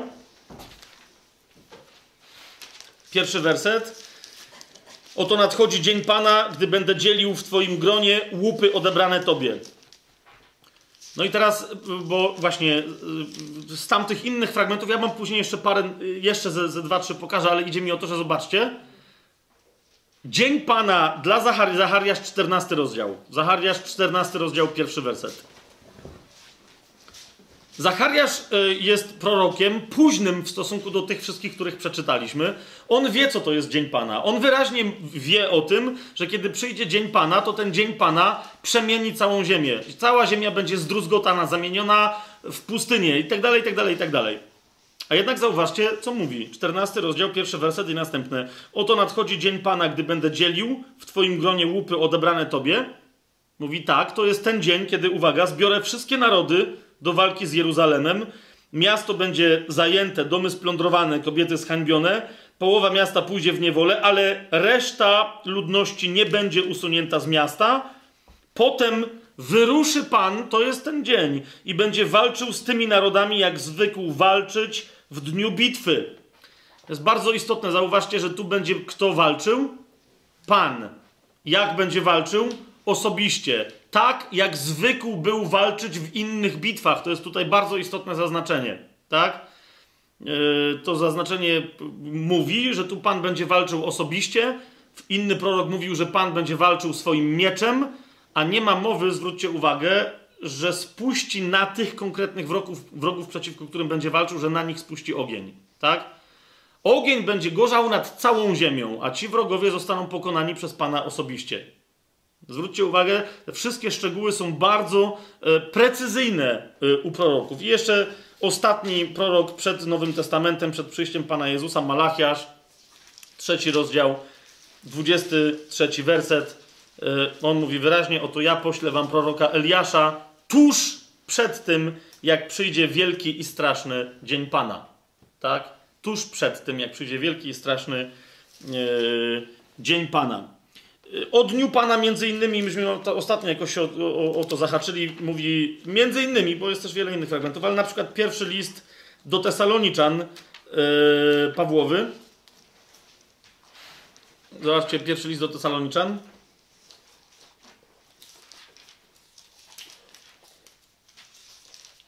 To jest piąty rozdział. Jest taka wiedza na temat Dnia Pańskiego, że Paweł, bo niektórzy mówią, że a, bo tu trzeba Nowy Testament studiować. Nie, nie trzeba. Mm, Paweł na przykład tu na pewno, prawie na pewno nie znał objawienia Janowego, e, więc się nie mógł do niego odnieść. Jemu wystarczało Stare Przymierze. I nauczał na bazie Starego Przymierza głównie. Jednak zobaczcie, piąty rozdział pierwszego do Tesaloniczan od pierwszego wersetu, co mówi do Tesaloniczan? A o czasach i porach, bracia, nie ma potrzeby do was pisać Sami bowiem dokładnie wiecie, że dzień pański przyjdzie jak złodziej w nocy. Swoją drogą, yy, opis Dnia Pańskiego, no właśnie, bardzo precyzyjnie, jakby ktoś nie wiedział, jakby jeszcze mu brakowało definicji, znajdźcie określenie ja przyjdę jak złodziej w w objawieniu Janowym, to będziecie widzieli, że, że, gdzie Pan zostawia ten swój komentarz, bo właśnie dokładnie jakby chciał potwierdzić to, co mówi Paweł. Tak? I teraz tu jest dodatkowa tylko uwaga, kiedy mówić będą trzeci werset, pokój i bezpieczeństwo, wtedy przyjdzie na nich nagła zagłada, jak bóle na kobietę brzemienną i nie umkną. Wy, wszakże bracia, nie jesteście w ciemności, aby was dzień ten jak złodziej zaskoczył. Widzicie to? Sprawiedliwy, że jest wiary, znajduje się w światłości pańskiej jego ten dzień nie zaskoczy. Yy, oczywiście już, troszeczkę z tego, co mówię, jak ktoś was tam się troszkę mocniej orientuje, to widzicie, że trochę się przychylam, ale nie będziemy dzisiaj tego tematu rozważać. Trochę się tylko przychylam, tak jak wszyscy, którzy biorą pod uwagę tak zwane pochwycenie Kościoła, no do tego, że Kościół będzie pochwycony i po prostu, nawet jak tam by jacyś wierzący mieli być, to ich po prostu podczas dnia yy, pańskiego na ziemi nie będzie najzwyczajniej w świecie. Teraz, czy, czy to jest stanowisko, które, w ramach którego niektórzy uważają, że to, to, to pochwycenie nastąpi przed e, wielkim uciskiem ostatnich dni, czy w trakcie, czy po, ale jeszcze przed Dniem Pańskim, to teraz mniejsza o to. To, to nie jest dzisiejszy nasz temat, gdyby to kogoś z Was interesowało. Mówię tylko wyraźnie, że Pan tu, e, Paweł tutaj e, mówi w imieniu e, pańskim, że my jesteśmy synami i córkami światłości i dnia i że nas yy, dzień pański nie zaskoczy jak złodziej. Tak? Natomiast, yy, że tu, yy, bo on tu rozwija tę myśl, dlaczego nas nie zaskoczy, y, i potem ląduje w takim y, stwierdzeniu 23 werset. Zobaczcie, mówi, no właśnie, w tej swojej wierze y, wy bądźcie wytrwali. I zobaczcie 23 werset. A sam Bóg pokoju niechaj was w zupełności, czyli całkowicie, kompletnie uświęci, aby cały duch wasz i dusza i ciało zostały zachowane bez nagany na przyjście Pana naszego Jezusa Chrystusa. Tak? To, to jest właśnie te, ten dzień. My będziemy, mamy być, e, cała, cała nasza droga uświęcenia ma nas prowadzić do tego, żebyśmy bez nagany, duch, dusza i ciało mm, e, były bez nagany zachowane, bez skazy zachowane na dzień powrotu Pana Jezusa. I teraz ja wielokrotnie to zaznaczałem, wielokrotnie to mówiłem, że dzień, kiedy Pan Jezus powróci, osądzi narody, dolina sądu, do, dolina decyzji, jak niektórzy to tłumaczą, tam się jakieś historie, ale jak już to wszystko się uporządkuje, rozpocznie się tysiącletnie królestwo, bo księga między innymi objawienia, ale też i prorocy wszyscy o tym mówią, rozpocznie się tysiącletnie królestwo. To tysiącletnie królestwo nie będzie oznaczało jeszcze zagłady całkowitej szatana, bo on będzie związany, jak pamiętacie z, z objawienia, ale pod koniec tysiącletniego królestwa na krótko zostanie wypuszczony, znowu zawiąże koalicję Goga, e, Goga magiczną, że się tak wyrażę, ale wtedy w ogóle nawet tam jakichś wielkich wojen nie będzie, tylko wtedy już Pan spuści ogień z nieba na nich i to się wszystko skończy. Tak? I wtedy dojdzie do tak zwanego sądu ostatecznego, czy sądu ostatniego, podczas którego Pan będzie sądził nie wierzących, bo oni zmartwychwstaną do tysiącletniego królestwa, tak? Ale właśnie wszystkich innych. Osądzi wtedy szatana, który pójdzie osądzi Hades, czyli e, piekło i tak dalej. Oni wszyscy pójdą do jeziora ognia. Inne tam dusze innych zmarłych niewierzących powstaną i tak dalej, i tak dalej, i tak dalej. I teraz o co chodzi? Otóż otwórzmy sobie właśnie tamten fragment. Niektórzy mówią, zobaczcie, przecież Biblia mówi wyraźnie, że, zobaczcie, 20 rozdział, 11 werset. Objawienia. objawienia. To jest objawienie, 20 rozdział, 11 werset. To już jest po tysiącletnim królestwie, które się zaczyna, jest opisane od pochwycenia, czyli 20 rozdział, drugi werset. Tam jest pochwycony smok, i tam widziałem trony, czwarty werset, ok, i tam inni umarli, ożyli, yy, no i tam rządzili z Panem Jezusem tysiąc lat, tak? I dopiero kiedy się dopełniło tysiąc lat, piąty werset, to tam coś, ok, ale w każdym razie skończyło się tysiącletnie królestwo według objawienia, jedenasty werset i zobaczcie, co tu jest napisane. I widziałem wielki biały tron i tego, który na nim siedzi, przed którego obliczem pierzchła ziemia i niebo i miejsca dla nich nie było. Tak? Oraz werset, y, to jest 21 rozdział, pierwszy werset.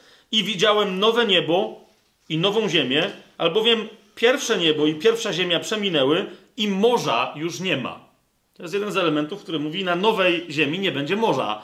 Więc jak z jakiegoś dziwnego powodu lubicie morze, to jeszcze trochę jeździcie nad morze, bo potem już nie będzie. Będzie mnóstwo rzek, jezior i innych historii. Przypuszczalnie jest to razy lepszych od, od jakiegoś tam morza, ale no, morza już nie będzie. Także to zaznaczamy tylko, tak?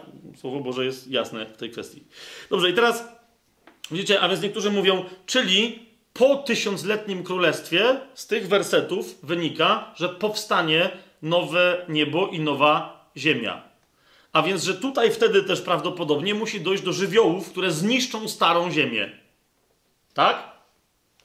I teraz, skoro tak, to niektórzy mówią, no to otwórzmy sobie drugi list Piotra. Czy wy rzeczywiście słusznie wierzycie w to królestwo? Ponieważ cóż takiego Piotr w tym swoim drugim liście yy, powiada. To jest drugi list Piotra, trzeci rozdział. Zasadniczo chodzi o dziesiąty werset, ale to aż dwunastego się ciągnie. Zobaczcie, co, co dziwnego, według mówię, niektórych badających pismo, co, co, co dziwnego pisze Piotr. Z trzeci rozdział, dziesiąty werset. On mówi tak, a dzień pański, czyli jeszcze raz, dzień pański, wiemy co to jest, tak? To jest dzień, kiedy wróci Pan Jezus na ziemię. Zgadza się? I on mówi tak, a dzień pański nadejdzie jak złodziej, no to czyli to jest ten dzień. No widzicie, tak? Z tych poprzednich wersetów. To jest ten dzień, kiedy wróci Pan Jezus. Mamy jasność? A dzień pański nadejdzie jak złodziej, i nagle uwaga, co mówi Piotr, wtedy niebiosa z trzaskiem przeminą, a żywioły rozpalone stopnieją, ziemia i dzieła ludzkie na niej spłoną.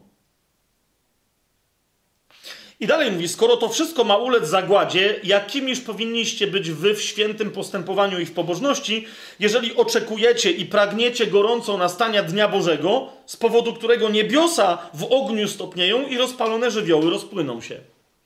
A więc widzicie, Piotr mówi tutaj wyraźnie, że kiedy wróci Pan Jezus, zostanie zniszczona stara ziemia i stare niebo. No to czyli oznaczałoby to, że nowe niebo i nowa ziemia to będzie już rzeczywistość królestwa. A niektórzy powiadają, no ale hej, przecież widzieliście wyraźnie, e, no, że to musi nastąpić dopiero na końcu królestwa, bo wtedy jest mowa o nowej ziemi i o nowym niebie. Tak? Więc niektórzy mówią, może jednak to tysiącletnie królestwo to jest symbol i nie będzie dwóch dni. Jednego powrotu Pana Jezusa, który będzie dniem gniewu, a potem drugiego, który zakończy tysiącletnie królestwo i, przeprowadzi, i kiedy to Pan przeprowadzi sąd. No bo, no bo to się chyba kupy nie trzyma. Co? Kochani, e, przede wszystkim jeszcze raz, jak pamiętacie to, co już czytaliśmy od proroków yy, naszych przyjaciół, ale jeszcze chcę wam zwrócić uwagę na to, co mówi Sofoniasz, między innymi, u innych też to zauważyć, zaraz wam to pokażę jaśniej, tak? Piotr nie mówi tu niczego innego, niż cała reszta pisma. Jeszcze raz, problem jest w czytaniu Księgi Objawienia, tak? I w wciskaniu rzeczy, których tam nie ma że tam są rzekomo napisane. Zobaczcie, co mówi Sofoniasz na temat y, Dnia Pańskiego. Wróćmy do tego naszego proroka, bo właśnie mówię, on wiele wnosi w kwestię rozumienia Dnia Pańskiego. Zobaczcie sobie Sofoniasza, trzeci rozdział, ósmy werset. I co tam jest powiedziane? Wyraźnie, y, w tej samej stylistyce, od ósmego wersetu tam aż do trzynastego. Dlatego oczekujcie dnia, mówi Pan, którym wystąpię jako oskarżyciel. Ponieważ mam zamiar zgromadzić narody, zebrać królestwa, i to jest ewidentnie, to jest ewidentnie dzień powrotu Pana Jezusa, tak? Z innych fragmentów to wynika. Aby wylać na nie swoją popędliwość, cały żar swojego gniewu. Słyszycie to? I teraz uwaga, zaprawdę cała ziemia będzie no, w ów dzień pożarta ogniem mojej żarliwości. No, to się ma wtedy wydarzyć.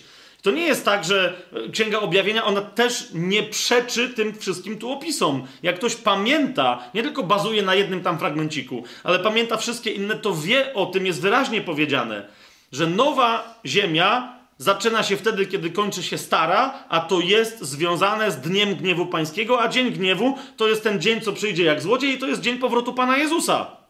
Wtedy ma się pojawić nowe yy, niebo i nowa ziemia. Tak? Skąd my to wiemy? No, zobaczcie, co się dzieje dalej.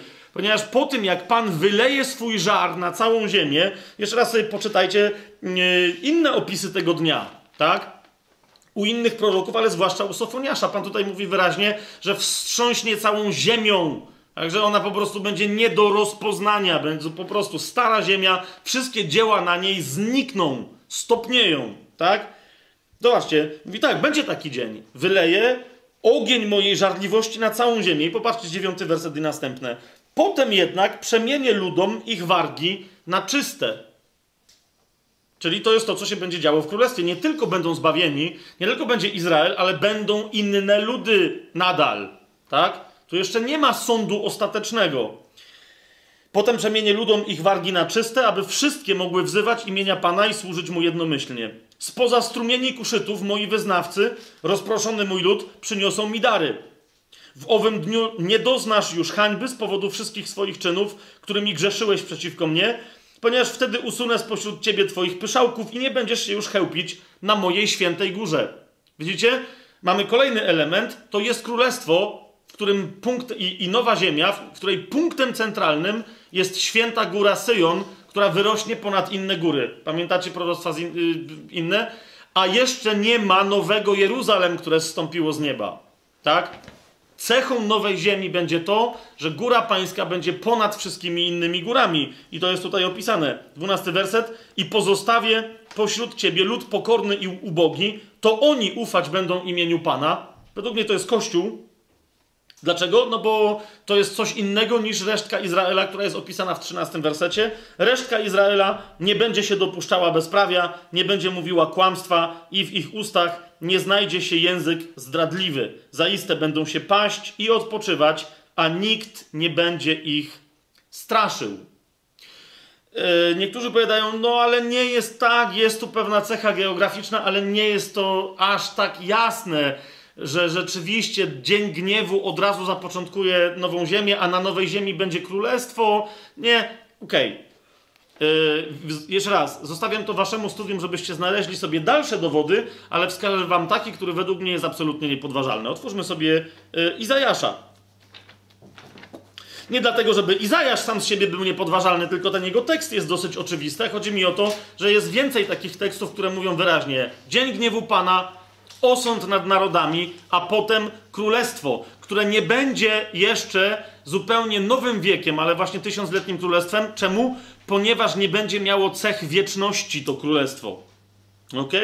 Zobaczcie sobie Izajasza 65, 65 yy, rozdział. 17 werset. Zobaczcie, to jest Izajasz i on wyraźnie mówi, co się stanie po stworzeniu nowej ziemi i nowego nieba. Zobaczcie, 65 rozdział, 17 e, werset. Oto ja stworzę nowe niebo i nową ziemię. Mamy to? Widzicie, tam jest? No, to jest to. No, do czego się ma odwoływać objawienie? To jest to samo sformułowanie, tak? A jednak, zobaczcie, oto ja stworzę nowe niebo i nową ziemię i nie będzie się wspominało rzeczy dawnych i nie przyjdą one na myśl nikomu. Ale co będzie cechą charakterystyczną tego, na, na tej nowej ziemi? Pierwszą cechą charakterystyczną Raczej będą się radować i weselić po wszystkie czasy z tego, co ja stworzę, bo oto ja stworzę z Jeruzalemu wesele, a z jego ludu radość.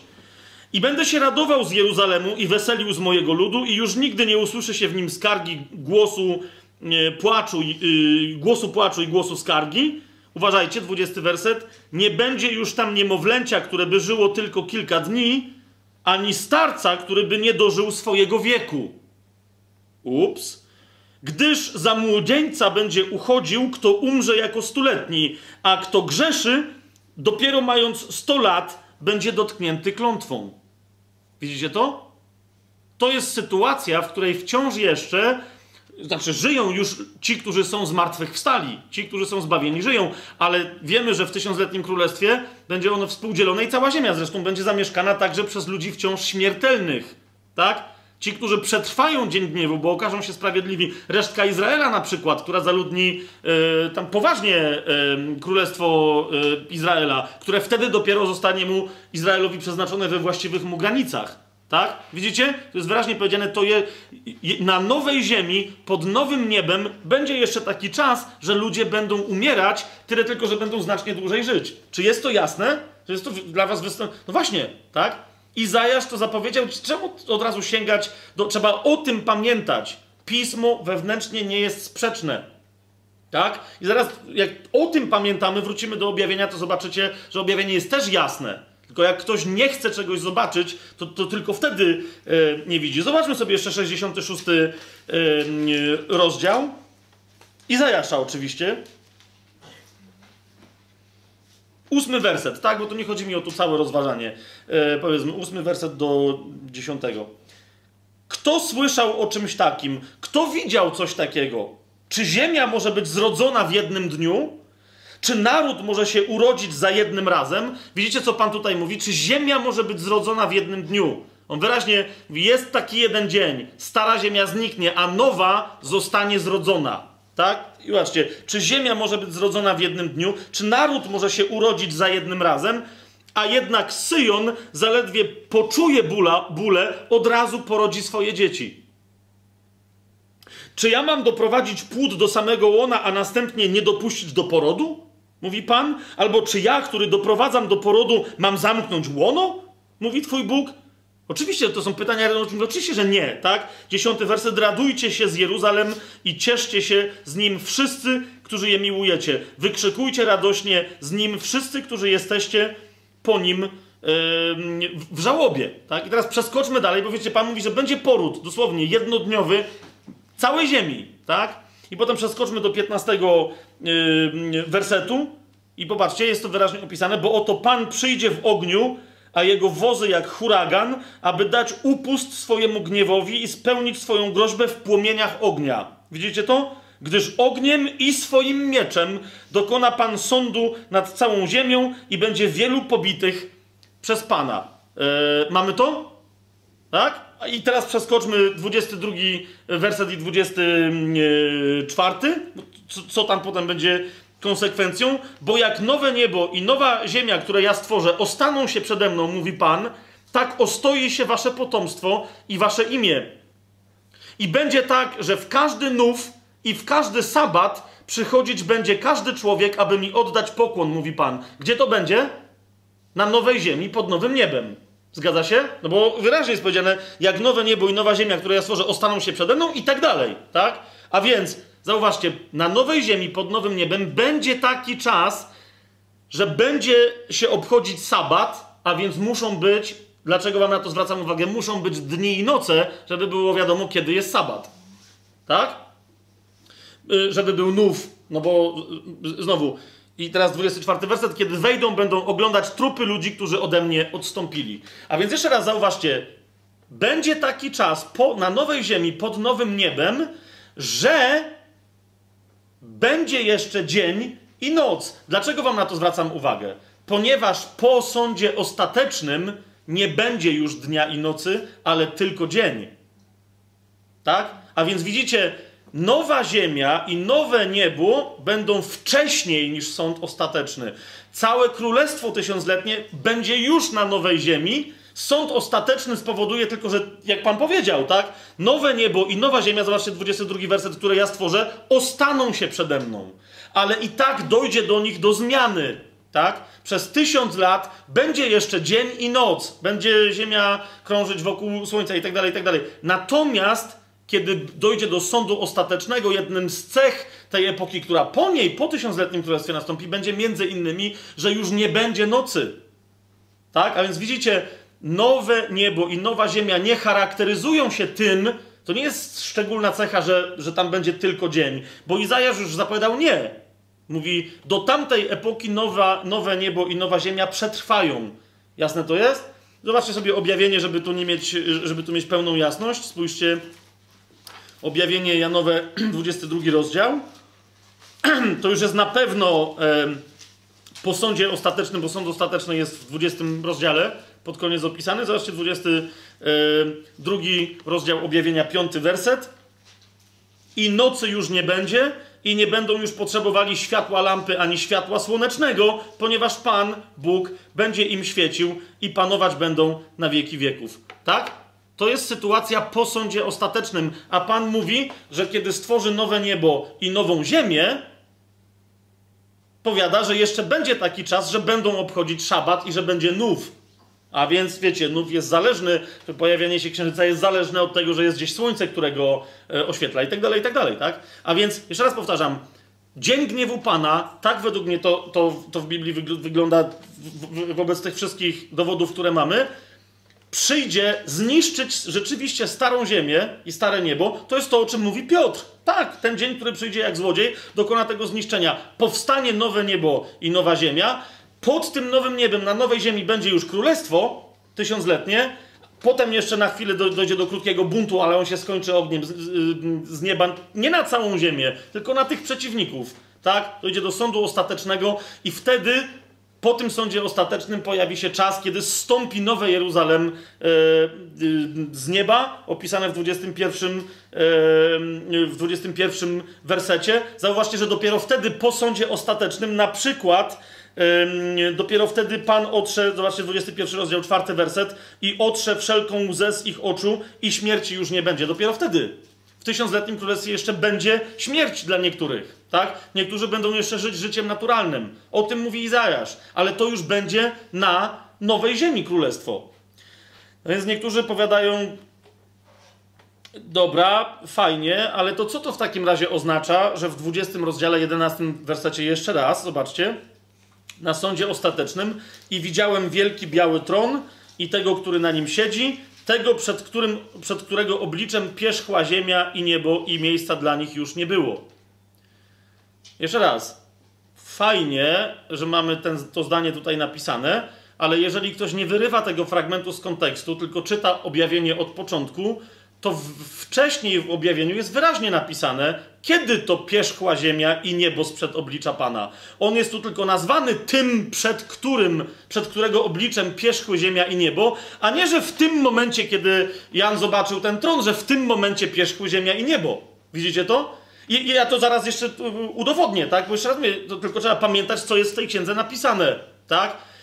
Sęk w tym, że spójrzcie, jak Jan się rozpędza i zaczyna opisywać tysiącletnie królestwo w 20 rozdziale od pierwszego wersetu, to, to skupia się nie na tym, jak wygląda, że po zwycięstwie Pana, y, jak wygląda nowa ziemia, Dlaczego? Bo on wie, że to jest opisane u, pro, opisane u proroków, tylko skupia się na tym, co nie jest opisane, a więc jak będzie wyglądać chronologia. Tak? I cały 20 rozdział to jest chronologia. W 11 wersecie on tylko przypomina, że no, ale wiecie, że to wszystko się dzieje na nowej ziemi, pod nowym niebem, e, no, bo, no bo one przeminęły przed obliczem tego, który się objawił, przed obliczem Pana Jezusa. E, i później dopiero się koncentruje na oglądaniu tej nowej ziemi. To jest 21 rozdział, pierwszy werset. I oto przyjrzałem się, czy zobaczyłem nowe niebo i nową ziemię. Tak? Ale jeszcze raz, to nie znaczy, że one w tym momencie powstały, tylko mówi, ja teraz patrzę na nie. Dlaczego wam mówię, że teraz na nie patrzę? No bo pierwsze niebo i pierwsza ziemia przeminęły i morza już nie ma. Tak? Ale jeszcze raz, Jan zakładę, że ma do czynienia z inteligentnym czytelnikiem, który pamięta, w którym to momencie przeminęło niebo i y, odmieniła się y, ziemia. W którym to momencie? No, Księga Objawienia, szósty rozdział. Oczywiście my mamy trochę problem w Księdze Objawienia, jaki? Ponieważ Jan, żeby bardzo precyzyjnie opisać ten dzień gniewu, tak zwany, pokazuje różne ciągi, a więc w Księdze Objawienia raz mówi policzmy trąby, które będą trąbić z nieba, tak? Innym razem mówi policzmy biada, które będą biadać nad ziemią. Innym razem mówi policzmy pieczęcie, które będą zrywane. I teraz niektórzy myślą, że wiecie, najpierw będą trąby, potem pieczęcie, potem biada, potem yy, albo inaczej. Podczas gdy Jan tylko mówi opowiadam tę samą historię z różnych punktów widzenia, i jak będziemy studiować objawienie, to się temu bliżej przyjrzymy, ale mówi, niektóre biada i niektóre pieczęcie i niektóre trąby się na siebie nakładają, tak? To jest ten sam czas. Nie ma najpierw trąby, potem pieczęcie. Jasne jest to, co mówię? Więc my teraz tego nie będziemy dokładnie zgłębiać. Chcę wam tylko pokazać, że te wszystkie rzeczy, zrywanie pieczęci, grzmienie trąb, e, wołanie biada i te wszystkie tam inne historie, one się odbywają przed Dniem Pana i przed tysiącletnim królestwem. I chcę wam pokazać, że wtedy, właśnie w ramach zdzierania tych pieczęci, grzmienia, trąbienia trąb i tak dalej, że wtedy Jan wyraźnie opisuje ze szczegółami, jak po kolei będzie wyglądać rozpad Starego Nieba i rozpad Starej Ziemi. Szósty rozdział, otwórzmy sobie. Mm, e, Ty, ty naprawdę, bo to, to trzeba byłoby całe objawienie tutaj mniej więcej od szóstego rozdziału, a nawet i wcześniej czytać, ale tylko wam chcę zwrócić uwagę, że naprawdę wprost Jan o tym mówi tu wcześniej, że to się dokonuje wcześniej, przed tysiącletnim królestwem. Czyli szósty rozdział, dwunasty werset, zobaczcie, i aż do siedemnastego dojedziemy. Spójrzcie, jest tu wyraźnie powiedziane. I widziałem, kiedy zdjął szóstą pieczęć, że powstało trzęsienie ziemi i słońce pociemniało jak czarny wór, a cały księżyc poczerwieniał jak krew. Pamiętacie na przykład Joela, który mówi, że to jest dzień Pana. No i co się teraz dzieje? Gwiazdy niebieskie spadły na ziemię, podobnie jak drzewo figowe zrzuca figi swoje, kiedy wiatr gwałtowny nimi potrząśnie. I znowu mamy tam jednego z drugim proroka, tak? I uwaga, i niebo znikło. Czy widzicie to? I niebo znikło, jak niknie zwój, który się zwija. Jeszcze raz, pamiętacie, co powiedział Piotr? Że w dniu, kiedy wróci Pan, niebo, niebo ze świstem przeminie. Będzie tylko. Będzie dokładnie taki dźwięk, tak? I to jest to, co tu opisuje e, Paweł. Niebo znikło, jak niknie zwój, który się zwija. A wszystkie góry i wyspy, zobaczcie, bo to jest kolejna rzecz, niebo zniknęło. I druga rzecz, ziemia została tak wstrząśnięta, że już jej nikt nie pozna. Wszystkie góry i wyspy zostały ruszone ze swoich miejsc. Czy, ty, czy to widzicie? To jest to. Wszyscy królowie ziemi, i możnowładcy, i wodzowie, i bogacze, i mocarze, i wszyscy niewolnicy, i wolni ukryli się gdzie? Pamiętacie, jak wam żebyście na to zwrócili uwagę? Ukryli się w jaskiniach i w skałach górskich. I mówili do gór i skał, padnijcie na nas i zakryjcie nas przed obliczem tego, który siedzi na tronie. I przed gniewem baranka, albowiem co? Albowiem nastał ów wielki dzień ich gniewu i kto może się ostać? To znaczy Boga i baranka. Tak? To jest ten dzień gniewu. W ten dzień gniewu, oczywiście, wtedy, kiedy Pan Jezus powróci, tak? W ten dzień gniewu, oczywiście, że zwinie się niebo i oczywiście, że zostaną stopione żywioły na ziemi, tak? Wszystko zostanie, po wszystkie góry i wyspy, 14 werset, ruszone zostały ze swoich miejsc. Nic nie zostanie na swoim miejscu. Nie zostanie kamyk yy, na kamyku. Okej? Okay? Ósmy rozdział sobie otwórzmy tak, żeby tylko, żeby tylko tak się temu przyjrzeć. Ósmy rozdział, zobaczcie, piąty werset. Bo, bo, bo, bo ja naprawdę rozpisuję na, to na części pierwszej, jak ten ogień będzie dotykał ziemię, kiedy co zrobi na tej ziemi, tak? Spójrzcie, ósmy rozdział od piątego wersetu. A anioł wziął kadzielnicę i napełnił ją ogniem z ołtarza i rzucił ją na ziemię. To znaczy, co rzucił? Ogień, tak? Jest wprost powiedziane. I nastąpiły grzmoty donośne i błyskawice i trzęsienie ziemi. A owych siedmiu aniołów, mających siedem trąb, sposobiło się do tego, żeby zatrąbić. I zatrąbił pierwszy, i powstał grat i ogień przemieszane z krwią, i zostały rzucone na ziemię. I spłonęła jedna trzecia ziemi. Spłonęła też jedna trzecia drzew, i spłonęła wszystka zielona trawa.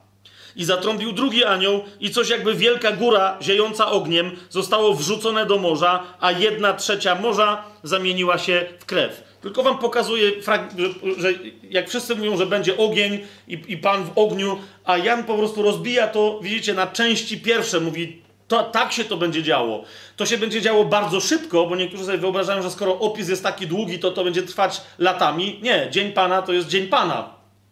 To się będzie działo bardzo szybko, tak? Ale mimo tego rozpisuje e, na, na, bardzo drobne szczegóły e, Jan cały ten, e, całą tę historię. Dziewiąty rozdział, zobaczcie na przykład osiemnasty werset. No tam się znowu dzieją jakieś historie, ale się pojawiają trzy plagi. I tam na przykład mówi o, o tym, że od tych trzech plag, to jest od ognia i od dymu i od siarki wychodzących z ich pysków, wyginęła trzecia część ludzi. Widzicie? Kolejny element mówi, że nie, Inni prorocy widzieli po prostu ogień, a Jan go rozpisuje, mówi, jedna część spadnie jako kamień i on zrobi to, inna część spadnie w taki sposób, inna część wyjdzie z demonów i, i się rozleje w, w, taki sposób. Jedenasty rozdział sobie yy, zerknijmy szybciutko, yy, żeby, żeby, dobra, 18 i 19 werset. Pomimo tego wszystkiego widzicie, ci, którzy zostaną na ziemi, ponieważ będą pyszałkami, nie będą chcieli się ugiąć, tak? Zobaczcie 18 i 19 werset 11 rozdziału. I popadły w gniew narody lecz i twój gniew rozgorzał i nastał czas sądu nad umarłymi i oddawanie zapłaty sługom twoim prorokom i świętym i tym, którzy się boją imienia twojego, małym i wielkim oraz wytracenia tych, którzy niszczą ziemię. Swoją drogą Pan wyraźnie e, ciekawie zaznacza, mówi, co wy myślicie, że nagle teraz się oburzacie, że ja zniszczę starą ziemię, a wy to co robicie? Popatrzcie, co wy robicie z ziemią. Więc ja tylko skończę to, co wy udajecie, że tego nie robicie, ale za to ja stworzę nową ziemię i nowe niebo. Załapcie się na to. I dziewiętnasty werset. I otworzyła się świątynia Boża, która jest w niebie, i ukazała się skrzynia przymierza jego w świątyni jego, i zaczęło się błyskać, i głośno grzmieć, i przyszło, przyszło trzęsienie ziemi, i spadł wielki grad na ziemię. Tak? Ale pamiętajcie, że to jest ten grad yy, błyskający, ognisty. Tak? 16 rozdział, otwórzmy sobie, bo to się tu cały czas ciągnie historia i potem w ramach tej historii Jan robi w Apokalipsie swojej dygresję, tak? Ale 16 rozdział, yy, no 18 też werset.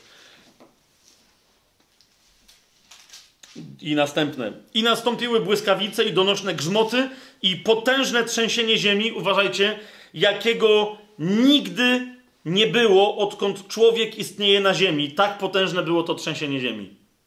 Tak? Widzicie to? Absolutnie druzgocące dla całej ziemi. I rozpadło się wielkie miasto na trzy części, legły w gruzach miasta Pogan, wszystkie miasta, i wspomniano przed Bogiem nawet o wielkim Babilonie, że należy mu dać kielich wina zapalczywego gniewu Bożego. I znikły, zwróćcie uwagę, 20 werset, i znikły wszystkie wyspy, i gór już też nie było. Tak?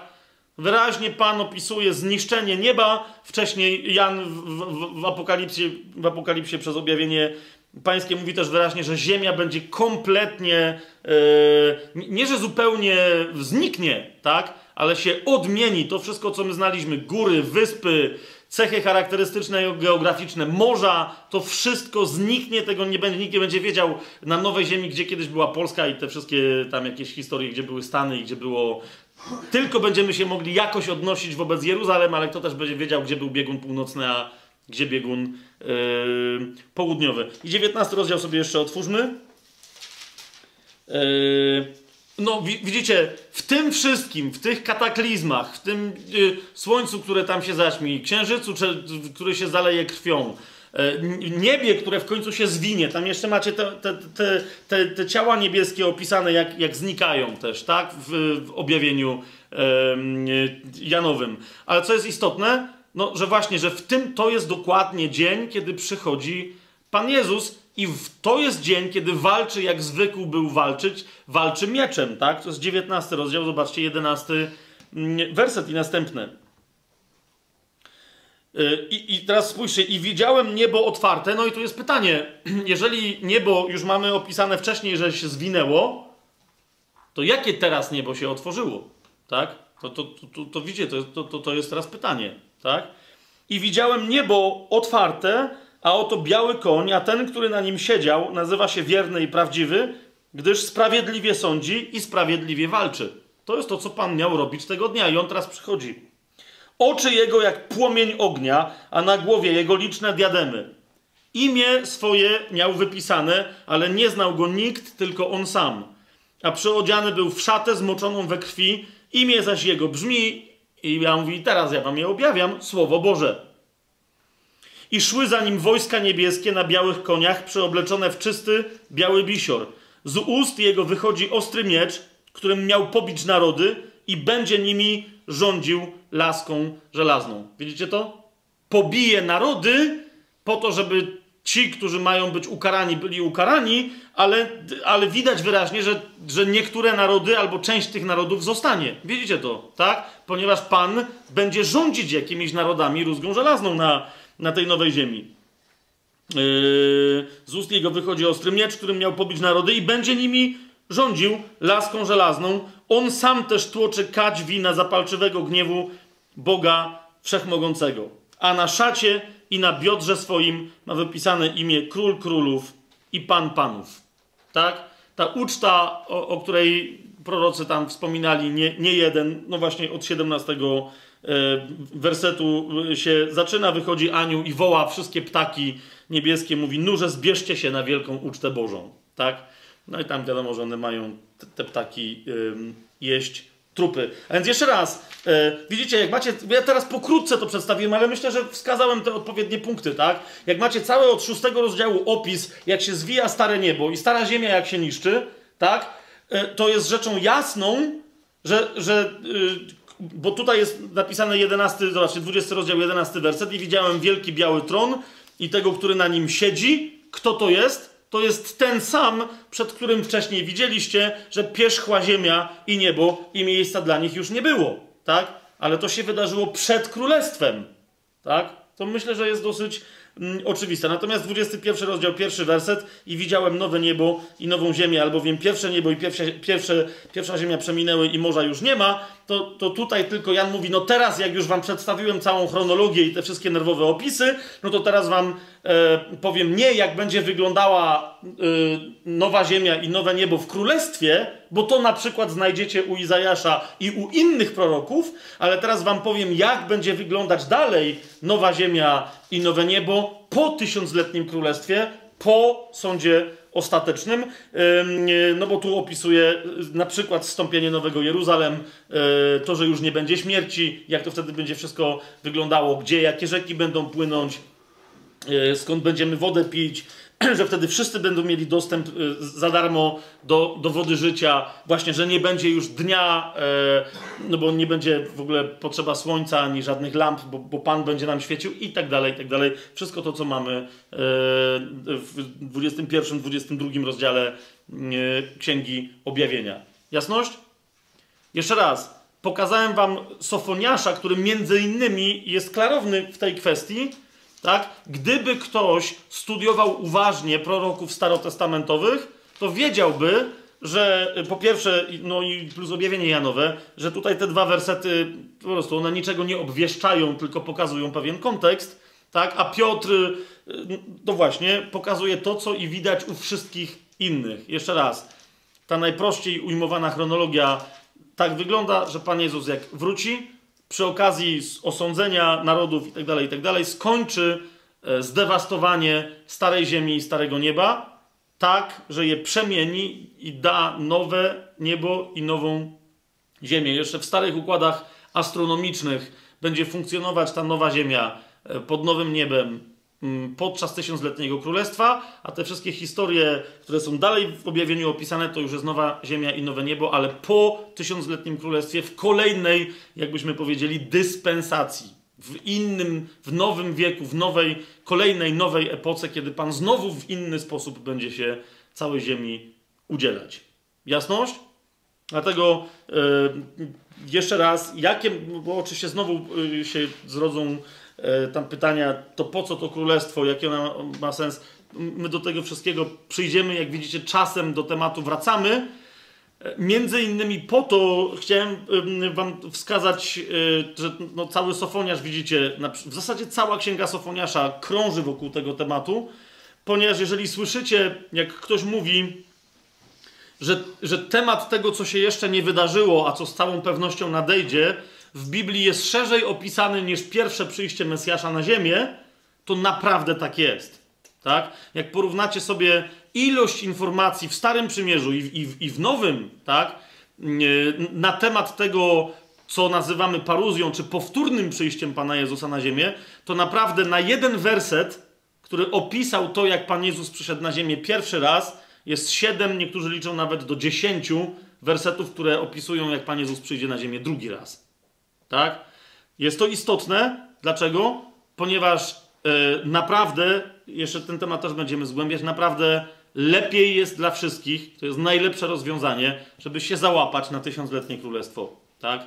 Do niego wejdą ci, którzy nieważne, czy, czy do niego doczekają fizycznie, ponieważ nawet jak fizycznie nie doczekają, jak doczekają, to zostaną przemienieni, jak mówi Paweł spotka, spotkają się z Panem nadciągającym, idącym w stronę ziemi, spotkają się z nim e, w powietrzu na obłokach. Tak? Ale ci, którzy umrą, tamci tamtych nie w przemianie ciał ku, ku ciałom uwielbionych, ku ciałom uwielbionym, tamci ich nie wyprzedzą, ale wszyscy w tym samym momencie, jedni będą przemienieni, inni z martwych staną do nowego życia, ci, którzy fizycznie do powrotu Pana Jezusa nie doczekali. Tak? Dlatego E, po, po, prostu to jest dobra nowina, tak? My, ci, którzy zaufają Panu, będą żyć i to tak żyć, że ich dzień gniewu, jakiegokolwiek gniewu Bożego nigdy nie dotknie. On zresztą oryginalnie nie jest zamierzony przeciwko jakiemukolwiek człowiekowi, choć Pan zdaje sobie sprawę, że mogą być tacy pyszałkowie, którzy pomyślą sobie, że przetrwają ten dzień. Zresztą wiecie, temat tak zwanej postapokalipsy dzisiaj w kulturze istnieje. Jak przetrwać apokalipsę, kiedy nadejdzie, tak? Weźcie. Weźcie, bo wtedy, wtedy właśnie, wtedy będziecie się chować po tych swoich pieczarach, po tych swoich bunkrach podziemnych w skałach i nadal będziecie słyszeć, jak Pan przechodzi po ziemi, a On tak mocno tą ziemią wstrząśnie, że naprawdę te, te, te, te schrony przeciwatomowe Wam nie pomogą, tak? Znaczy, ja nie mówię tego do Was, tylko mówię do tych, którzy by liczyli na to, że tam coś przetrwają. Po, po prostu. Do nowej ziemi wejdą tylko ci, którzy, których Pan znajdzie sprawiedliwymi. Po prostu. Tak? Naprawdę nie ma co liczyć na jakiekolwiek historyjki i na jakiekolwiek szczęście na drugim sądzie. Na dzisiaj e, myślę, że tyle. Jednocześnie może jeszcze jedną rzecz tylko dodam na, na, na, sam koniec, bo nie wiem dlaczego są tacy chrześcijanie, którzy właśnie z jakiegoś powodu się boją, że ten dzień nadciąga i mówią, jak ja mam znaleźć, jak ja mam Paweł obiecuje osobne nagrody, osobną koronę, wiecie, po prostu oznaczenie wspaniałego zwycięstwa dla tych, którzy umiłowali przyjście Pana, którzy się nie mogą doczekać. Tak? Objawienie, jak zobaczycie, całe nam mówi, że nie tylko objawienie, ale no, cała Biblia kończy się czym? Spójrzcie tam jeszcze yy, na krótko. Tym, że Duch Boży we wszystkich, w których mieszka, czyli w całym kościele, woła: przyjdź do Jezusa. Naprawdę, jak gdzieś jest jakiś zbór, jakaś społeczność i, i oni tam nie, nie, pamiętają, kiedy ostatnio wołali przyjdź Panie Jezu, to jest pytanie, czy oni naprawdę żyją według ducha. Tak? Spójrzcie, 22 rozdział, 17 werset.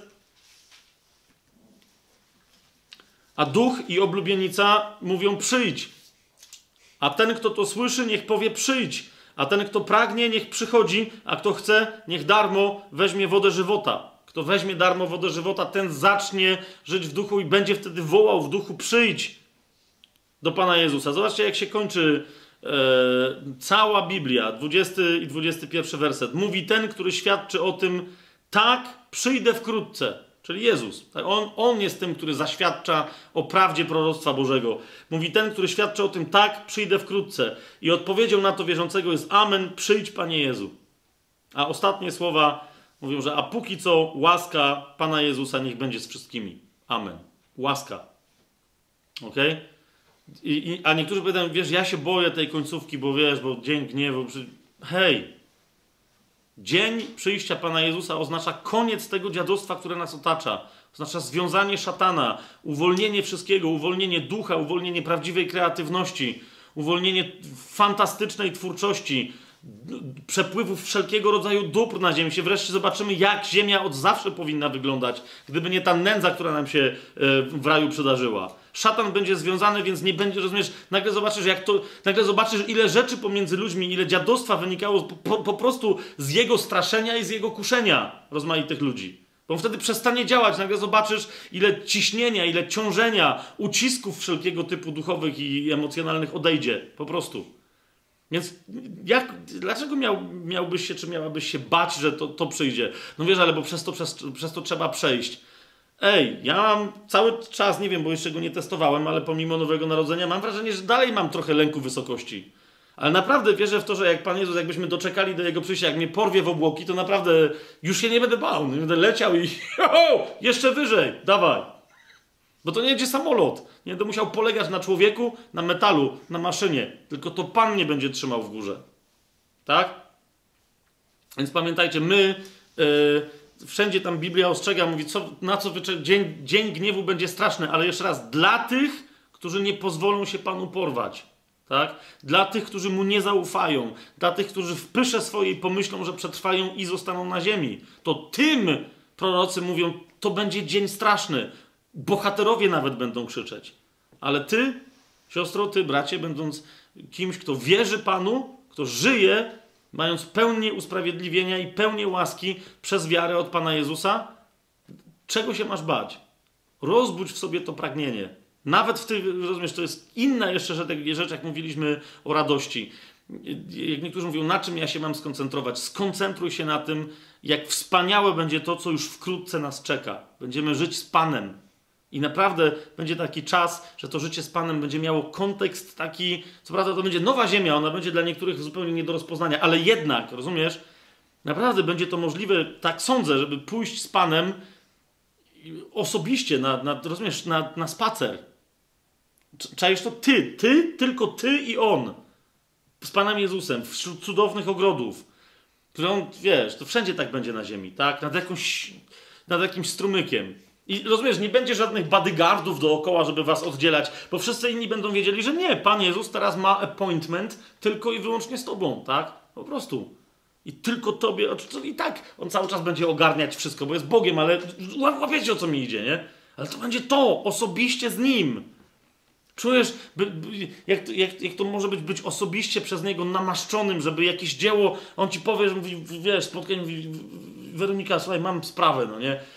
I pokaże ci tam nowy jakiś kontynent i mówi, ty tam, wiesz, tam trzeba wprowadzić, wiesz, no, trzeba autostrady nowe zrobić i tak dalej, wiesz, zróbcie to jak najbardziej ekologicznie. To, okej, okay, dobra, zawsze, tak, zawsze to chciałam robić. Gospodarowanie zieloną przestrzenią, czy jak to się tam nazywa, planowanie, tak. Rozumiecie, o co mi chodzi? To, to też, jak ktoś mówi, na czym ja się mam skoncentrować, jak dookoła tyle syfu, to, i to przemieniaj swoje myślenie, myśląc o tym, co nadchodzi. To jest to Paweł cały czas mówi. Ja zapominam o tym cały czas, co jest za mną, a biegnę ku temu, co przede mną, ku nagrodzie, którą Pan mi wyznaczył, a to właśnie jest ta nagroda. Te zaszczyty, które dostaniesz od Pana, ale przede wszystkim to jest mniejsza, oto to jest wtórne, Jego obecność, Jego namacalna, bezpośrednio, bezpośrednia, żywa, nieustająca od tej pory już na zawsze obecność. Na tym możesz koncentrować swój umysł. Amen? Ja bym o tym mógł tak długo, ale. Amen.